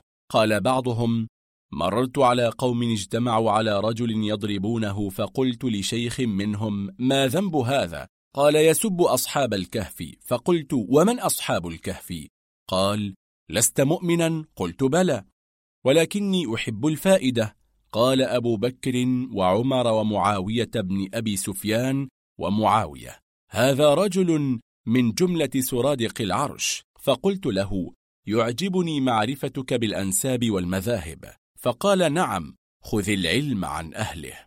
فقال واحد منهم لآخر أبو بكر أفضل أم عمر؟ قال لا بل عمر. قال وكيف علمت؟ قال لأنه لما مات أبو بكر جاء عمر إلى جنازته ولما مات عمر لم يجئ أبو بكر لجنازته. مرض بعض المغفلين فأتي بطبيب فقال الطبيب إذا كان غدا فاحفظوا البول حتى أجيء وأنظره. فلما خرج الطبيب من عنده بقي لا يبول إلى الغد. فلما جاء الطبيب قال له المريض يا عبد الله قد كادت مثانتي تنشق من إحباس البول فلماذا تأخرت؟ فقال إنما أمرتك أن تحفظ البول في إناء فلما كان الغد جاء الطبيب فإذا هو قد أخذ برنية خضراء فقال الطبيب ما هذا؟ أخطأت ألم يكن في الدنيا شيء من الزجاج كنت تأخذ في قارورة أو في قدح فلما كان من الغد أخذ البول في قدح من الخشب فعرضه عليه فقال له أنت في حرج ألا نظرت إلى هذا الماء؟ فاصدقني في أمري. هل يخاف علي من هذه العلة؟ قال أما إذ حلفتني فلا بد أن أقول أنا خائف أن تموت من هذا العقل لا من هذه العلة. دخل بعض الحمقى من الأطباء على عليل فشكى إليه العليل ما يجد فقال خذ مثل رأس الفأرة كلنجبين وصب عليه مقدار محجمة ماء واضربه حتى يصير مثل المخاط. واشربه فقال العليل قم لعنك الله فقد قذرت إلى كل دواء في الأرض. كان طبيب أحمق. قد أعطى رجلا من جيرانه شربة فأقامته قياما حتى مات منها. فجاء الطبيب يتعرف خبره فوجده قد مات. فقال لا إله إلا الله من شربة ما كان أقواها لو عاش ما كان يحتاج إلى أن يشرب الدواء سنة أخرى. سرقت ثياب رجل من الحمام فخرج عريانا وعلى باب الحمام طبيب أحمق فقال له ما قصتك؟ فقال سرقت ثيابي. قال بادر وافتصد تخف عنك حرارة الغم. أصيب بعضهم بأمه فقعد يبكي ويقول يا أمي أماتني الله قبلك؟ أمي زانية إن لم تدخل الجنة لا دخلتها امرأة أبدا. مات ولد لرجل فقيل له ادع فلانا يغسلها. فقال لا أريد لأن بيني وبينه عداوة. فيعنف يا بني في الغسل حتى يقتله. اجتمع رجلان في طريق الحج فقال أحدهما للآخر كم قد حججت؟ قال مع هذه التي نحن فيها واحدة ماتت جارية لرجل. فلما دفنها قال لقد كنت تقومين بحقوقي فلأكافئنك. اشهدوا على أنها حرة. وقفت سائلة على باب قوم فقال لها رجل اذهبي يا زانية. فقالت إذا لم تعطني فلم تسبني. قال والله ما أردت بهذا إلا الخير. أردت أن تؤخري وآثم. حكي أن بعض المغفلين اشترى بقطعة شرجة في غضارة فامتلأت الغضارة فقال البقال قد بقي لك من الشرج في أي شيء تأخذه. فقلب الغضارة وقال في هذا وأشار إلى كعبها فطرح البقال الباقي في ذلك الكعب فأخذه الرجل ومضى فلقيه رجل فقال بكم اشتريت هذا الشيرج فقال بقطعة فقال هذا القدر فقط؟ فقلبها وقال هذا أيضا. كان لرجل على رجل أربعة دراهم فجاء يوما يقتضيه فقال غدا أعطيك. فقال لا أذهب حتى تحلف لي أنك تعطينيها غدا. فحلف له إنك إن جئت لا تذهب إلا وهي معك وأشهد عليه بذلك. ومضى فجاء من الغد فقال له ما عندي شيء وإنما حلفت إنك لا ترجع إلا وهي معك أعني لحيتك. فأشهد عليه بهذا القول وذهب سريعا إلى الحجام وحلق لحيته وجاء إليه وما برح حتى أخذ دراهمه. وقال قوم لغلام املأ بيت الماء. فنقل ماء كثيرا وأبطأ عليهم. فقالوا هذا الإبطاء؟ فصعدوا إليه. فإذا به يقلب الماء في بيت الماء فقال كلفتموني أن أملأ هذا وما أظنه يمتلئ في شهر. حكى لي بعض أصدقائنا قال كان عندنا رجل اتهم بسرقة فأخذ وجرت له قصة فجاءني بعد أيام فقال لي عندك الخبر. مضيت إلى المنجم فأعطيته قطعة فحسب لي وقال والله إنك بريء مما اتهمت به. وإنك ما سرقت شيئا. رأى بعضهم جنازة قد أقبلت فقال ربي وربك الله لا إله إلا الله. فقال آخر أخطأت إذا رأيت جنازة فقل اللهم ألبسنا العافية. فتشاجر في ذلك فاحتكما إلى آخر. فقال إذا رأيتم جنازة فقولوا سبحان الله من يسبح الرعد بحمده والملائكة من خيفته. قال منجم لرجل من أهل طرسوس ما نجمك؟ قال التيس فضحك الحاضرون وقالوا ليس في النجوم والكواكب تيس. قال بلى قد قيل لي وأنا صبي منذ عشرين سنة نجمك الجدي. فلا شك أنه قد صار تيسا منذ ذلك الوقت كان بعض الكتاب غلام فأمسى السيد عند بعض أصدقائه. فقال للغلام اذهب إلى البيت هات شمعة. فقال يا سيدي أنا لا أجسر أذهب وحدي في هذا الوقت فأحب أن تقوم معي حتى أحمل الشمعة وأجيء معك. وقال رجل لغلام هات نارا وأشعلها. قال يا مولاي لأي شيء تريد النار؟ قال أريد أتخذ عصيدة. فقال يا مولاي لقمني حتى أجيء بالعجلة. لكم رجل رجلا فصاح أدميتني فلم ير دما. فقال أين الدم؟ فقال أنا أرعف من داخل. وقع رجلان على قافلة فيها ستون رجلا فأخذوا مالهم وثيابهم. فقيل لبعضهم كيف غلبكم رجلان وأنتم ستون؟ فقال أحاط بنا واحد وسلبنا الآخر كيف نعمل؟ كلم رجل رجلا بشيء يغضبه. فقال أتقول لي هذا وأنا رجل من الأنصار؟ قال له النصارى واليهود عندنا في الحق سواء. عن ابن الرومي قال قال طبيب لتلميذه إذا دخلت إلى مريض فانظر إلى أثر ما عنده من طعام أو شراب فانهه عما لا يصلح من ذلك.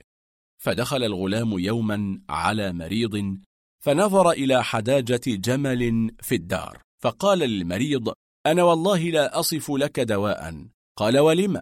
قال لأنك قد أكلت جملا. قال لا والله ما أكلت جملا قط. فقال هذه الحداجة. من أين؟ عن إبراهيم بن القعقاع انتبه قوم ليلة في رمضان وقت السحور. فقالوا لأحدهم انظر هل تسمع أذانا؟ فأبطأ عنهم ساعة ثم رجع. فقال اشربوا فإني لم أسمع أذانا إلا من مكان بعيد. كتب رجل من آل أبي رافع على خاتمه أنا فلان ابن فلان رحم الله من قال آمين. مرض رجل مرة فلما اشتد به المرض أمر بجمع العيدان والطنابير والمزامير إلى بيته فأنكروا عليه ذلك. فقال إنما فعلت ذلك لأني سمعت أن الملائكة لا تدخل بيتا فيه شيء من آلات الملاهي والفجور.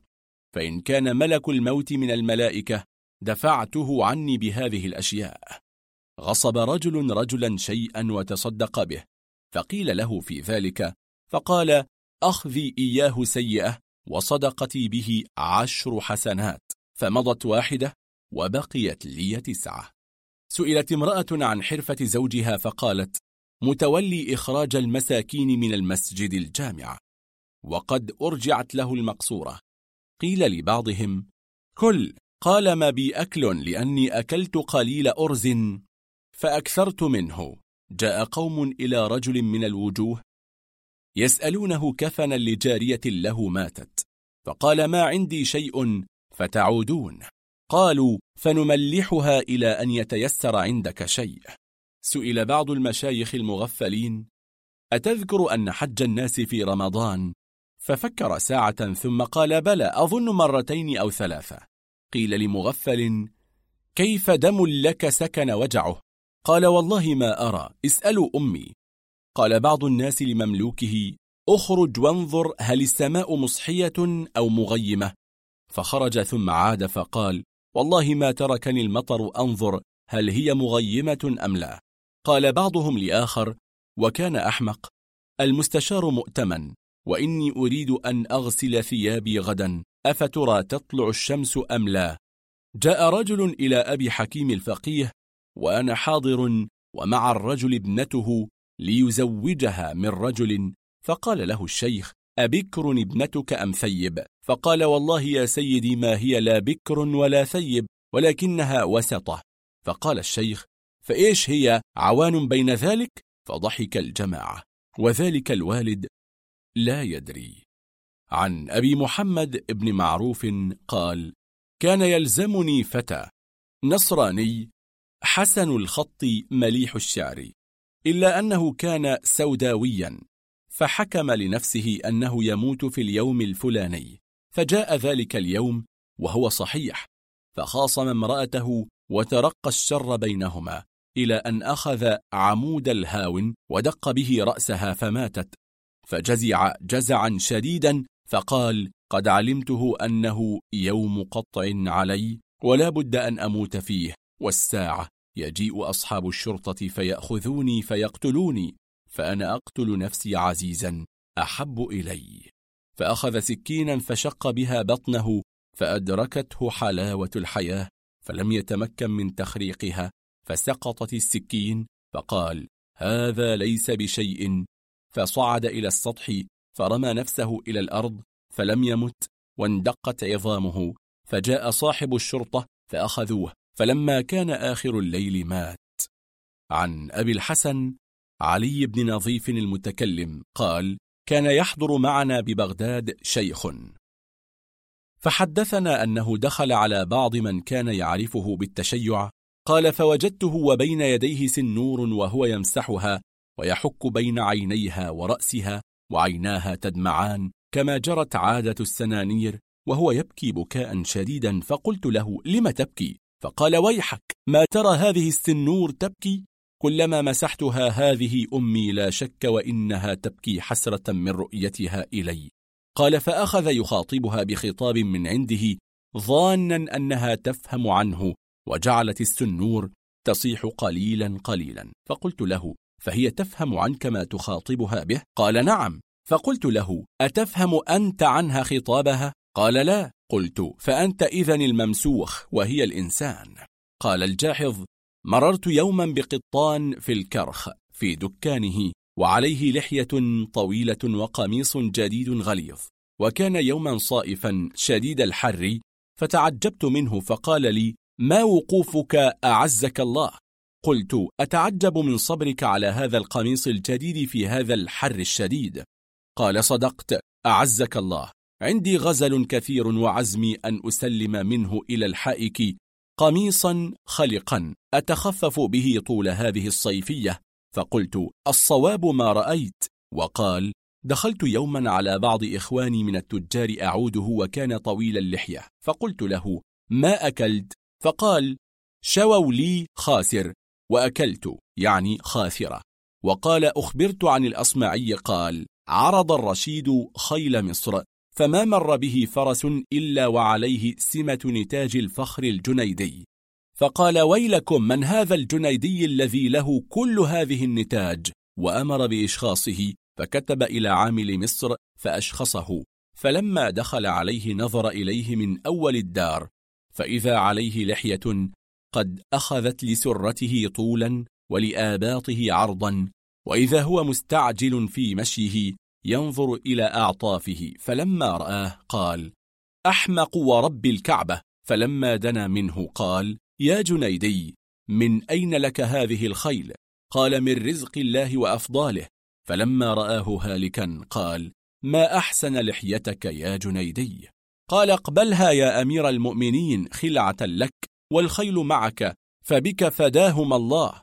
فإن قدرك عندي أعظم القدور وكرامتك عندي عزيزة جدا.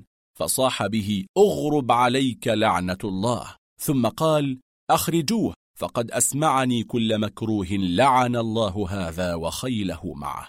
قال ابن قتيبة حدث جار لأبي حية النميري قال كان لأبي حية سيف ليس بينه وبين الخشبة فرق وكان يسميه لعاب المنية. قال فأشرفت عليه ليلة وقد انتضاه وهو واقف على باب بيت في داره. وقد سمع حسا وهو يقول أيها المغتر بنا والمجترئ علينا بئس والله ما اخترت لنفسك خير قليل وسيف صقيل لعاب المانية الذي سمعت به مشهورة ضربته لا تخاف نبوءته. أخرج بالعفو عنك. لا أدخل بالعقوبة عليك. إني والله إن أدع قيسا تملأ القضاء خيلا ورجلا. يا سبحان الله. ما أكثرها وأطيبها. ثم فتح الباب فإذا كلب قد خرج. فقال الحمد لله الذي مسخك كلبا وكفاني حربا. قال الفضل بن مرزوق أتدرون لأي شيء كثر مالي؟ قالوا لا. قال لأني سميت نفسي بيني وبين الله محمد وإذا كان اسمي عند الله محمدا فما أبالي ما قال الناس. عن المزرودي قال اشترى أحمد الجوهري كساء أبيض طبريا بأربعمائة درهم وهو عند الناس فيما تراه عيونهم قوهي يساوي مئة درهم. قال إذا علم الله أنه طبري فما علي من الناس قال الجاحظ كان أبو خزيمة يكنى أبا جاريتين فقلت له يوما كيف اكتنيت بهذه الكنية وأنت فقير لا تملك جاريتين أفتبيعهما الساعة بدينار وتكنى أي كنية شئت؟ قال لا والله ولا بالدنيا وما فيها. وقال عن ثمامة بن أشرس. قال كان رجل يقوم كل يوم فيأتي دالية لقوم فلا يزال يمشي مع رجال الدالية على ذلك الجزع ذاهبا وجائيا في شدة البرد والحر حتى إذا أمسى نزل إلى النهر فتوضأ وصلى وقال اللهم اجعل لي من هذا فرجا ومخرجا ثم انصرف إلى البيت. فكان كذلك حتى مات. قال وحدثني يزيد مولى إسحاق بن عيسى قال كنا في منزل صاحب لنا إذ خرج واحد منا ليقيل في البيت الآخر فلم يلبث ساعة حتى سمعناه يصيح أواه فنزلنا بأجمعنا إليه فزعين وقلنا ما لك ما لك؟ وإذا هو على شقه الأيسر وهو قابض بيده على خصيته فقلنا له لم صحت؟ قال إذا غمزت خصيتي اشتكيتها وإذا اشتكيتها صحت.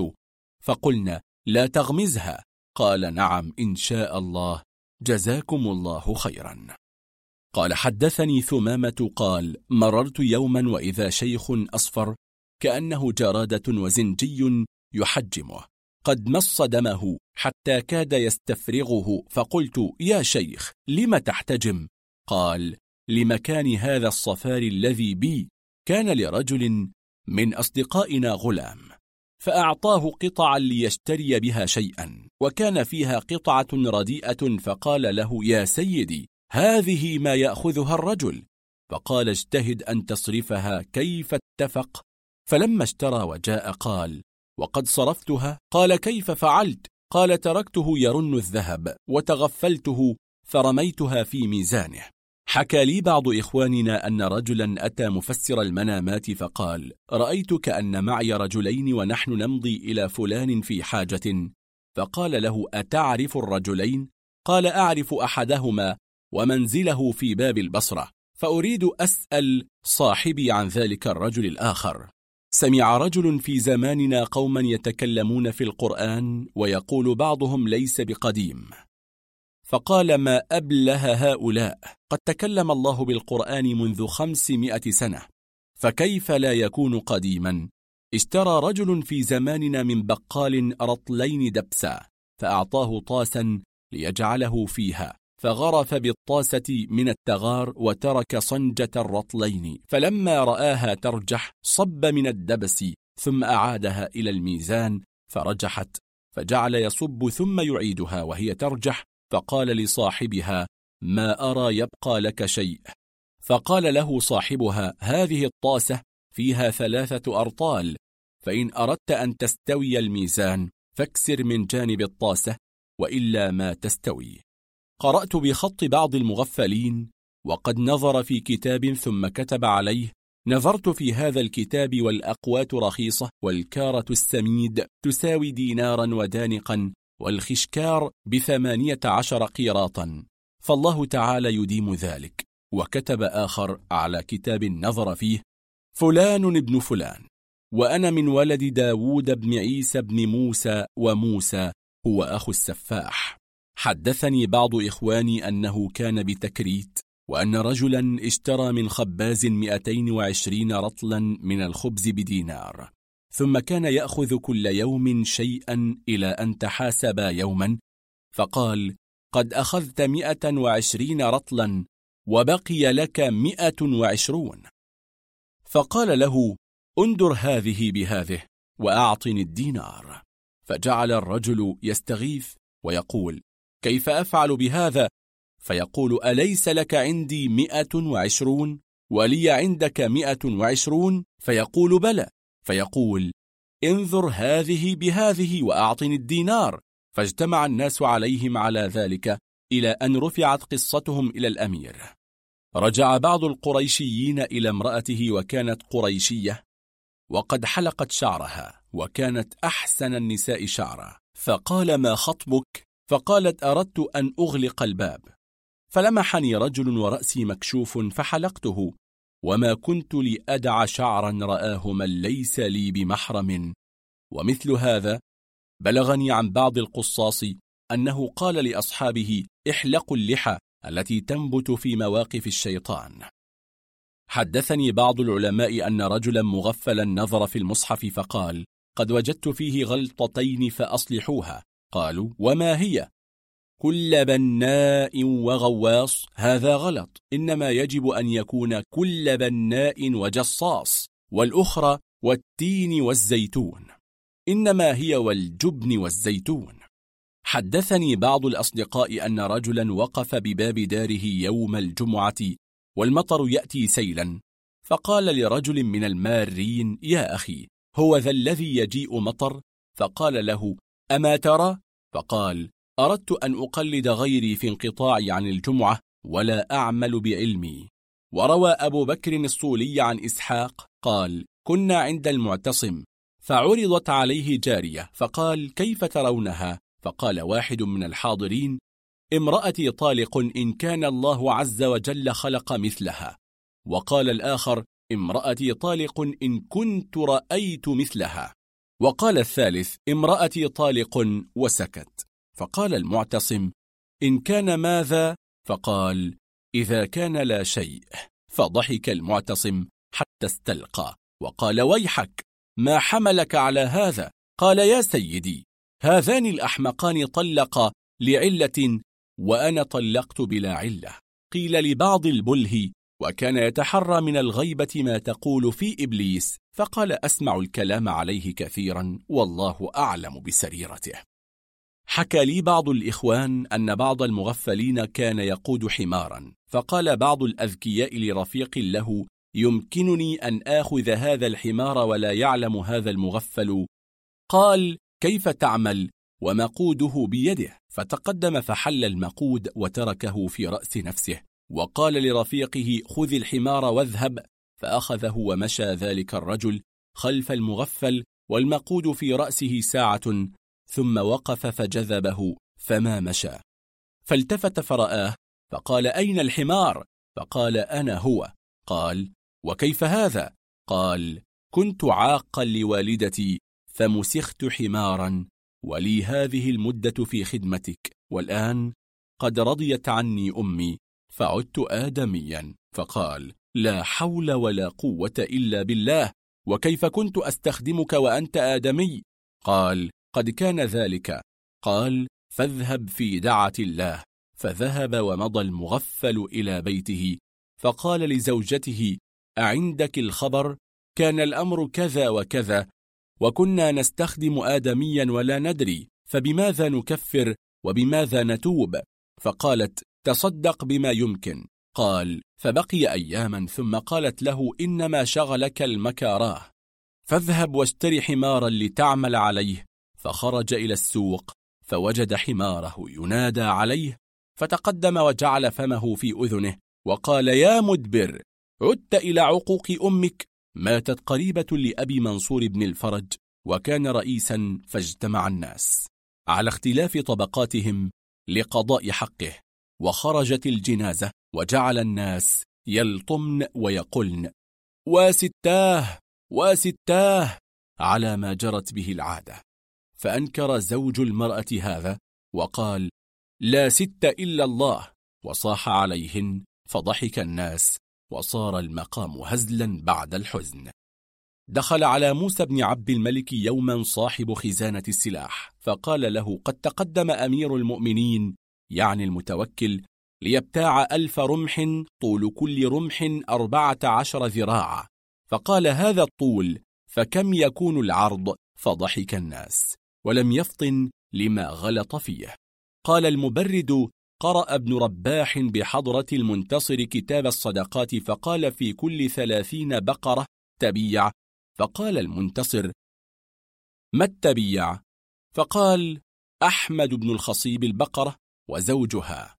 سمع أحمد بن الخصيب مغنية تغني إن العيون التي في طرفها مرض قتلننا ثم لم يحيين قتلانا. فقال هذا الشعر لأبي كان سهل بن بشر ممن ارتفع في الدولة الديلمية وكان رقيعا فشتم فراشا فرد عليه فقام يعدو خلفه فوقعت عمامته فأخذها سهل وما زال يعضها ويخرقها ويقول اشتفيت والله ثم عاد إلى مكانه. شهد رجل عند بعض القضاة على رجل فقال المشهود عليه أيها القاضي تقبل شهادته ومعه عشرون ألف دينار ولم يحج إلى بيت الله الحرام؟ فقال بلى حججت. قال فاسأله عن زمزم. فقال حججت قبل أن تحفر زمزم. فلم أرها. قال أبو الحسن ابن هلال الصابي أحضر إنسان بناء لمشاهدة حائط في داره. قد عاب. فاتفق أن أمه تغسل الثياب. فأخرج إلى البناء ترابا من تراب ذلك الحائض في طشت. وقال ما يمكن أنك اليوم تدخل فهذا من ترابه. فانظر إليه واعرف ما يريد. فقال أنا أرجع إليك غدا. فضحك منه وانصرف. قال وكان في جوارنا فقيه يعرف بالكشفلي من الشافعيين.